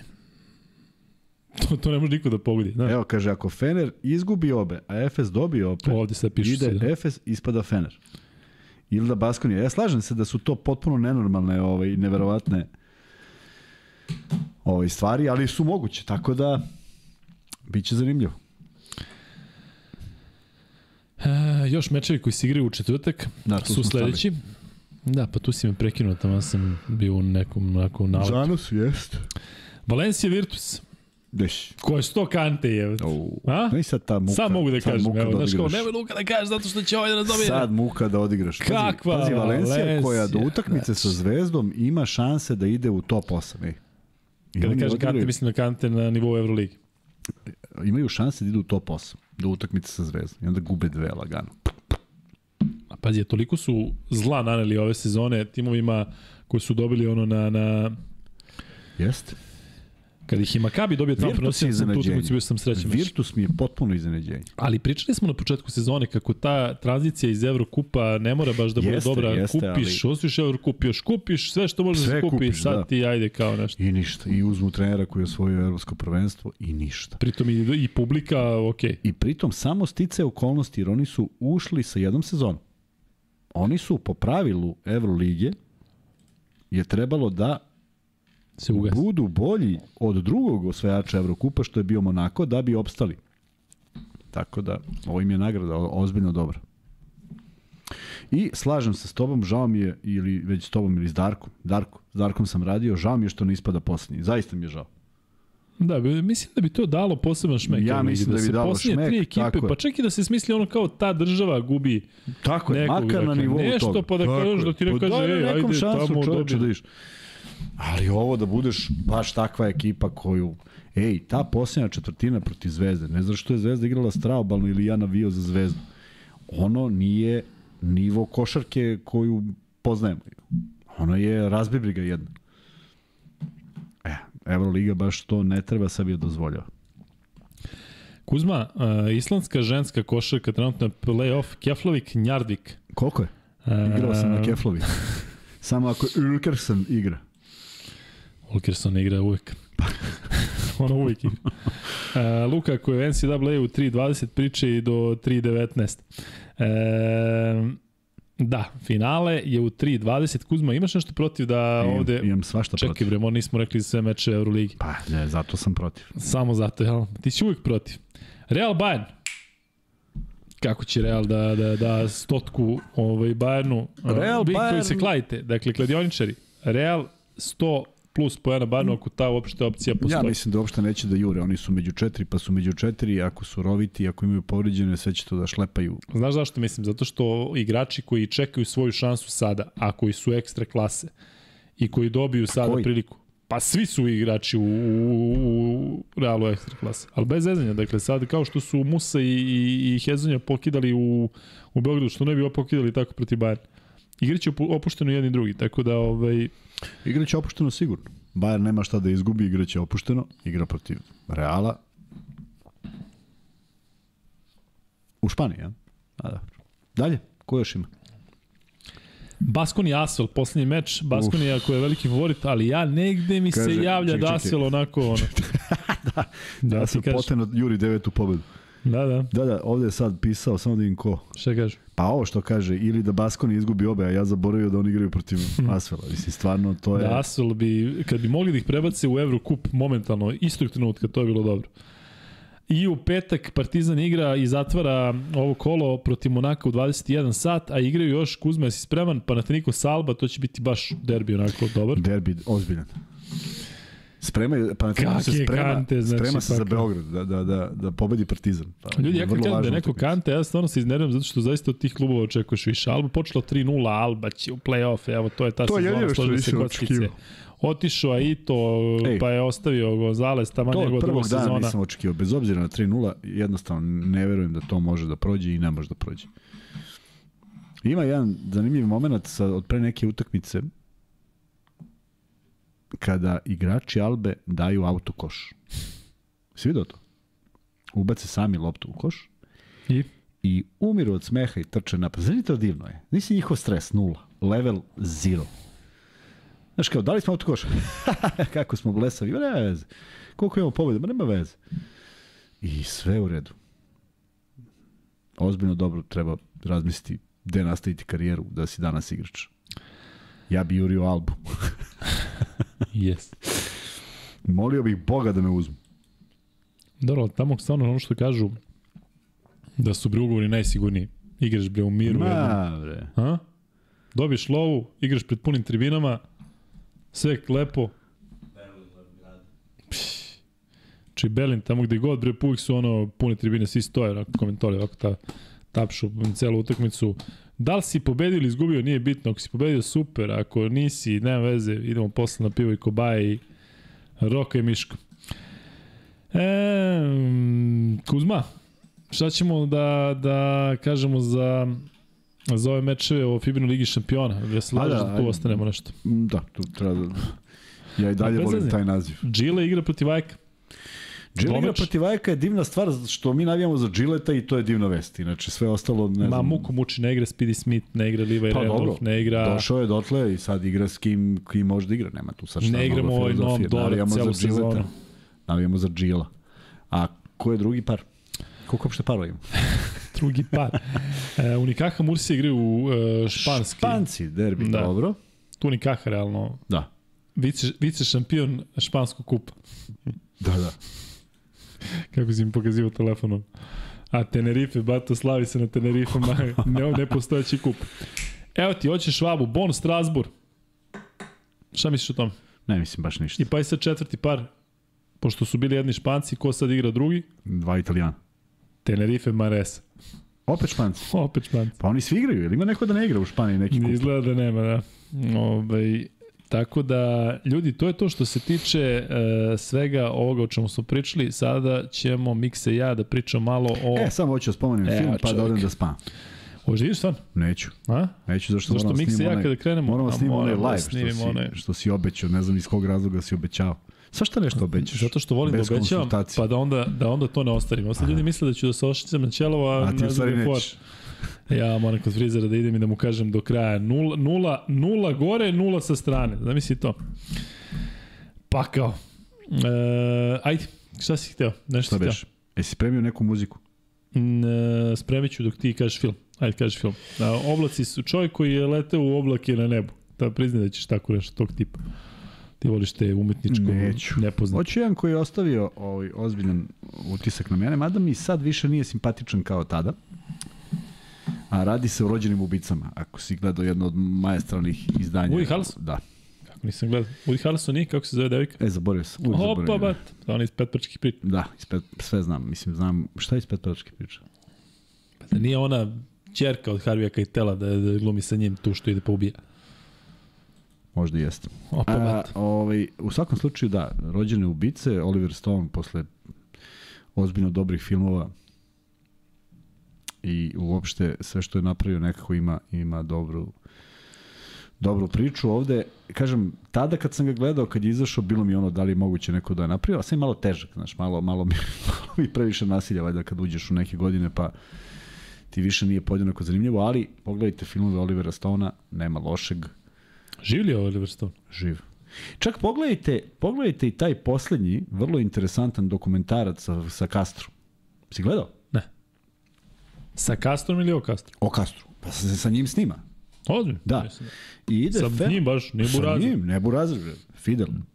I zove se Fidel, ja mislim. ili El Comandante. Ne sam školovao. I pazi foru. I ima na kraju, na kraju odjevna špice kaže a, dogovor je bio da snimamo 4 dana ili 7 dana, ne znam koliko su snimali. I kaže uz pravo da prekine kad god želi snimanje, kaže. Ni jednom nismo prekinuli šta smo snimali. Ali pogledajte film zato što Castro deluje kao potpuno savršeni glumac. On, on, on svaku svoju grimasu namešta, on, on, on, on uživa u svemu tome i priča o nekim neverovatnim stvarima, o doživljajima potpuno drugačijima od onoga što mi znamo. I vredi pogledati, mnogo dobar film. Juliette Lewis, kažu da se zove. Eto. E, A glavni glumac u Castro Što zove mene isto, isto kao priče, mislio sam bre na od sitanja do, do sumraka, sumraka. da Pa sitanja. da, zato te, Petparačke Harvey priče. Keitel još rekao, De Wolf Je. ima čerku. Šta Umor mi čini radiš? svoje. e? Sad si kao umoran. Jes, hvala. E, ništa, sad ja moram muziku. Ljudi, šta ću da vam kažem ja ovako. Dakle, e, soundtrack iz filma Rvač. Nisam gledao to, čoveče. Rekao si mi da moram Nisi da... gledao Rvač? Nisam. Gasi. Pa Miksa, pritisni to E, dugme i Pamtim nikada se više ne iz vidimo. onih 7 dana, 7 noći, 7 godina. Kako se zove onaj film? 9 i po nedelje. Daj. I evo te na šta liči čovek. A dobro, sad, ovo moraš da odlaš zašto je remek delo. Kako si Ovo je- znao da sam mislio na 9 i po nedelje? Kako ne bi znao. Pa kad sam potpuno pogrešio. E, dakle, e, Bruce Springsteen im je dao e, tu jednu pesmu gde je Bruce Springsteen u svom elementu, verovali ili ne, ta pesma e, koju mi je dao, mislim, za džabe. Ja mislim da ima hiljadu pregleda na YouTube. Verovali ili ne, odlična pesma. Hiljadu pregleda. Ma da, ja nešto kad sam puštao sebi u kolima, kažem ti Hiljadu? official. Hiljadu, evo, ko što mi imamo sad u live manje nego mi u live Ovaj, baš ćemo posle kad budemo u live u Instagramu i sve. To je hitičina. Ali tako je bilo pre jedno 3-4 ovaj, 3-4 godine, tako da moguće se sve promenilo. Ali 1200. ovaj, bez zezanja sve pesme sa tog soundtracka su dobre i za vas koji niste baš svoji kao i ja, e, slušajte Olgu Peretrajko. To je šta? I sad tajac, e. Sad To je šta? imamo još nekoga u, u live. E, si gasi i bacio kompjuter kroz prozor. Ovih e, dana mi prija opera i e, Olga Peretrajko, ako izgovaram to kako treba, je ruska operska pevačica koja je tu negde moje godište i koja razbija. Tako da ovaj, e, to pustim u kolima kad sam sam i onda pustim malo jače i onda na semaforu gledaju belo ljudi, a ono odjekuje ovaj, glas i, verovali ili ne, za vas koji volite Sopranose, e, se epizoda kada Toni Soprano i Krisijeva devojka uh, imaju šatru aferu. Uh, dakle, oni, oni i Adriana kada oni imaju saobraćaju nesreću pa se sve izdešava ono sa njim i sa Krisijem, celo čudo. I onda na kraju te epizode kada se svi izmire, uh, sedu za, sede za stolom, sedu, sede za stolom i jedu i u pozadini ide ovaj, ta italijanska pesma koju je najbolje izvela prema mom mišljenju Olga Peretrajko, čak mislim da je možda i njen glas kad je bila mlada, tad imala 20 i nešto godina. Tako da, ovaj, ako mislite da nisam normalan, Kuzma mi je ovaj, rekao da ja smislim muziku, pa vi vidite. E, Milan Jeftić donira i kaže pozdrav za najbolji dvojac. Bez, kor, E. bez kormilar, kormilar, kormilar. Pretjatko, kaže. Pretjatko. A pa na nju si mislio. Da, da, na nju. E, nisam čuo za tu donatorsku akciju, ako je, e, pošto pre, pre, pretpostavljam da je fora. I sada dolazimo do Amerike e, i malo više ćemo se zadržati na NBA ligi da bi onaj e, live Instagram koji spremamo posle, da bi se to Bio, onako... bio u dva da, sata. Samo zato ćemo se zadržati više. E, Mikse, pre nego što pređemo na NBA ligu, samo malo o ovom meču koji, koji e, je odigran e, što se tiče ovog NCAA finala e, koleđa, pa ćemo onda posle NBA ligi malo da, da pričamo i o ome što nas čeka u 3.20. Odi Kuzma, ti imaš i one, kako zove, one ABA fantasy i ostalo. Šta Nije nam poslao, nije nam poslao Marko. Nije poslao Marko, Marko, ako si Sigurno. tu pošalji nam. U, što je Marko. frizura? frizura razbija. E, ljudi, e, ja zaista pratim malo WNBA i generalno žensku košarku volim da pratim, to mi je ostalo iz Amerike zato što je naš ženski tim ovaj, bio jednako zastupljen kao i mi u smislu odnos prema njima koleđa, ne što se tiče navijača i svega. bio posebno. Tako da ovo što se dešava sa ovom Caitlin Clark e, sa Ajove, ili Ajove, kako bi mi rekli, i sa ovom, e, e, to nek bude free bet pitanje. Neko je rekao, e, ajde nek bude free bet pitanje koje ne može da se nađe na internetu. Devojka koja je najbolja bas, e, košakašica LSU-a je radila ovako Caitlin Clark kada su o, uzele titulu e, kako se zove ona? Njen e, mlađi brat igra na Marylandu i trenutno je dečko, ja mislim freshman ili završio, e, sad je, da, završio freshman sezonu. Dakle, koja devojka je radila ovako, you can see me, što je Caitlin Clark radila ranije, ko odgovori prvi dobija drugi free bet. A, Kuzma, kako sam smislio, a? Pazi, fenomenalno. Dugo nije bio ovakav free bet. Ajde vidimo sad. Ko prati ovo? Nije uh, Jasmine Carson, kao što kaže Ilija Živ Živodinović, nije ni Sue Bird, nije ni Cooper, e, tu sam vas čekao. Nema, dakle, to je bilo ovaj, sada u finalu, dakle, devojka koja igra za LSU, uh, visoka je 191, dolazi iz predgrađa Baltimora i prozivali su je cele sezone kako Angel Reese. Bravo Milane Milanoviću. Miki, Miki, šalji sa velikim zadovoljstvom ćemo ti proslediti free bet. Angel Reese, s tim što ja mislim da će Caitlin Clark biti najveće osveženje u ženskoj košaci nakon dugo vremena. Već je potpisala neki ugovor eh, koji ne bi smela da potpiše, ali neki, neki 3 miljevi se obećavaju. Dakle, ono što ona radi je zaista nestvarno i bit će zadovoljstvo gledati je na, na nekom višem nivou. Dakle, devojka kida, um, ali ajde da se ne zadržamo više na, na tom finalu, pričat ćemo posle na ovom finalu koji se igra između Yukona i San Diego State-a. Uh, umeđu vremenu, miksa uh, NBA liga kao što je to obično slučaj kada se igra uh, finale NCAA-a, NBA ligaši odmaraju, međutim tamo se dešava svašta. Uh, ono što ljudi vjerojatno najviše zanima, to je uh, taj triumf Denvera, koji mene ozbiljno plaši, de, triumf Denvera protiv Golden State-a, gde su se istakli i Porter i Mari i sad oni kažu, eto vidimo da može bez Jokića, sad će mi na...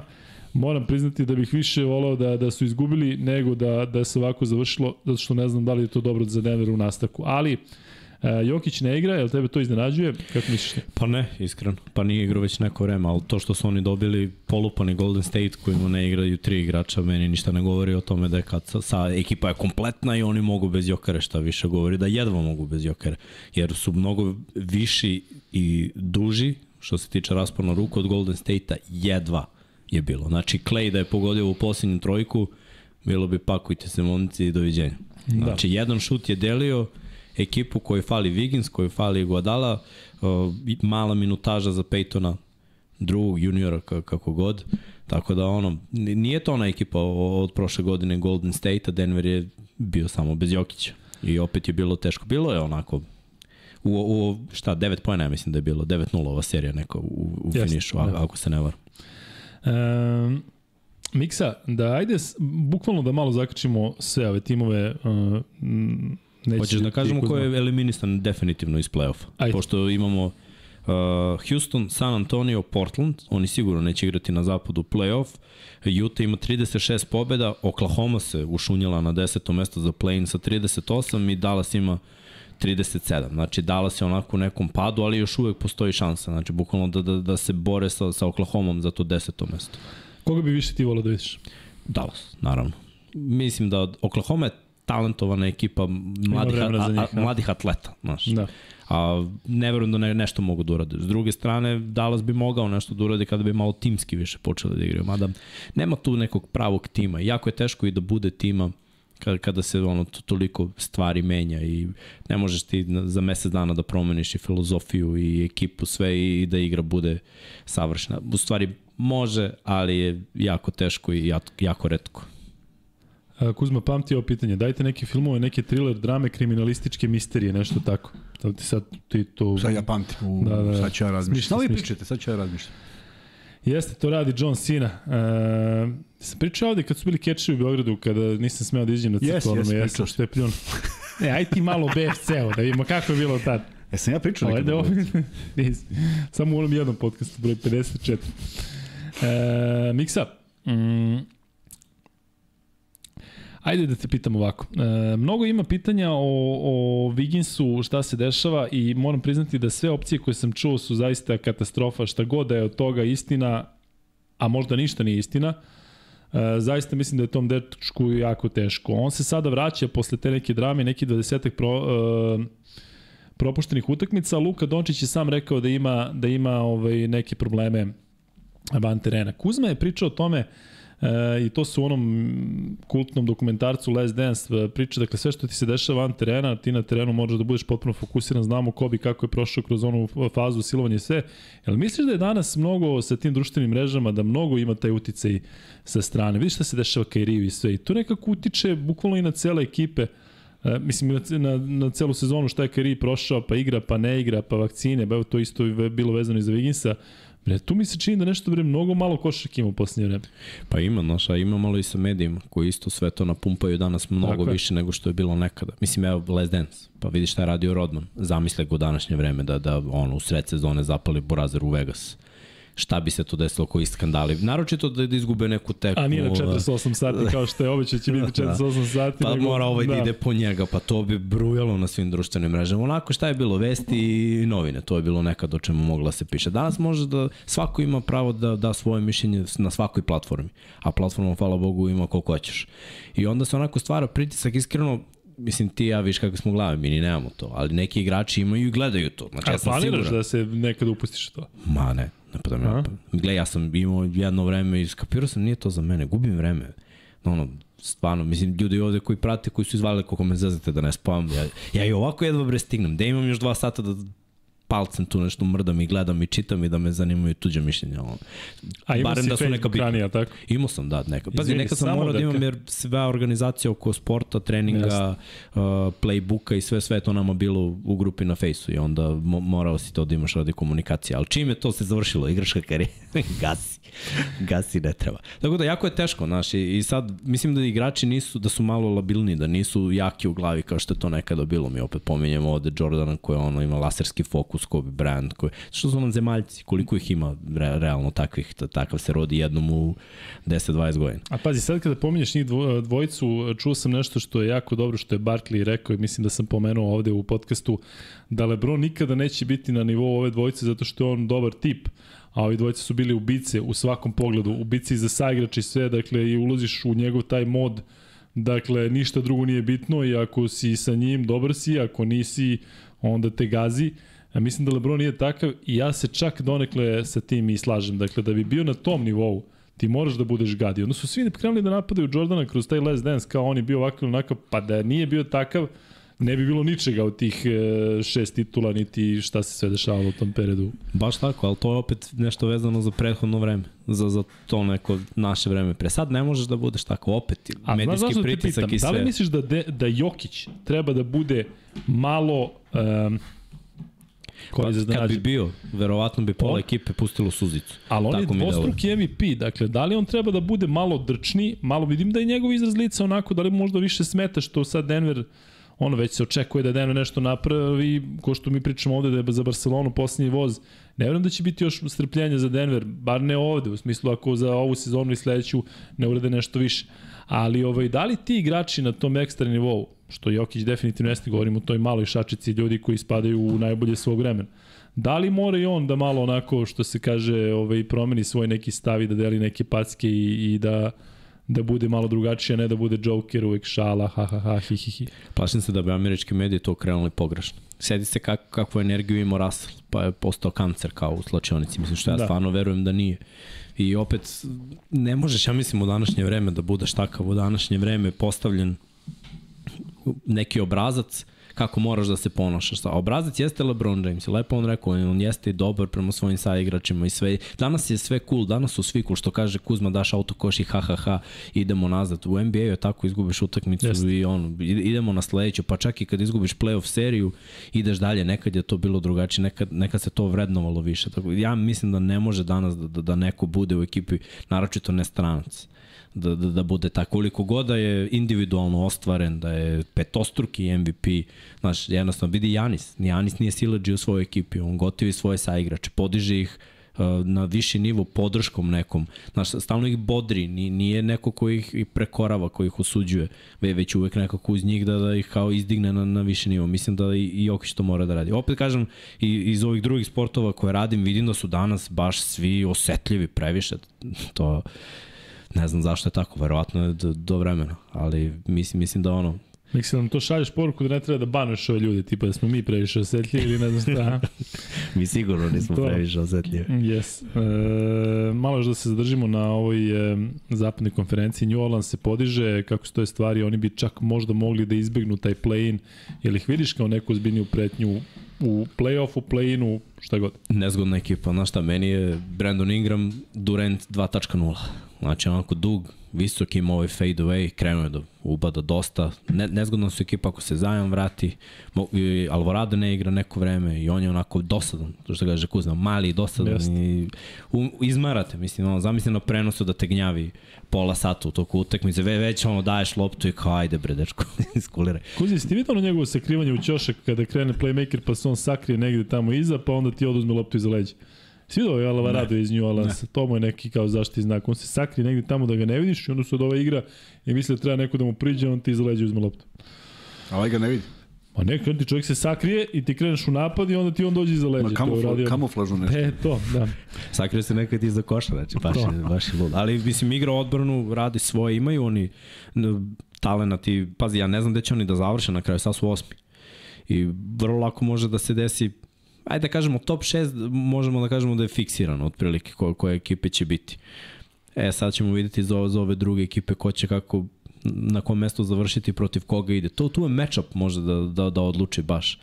Jer meni deluje da Lakersi sada imaju dobar meča protiv svih ekipa iz play-ina, jer imaju i dobrog visokog igrača, LeBron se vratio i sad imaju te izlazne pasove za šutere koji konačno pogađaju sve i te neke svađe koje su imali unutar ekipe da je Davis tražio od bekova da budu agresivni, da šutiraju, Izgleda da šutni se promaš. odlaskom Beverlija i Westbrooka da sve onako leglo na svoje njih. Što kaže i sam Beverly, to smo, mi smo kao dva jarca, ovaj, pa ja, znaš, kao i ja sam Vuk, on je Vuk, mi smo ovo.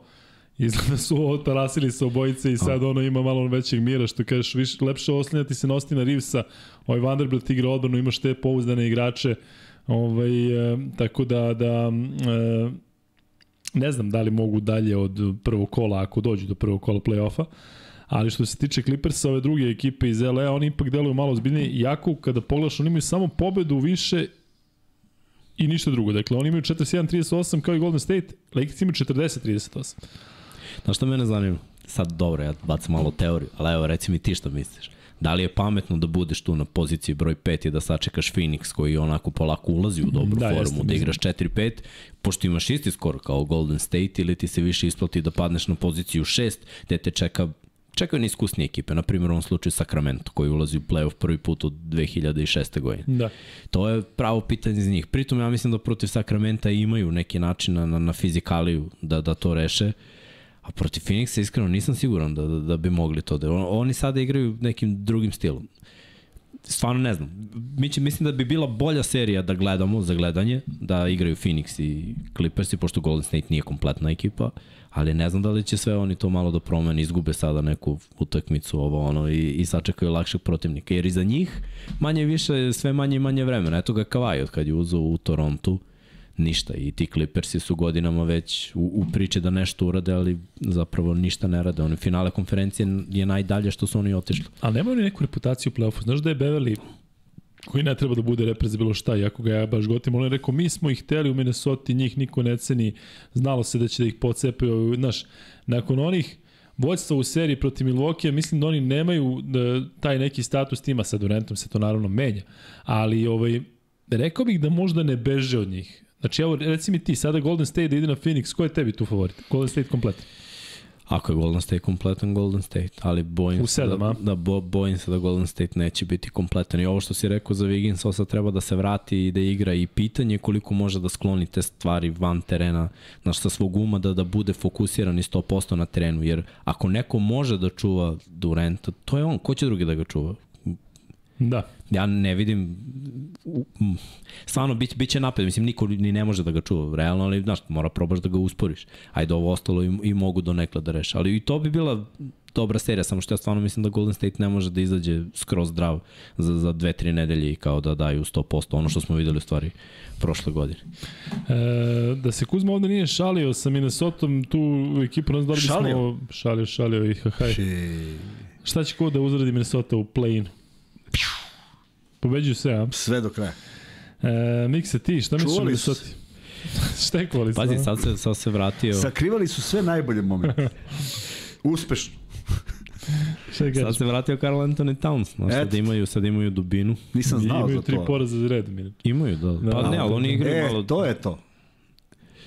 Da se, opu, da se opusti. A, Oni igraju malo divlje, znaš. I jeste. A jesi vidio onaj baja što će dođe u istoriju NBA sa 83 utakmice u sezoni? Ne, šta radi? Si vidio ti Miksa? šta je tradovanje? Odigraće 83 utakmice, da. Šta radi? Pa tradovanje. A, pa ko? Daj, reci nam ko. Brand Brodenson. Brand Broderson, ono odlično što ti za ja, tri. znaju ljudi, ajde. Znaju ljudi, sigurno. Miloš Novaković donije kaže Mani NBA to ovde niko ne prati, možda živim u Detroitu pa zato, da, moguće, moguće da je do toga, ali kad vam Evo da dođe je bilo Banjama, 7%, bro. da, da, da, to Pitaj, je, pitaj gledalci kako se zove čovjek koji će da odigra 83 utakmice. Vuče, ti ovaj, znaš sigurno, tako da, da šalju Javi. to. Je, nećemo da pričamo o istoku, iz nekog razloga, ali hteo bih tebe da pitam Mikse za kraj što se tiče NBA lige, Lebron kada je počelo to sve oko play-ina, on je rekao da taj ko je to smislio treba dobije otkaz. Pazi, e, druga sezona za redom ili već koja da, da Lakersi kroz play nešto pokušavaju.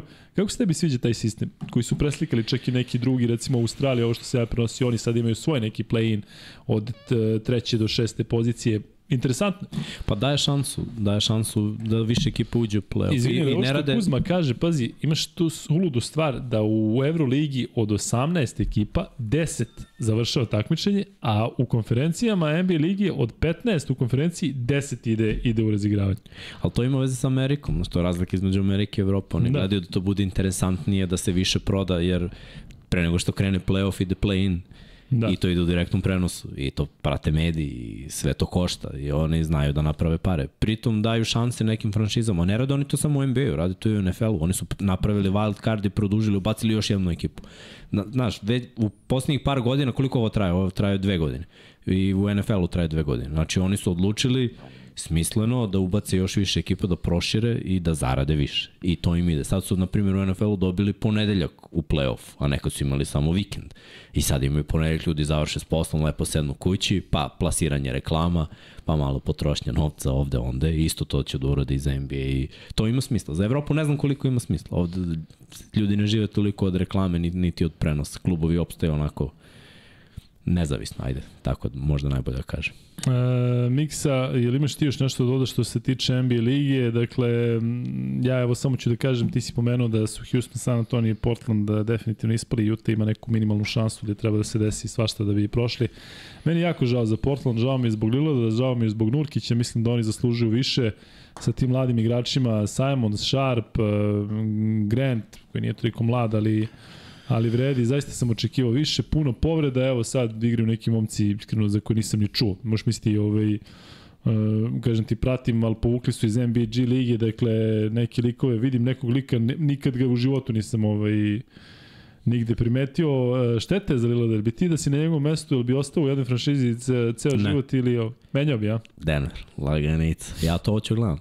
Lillard i Svi, bi, svi bi volili to. Uh. Znaš šta bi dodao za isto? Kaj da kažemo tu koji je ispao. Uh, Washington, Indiana, Charlotte, Detroit, a i Orlando neće dugo, mislim, ne, šansa postoje, ali ne rade. Znači, Chicago, Toronto, Atlanta, Miami, ovamo u play-inu i Brooklyn stiže do, do šestog mesta. Inače, Mikael Bridges je odigrao, će odigrati 83, Da, ako da. odigra sve do kraja. To je taj, ja. Brooklyn Bridges, nema, kako je dečko Je, promenio. Brooklyn Bridges. Taj. Brooklyn Bridges. Jesi gledao taj film? Ne, kako se Ne, zove? čovjek? 21 most. Stvarno zove e, Brooklyn Bridges. Ne, ne, Ne, to mu je nadimak zato što je igrao za Brooklyn, ali Da, da, da. da. Mikael Bridges. Prezija se Bridges. Da, da. Kao Jeff Bridges. Kao Jeff Bridges. A ovaj jadnik iz Charlotte Bridges, što je napravio onu glupost i takav igrač bio, takav potencijal, nevjerovatno. Bridge Evo. Bridges. E, eto, pitanje za obojicu, kada već pominjemo sve te timove i istok i ne znam šta, Charlotte godinama ima problem. E, I sada pričaju o tome i pisalo se o tome kako je Jordan bio najbolji igrač svih vremena, ali kao vlasnik e, se nije baš pokazao, pošto je već koliko dugo ovaj, imali su jedan playoff. E, Kuzma, ali to ima neke veze? Nema nikakve. Da će biti dobar menadžer. Pa to Ma, ali ja. da prepoznaje nešto, razumeš, ima ime, razumeš, on je onog, Ma, Manka veze. je udario ovako čučnog, da su Jordan, igrač za Jordana. Uh, to su to su ideje da to može tako i nema ne postoji pravilo niti ovaj, e, može da se preslika bilo šta, niti će neko ko je bio uspešan sportista biti uspešan. Ovo je menadžerstvo. To je vođenje politike, franšize, nije to uopšte, ovo je ovo što smo mi radili i imali privilegiju da radimo je najjednostavniji i najlepši ovaj deo sporta. Pokušaj da objasnim zašto. Zato što nema kalkulacija. Nikada nisam trčao u kontru i razmišljao da li da sad stanem kod kornera zastavice, malo zadržim loptu, jer ipak je 93. minut, pa bolje da ne potrošim da mi ne ode u napad, nego ideš na koš.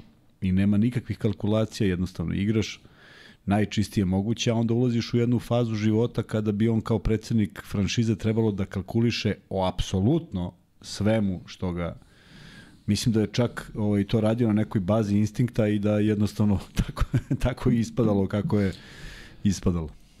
E, dobro, Miksa, hvala za ovaj NBA deo. Kuzma, hvala, Hvala što za sve sedeo. u životu. Hvala što si sedeo. Hvala ti za sve.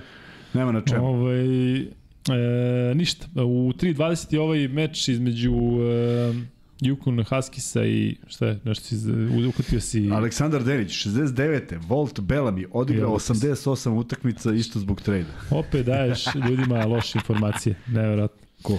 Pa ti jesi rekao da je ovo 83 nikad niko nije odigrao, čovjek igrao Ja 88. rekao da nije. Kako je si rekao 83 utakmice odigrao, to Pa je ja rekao. kažem, verovatno niko nije odigrao, otkud znam. Pa ja Može ne sad, pratim to. nema sad bađen. Nisam rekao Majkimir. Samo kad kažeš Majkimir, onda se Obećam, to računa. ja kad kažem obećam, to je to. Kad kažeš Majkimir, se računa. Malo o ovom meču koji se igra za 3 sata i 15 minuta. Dakle, e, vi koji volite da se kladite, ja ne znam koliki su dali e, granice e, kladionice, ali ja zaista vidim da će ovo biti meč na mali broj poena, zato što ne znam kako će Jukonu ovi momci koji prvi put igraju uopšte dati koš. Dakle, ovaj Adama sa nogo je zaista poseban, ne znam kakvu karijeru možda ima u NBA ligi, dakle momak je iz Malija, igra jako dobro i uh, onako prilično je poseban. Imate tog Donovana Klingena koji kada uđe uh, posle njega, dečko visok 7-2, koliko je 7-2 miksa? To je 216. Uh, 216 cm, dakle on kad raširi ruke tu nema gde lopta da, da prođe plus ovaj Keraban, dakle zaista oni, Jukun kada igra odbranu, e, to zaista deluje sjajno. Ovaj San Diego, San Diego State što sam ja gledao malo, oni ljudi ne primaju koševe iz kontra. Znaš što to Kuzma? Ne primaju uopšte koševe. Ma nema koševa iz kontra, kako je to moguće? Kako, kako, to, kako sprečiš da, da ne, ne sjećam se da im je neko dao koš iz kontra? Šta se dešava to? Da, da staviš jednog u offside se? Ili drži brzo? Kažem ti, bukvalno od njih, ko što malo pratim, kažem ti, ne sjećam se da su primili i u, i u tranziciji i sve, znači oni te nekako uspaju. Govoriš o univerzitetu? Da. Uh, da, postoji način branjenja tranzicije po svaku cenu, tako što po šutu odmah ideš u odbranu. Ali ne znam da li to stvarno rade. Nekada je doktrina bila kako braniti kontru, kako, kako šutne neko na koš, prva dvojica idu i staju jedan iza drugog. I poprilično dobro mogu da brane troj. Ne u vodoravan, nego u horizontalan, u stvari u vertikalan položaj i braniš kontru. Možda ti znaš da su da, da neki... To je ono što smo vežbali, ono 3 na 2 kontra, uvek ovako Tako je, dvojica. uvek stoje dvojica. Ali, ovaj, ali tako da neko može zadržao baš takav način odbrane, koji je potpuno legitiman. Da. Ne znam, nisam gledao pa da mogu da znam. Nisi gledao San Diego State? Pa nisam baš nešto mnogo gledao. Ali bez zezanja, um, ne znam koliko vi volite tra tradiciju, ali ja baš volim i tranziciju i tradiciju, ali Yukon, koliko sam pročitao u finalu, NCAA ima 4-0 i oni su osvajali titule 90 i neke, pa znam da su ove posljednje dve osvojili 2011. i 2014. E, eto, ćemo, ili imaš free bet pitanje? Ne, nemam nikad free bet. Ko je igrač koji danas igra u Euroligi je 2011. i 2014. osvojio uh, sa Jukonom? što je. Sa Jukonom je osvojio dakle dve titule u NCAA ligi. Dakle, igrač koji je u Euroligi već uh, neko vreme. Uh, ako vam kažem koja je nacionalnosti, onda ćete znati, ali eto Ako vi... kažeš kako se zove, bit će im lakše. Uh, teško nam je teško nam je da izgovaramo mi uh, komentatori njegovog prezima, ne znaš da li da izgovoriš sad već znate, pa da li nemački, da li američki, da li srpski. I onda ja umesto uh, Gifaj i Hifaj kažem nešto između nešto Hifaj, Gi- Gifaj. Um, pa sad kada sam im otkrio. Ne, nisi. Jesi. A? Jes. Rade Zagorac. Pa nije baš. Da, pa vidiš, sad sam ljudima otkrio i džab. Pa ja ne znam šta si ovaj... Šta Evo si mislio Marko će desiti? Vlahović. Gifaj kaže, ali Marko se ovaj... e, Marko dobija free bet. Da. Uh, ljudi ne znaju ovo. je. Te, moji vi. Ništa, ovaj se ukida free bet, smislići Kuzma neki, neko šarkaški, pošto, nika, pošto niko nije odgovorio kako treba. Šalno strano, očekujemo tvrdu utakmicu, uh, pravila u U NCAA ligi su bili kada sam ja bio da se igra 35 sekundi napad. To je prosto neverovatno šta za tih 11 sekundi mogu američki treneri da smisle da raditi u odbrani u napadu. Moja prva utakmica je bila 50-30 smo pobedili uh, Belhaven. Počela utakmica tako što je protivnik imao uh, slobodno bacanje zbog moje tehničke, zato što nisam znao da na zagrevanju ne smete da dirate obruč i kešao sam se kao majmun. I Dobro si dobio sudija- samo jednu. I vidim ovaj mi nešto kao ne, kao šta ne, ja ono, visi, pa se okreni, sve, ne smeš da diraš obruč na zagrevanju, ne misli? Nego možeš samo onako da ispustiš. E, Ove, ni, ni čudo što su tamo brisali, brisali, znaš, brisali mi sve što sam, ono, kakve sam sve gluposti pravio. E, kaže, pa dajte Vlahoviću free bet. Ja koliko znam Marku to, Marko više je skrenuo pažnju na, na to kako se izgovara. E, ljudi, ajde da privodimo kraju, pošto evo 3 sata i 10 minuta. Da. E, sutra se radi, pa jesam, jesam pokazao vizit karticu, moramo posao čoveče. Imam vizit sastanak. karticu. Ona ne ne da znam. posao je. Vizit kartice. E, Šta ako krenu sutra ljudi da zovu od 9? čekaj, se vidi ovako da, da znaju gde radiš tačno. Tačno da radi, znaš. Nek se zoomiri. Tako. E, bez zezanja ljudi, dakle nekoliko stvari. U četvrtak i petak radimo posle Zvezdi posle Partizana, temperamo negde između 15 do 10, 10 za četvrtak i u petak posle Mikse i 99 yardi oko 23-30, tako da se družimo i u ovom predposlednjem kolu Euroligije. Hvala vama danas što ste bili e, sa nama. Izvinite još jednom za ono što smo prekinuli naglo u petak. I još jednom da kažem, kada se završi podcast, možete na Instagramu, vi koji ste dokoni i nemate šta da radite u 11 minuta posle ponoći. Gledajte Kuzma i kako ja- idemo kući. Da, e, snimat ćemo se na ulici, pa ćete vidjeti kako to izgleda ovako. Dakle, samo ovde malo da, da se da se obučemo, sredimo i 5 minuta posle podcasta otprilike manje više live Instagram, vi koji nas ne pratite, zapratite nas koliko imamo još do 20.000 subscribera. U, to je sad najvažnije. Pa to je jedino važno stvari, to ništa drugo nije važno. E, Imamo još... Šta kada ćemo dođemo do 20.000? Nikad. A sad ću ti kažem ja. Je, nikad. Grobari su Nikad pa ni učinili svoje. Sad vidiš koliko ih ima. Bilo je, se, bilo je 19806. Gledaj sad. To je nešto na račun groba. 19820. Nije. Kako su se priključili? Evo, 180 nam fali. E, moj ti, trebalo tu petak da, da prođemo. Pa Moramo da nas da nisu isekli, da nas, da- da nas službe nisu isekle. Morat ćemo da, ma, da mažemo ovaj gavez po, po goli u live-u da bi, da bi ovaj, stigli do toga. Kuzma, hoćemo li da ispucamo taj treći free bet Ajde, ili ćemo pucaj. da... Pa ćeš ti da kažeš neki neko šarkaški. Neki neko šarkaški. Da, ti voliš sad. Vi ljubitelji uh, baba, uh, nirvane i električnog orgazma, spremite se za, za sledeći Nećete. free bet. Evo. Evo. Pričali smo o filmovima.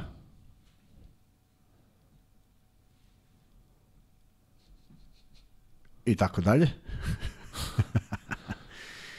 dakle, pričali smo o filmovima i evo, ajmo. Koji je Treći free bet. treći feedback? Koji je Odgovor je već 1992. da znaš. Jel jeste? Tačan odgovor. Koji je prvi film Olivera Stone? Tačan sam znao. Ajde.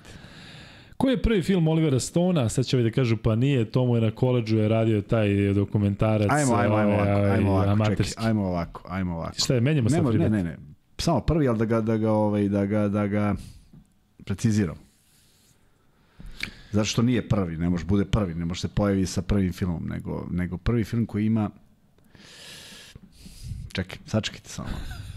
Šta čovjek radi u Pa posle ne, da ne ponoći, bude, pa da ne bude, znaš, da ne bude Evo ti, vod, nekonkretno. Platon, pa odgovaraju zato ljudi. kažem, nisam to teo da kažem, ovaj, to mi jeste pitanje.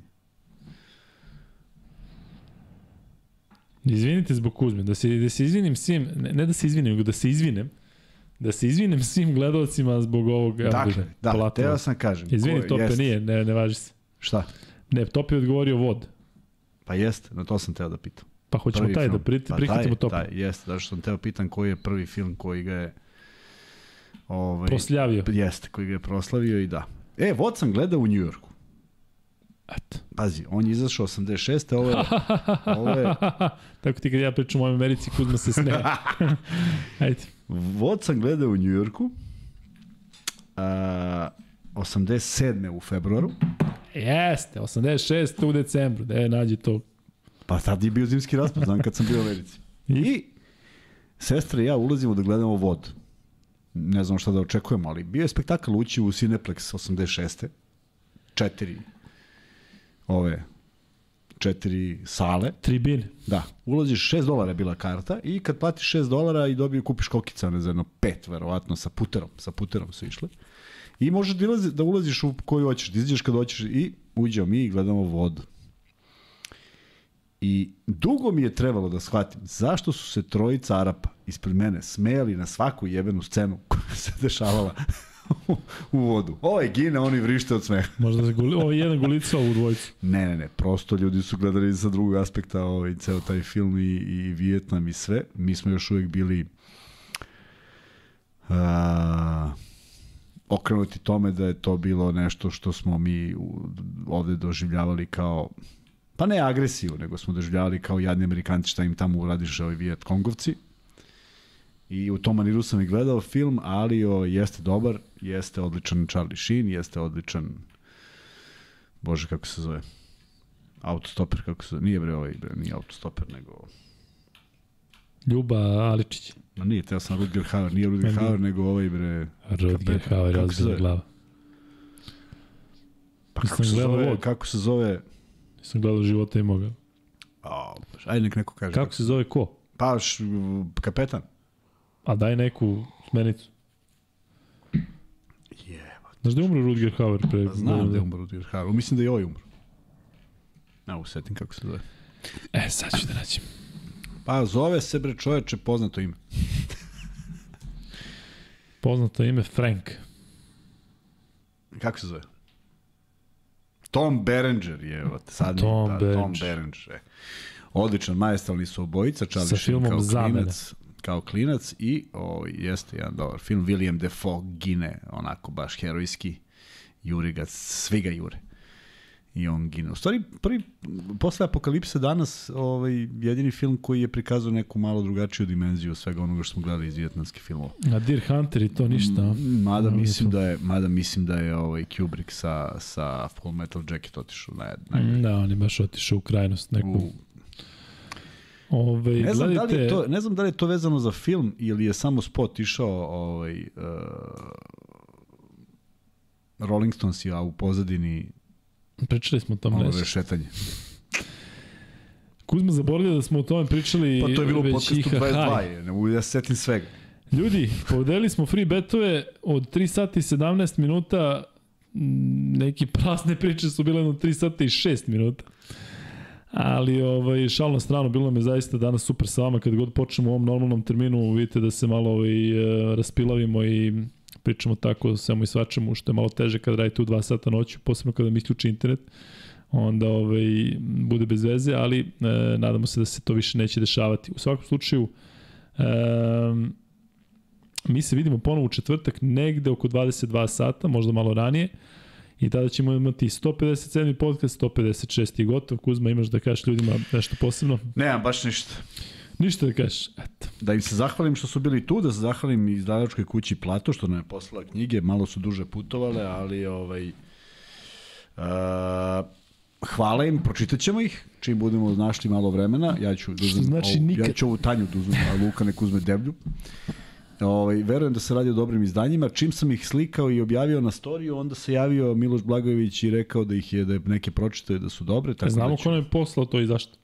A, zašto ne znam, pa sve čekam da se jave. Stavio sam ih u ovaj u, u Možda priču. uopšte nije za nas. Da, možda bez veze. ovaj, pa ćemo da vidimo, možda se neko i oglasi, ali možda smo pričali o knjigama pa su tali samo da nam poklone, vidjet ćemo sutra, Lepo. možda je bilo Ko kasno. god daje, šta god daje, vrlo lepo. Da. Kao i ovaj A, podcast. A, pa, da je deljenje, gotov. znam da ne deluje tako, ali deljenje majica i svega što ste naručili ovaj, a, se odvija ne dovoljno brzo, ali se odvija, tako da svaki dan ovaj, završimo neki poslić, zaista je malo vremena za tako nešto, nemojte zamerite. Sva garderoba je napravljena i bit će isporučena samo bez, bez ovaj, bez drama. ima vremena do utakmice. pre- Ne, hoću kažem ima vremena do utakmice. Da, i jesi se setio za profu geografije iz prve Beogradske isto ono što sam ti napisao. Pa moramo poručimo svakako, samo Da, da, znamo koja je veličina, nek nam Dule javi. Nek, javio Dule XL, XL, crno kao i njegovo ona, ono koje je isto tako profa hoće. Ljudi, veliki pozdrav, vidimo se u četvrtak.